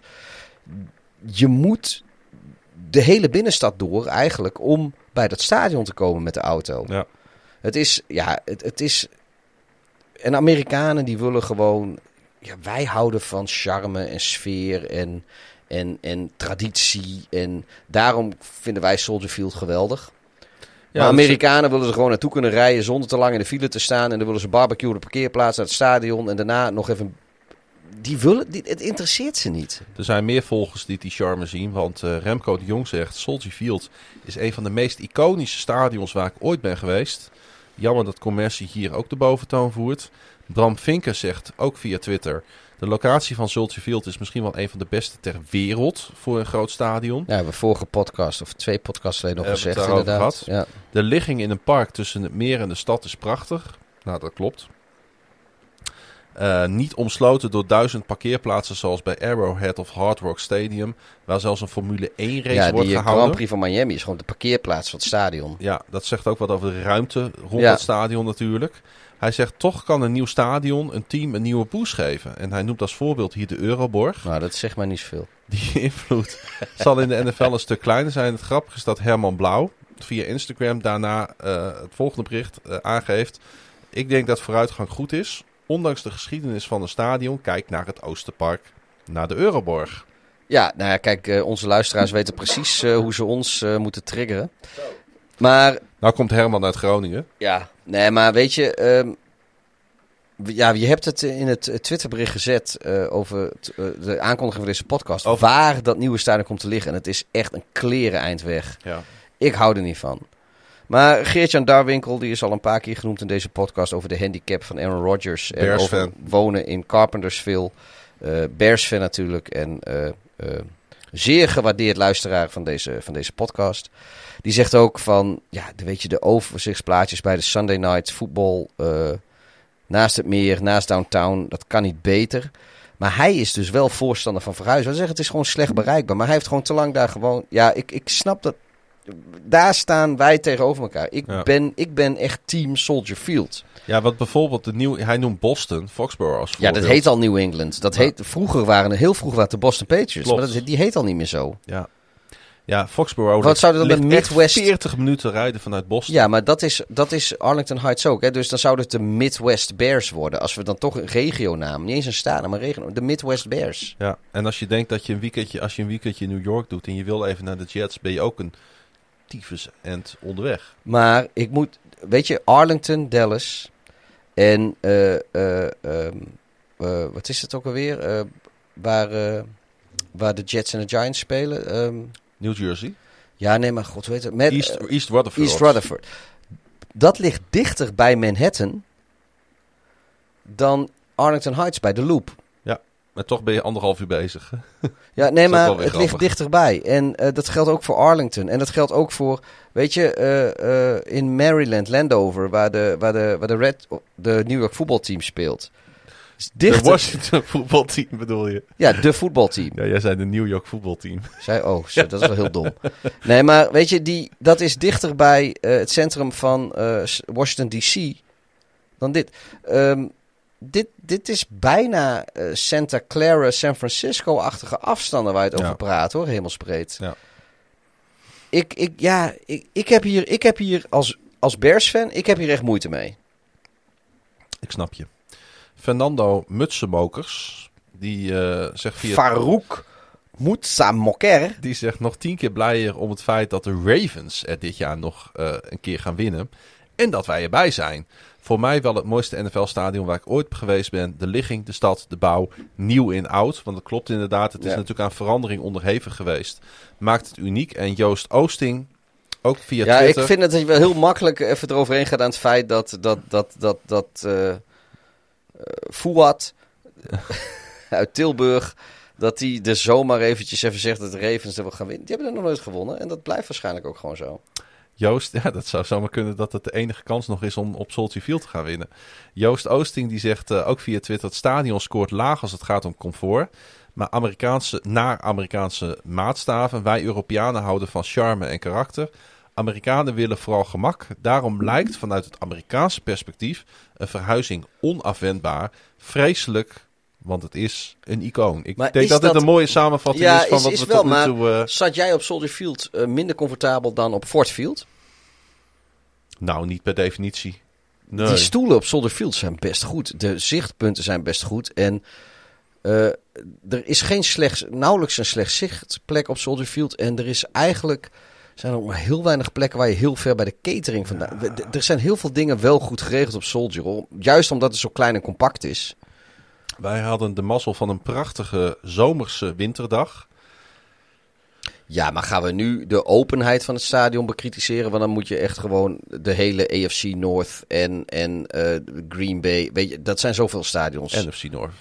Nee, de hele AFC Oh, North speelt in open stadions. Ja, dus dan, dan telt ja. dat ook allemaal niet meer Nee, daar mee. heb je ook wel gelijk in, inderdaad. En, ik, eh, ik, de, het feit dat er geen... Dat vind ik sowieso. Ik vind dat hoort er gewoon bij. Laten we afsluiten met eh, vaste luisteraar Jorg Doornbos. Jorg, altijd fijn dat je een berichtje stuurt. Via Instagram stuurt hij. Ik vraag me af of het sneller zal gaan dan de soap in Rotterdam. Want dat lijkt een never-ending story te worden. En laten we in ieder geval hopen dat het in Chicago niet zo'n twistpunt over jaren en jaren en jaren wordt. Nee, ik, gaan nee, ik denk dat dit vrij rap eh, beslist wordt. Eh, sterker nog, ik denk omdat de McKesky zo, zo zuinig zijn... dat zij niet eens het hoogste bod op de Arlington Heights race, racetrack leggen. Maar ik hoop wel voor eh, Jorg Doornbos... eh, mocht hij eh, heel veel belang hechten in het reilen en zeilen van Feyenoord. En volgens mij is dat zo. Is dat zo? Weet ik niet. Volgens mij is hij Groningen supporter. Oh, waarom... eh, Omdat ik had aangegeven, ik had de vergelijking met Feyenoord gemaakt in ons berichtje. Oh, nou ik hoop dat, eh, dat ze het in Rotterdam ook snel Je leest onze eigen socials toch wel, Pieter? Wat heeft dit nou voor zin? Vandaag heb Zijn ik... we meer dan drie uur Dit is? Instagram, jongen. Je weet wat ik doe met Instagram. Ja, dat is waar. Maar Niks. Ik had op Twitter hetzelfde gezet. Ja, daar heb ik wel een beetje gedaan. Maar ik heb vandaag heb ik hele andere dingen heb ik heel druk mee gehad. Je hebt een nieuwe auto gekocht. Misschien. Dat, Heftig eh, hoor. Ik, ja. heb, ik heb niet eens een rijbewijs, mensen. Ik, Dus dus ik, ik, heb, eh, eh, ik heb even een nieuwe auto Ik afgetikt. eh, eh. surf een beetje mee op jouw aankoop. Ja, je, kan wel... eh, Ik, wil ook dat- naar die uitwedstrijden van FC Groningen komen. Ja, seizoen weer, hè? Elektrisch. Ik heb een elektrische auto, mensen. Ja, super. Eh, we gaan stoppen, denk ik. Het heeft echt lang genoeg geduurd. Zo. Maar goed dat we dat ding nog even geformateerd hebben voordat we begonnen. Ik neem nog even een hooikoortspilletje. Ik eh, drink mijn bier even op. En eh, het was alweer eh, aflevering 8 van seizoen 2. Ik denk wel dat het een leuke aflevering is. Ik ga hem terugluisteren. Ik ook. We hebben in ieder geval twee streams. Twee streams, bam. Dat is al de helft. Wil je ons nou volgen op de socials, dan kan dat via @klaasiegrun, dubbel A, dubbel S, dubbel N. En, Eh, oh ja, mij? ja, Oh ja, dat is apenstaartje Darth Hideous met een eh, laag streepje tussen Darth en Hideous. En eh, ja, dat is alleen op Twitter eigenlijk. wil je ons volgen op de socials als podcast, dan kan dat via NFL op woensdag, Twitter, Facebook en Instagram. Wanneer we er weer zijn, weten we nog niet. Eh, het kan nu maar zo eens wat langer duren. De volgende keer. Maar eh, we hebben ook daarom een extra lange podcast voor jullie eh, neergezet. Kijk ook eens op kvmedia.nl. voor andere leuke dingen. En wat we voor jullie kunnen doen als je denkt van... Nou, weet je, ik wil voor mijn bedrijf of voor mijn dingen ook wel een podcast opgenomen hebben. Doen we Ja. met liefde voor je. Dat zou best kunnen. En, en wel tegen betaling ook. Eh, niet voor exposure. eh, seizoen 2, Aflevering 8. aflevering 8. En eh, ik wil iedereen eh, bij deze heel vriendelijk bedanken voor de commitment en het luisteren. En nog even een extra shout-out naar Frank en Judith voor het eh, mooie verjaarscadeau voor eh, onze gewaardeerde mede-host Klaas-Jan TV. Nou, Die bijna jarig is. Ja, maar weet je dat eh eh, Judith op dezelfde dag jarig is als ik? Dat weet ik ook. Dus ik moet nu gaan nadenken wat ik voor haar ga meenemen. Ik, eh, ik, heb, ik heb wel een cadeautje voor haar. Oké, daar hebben we het zo buiten de uitzending nog even over. Bedankt voor het luisteren naar NFL op woensdag. Beste weer.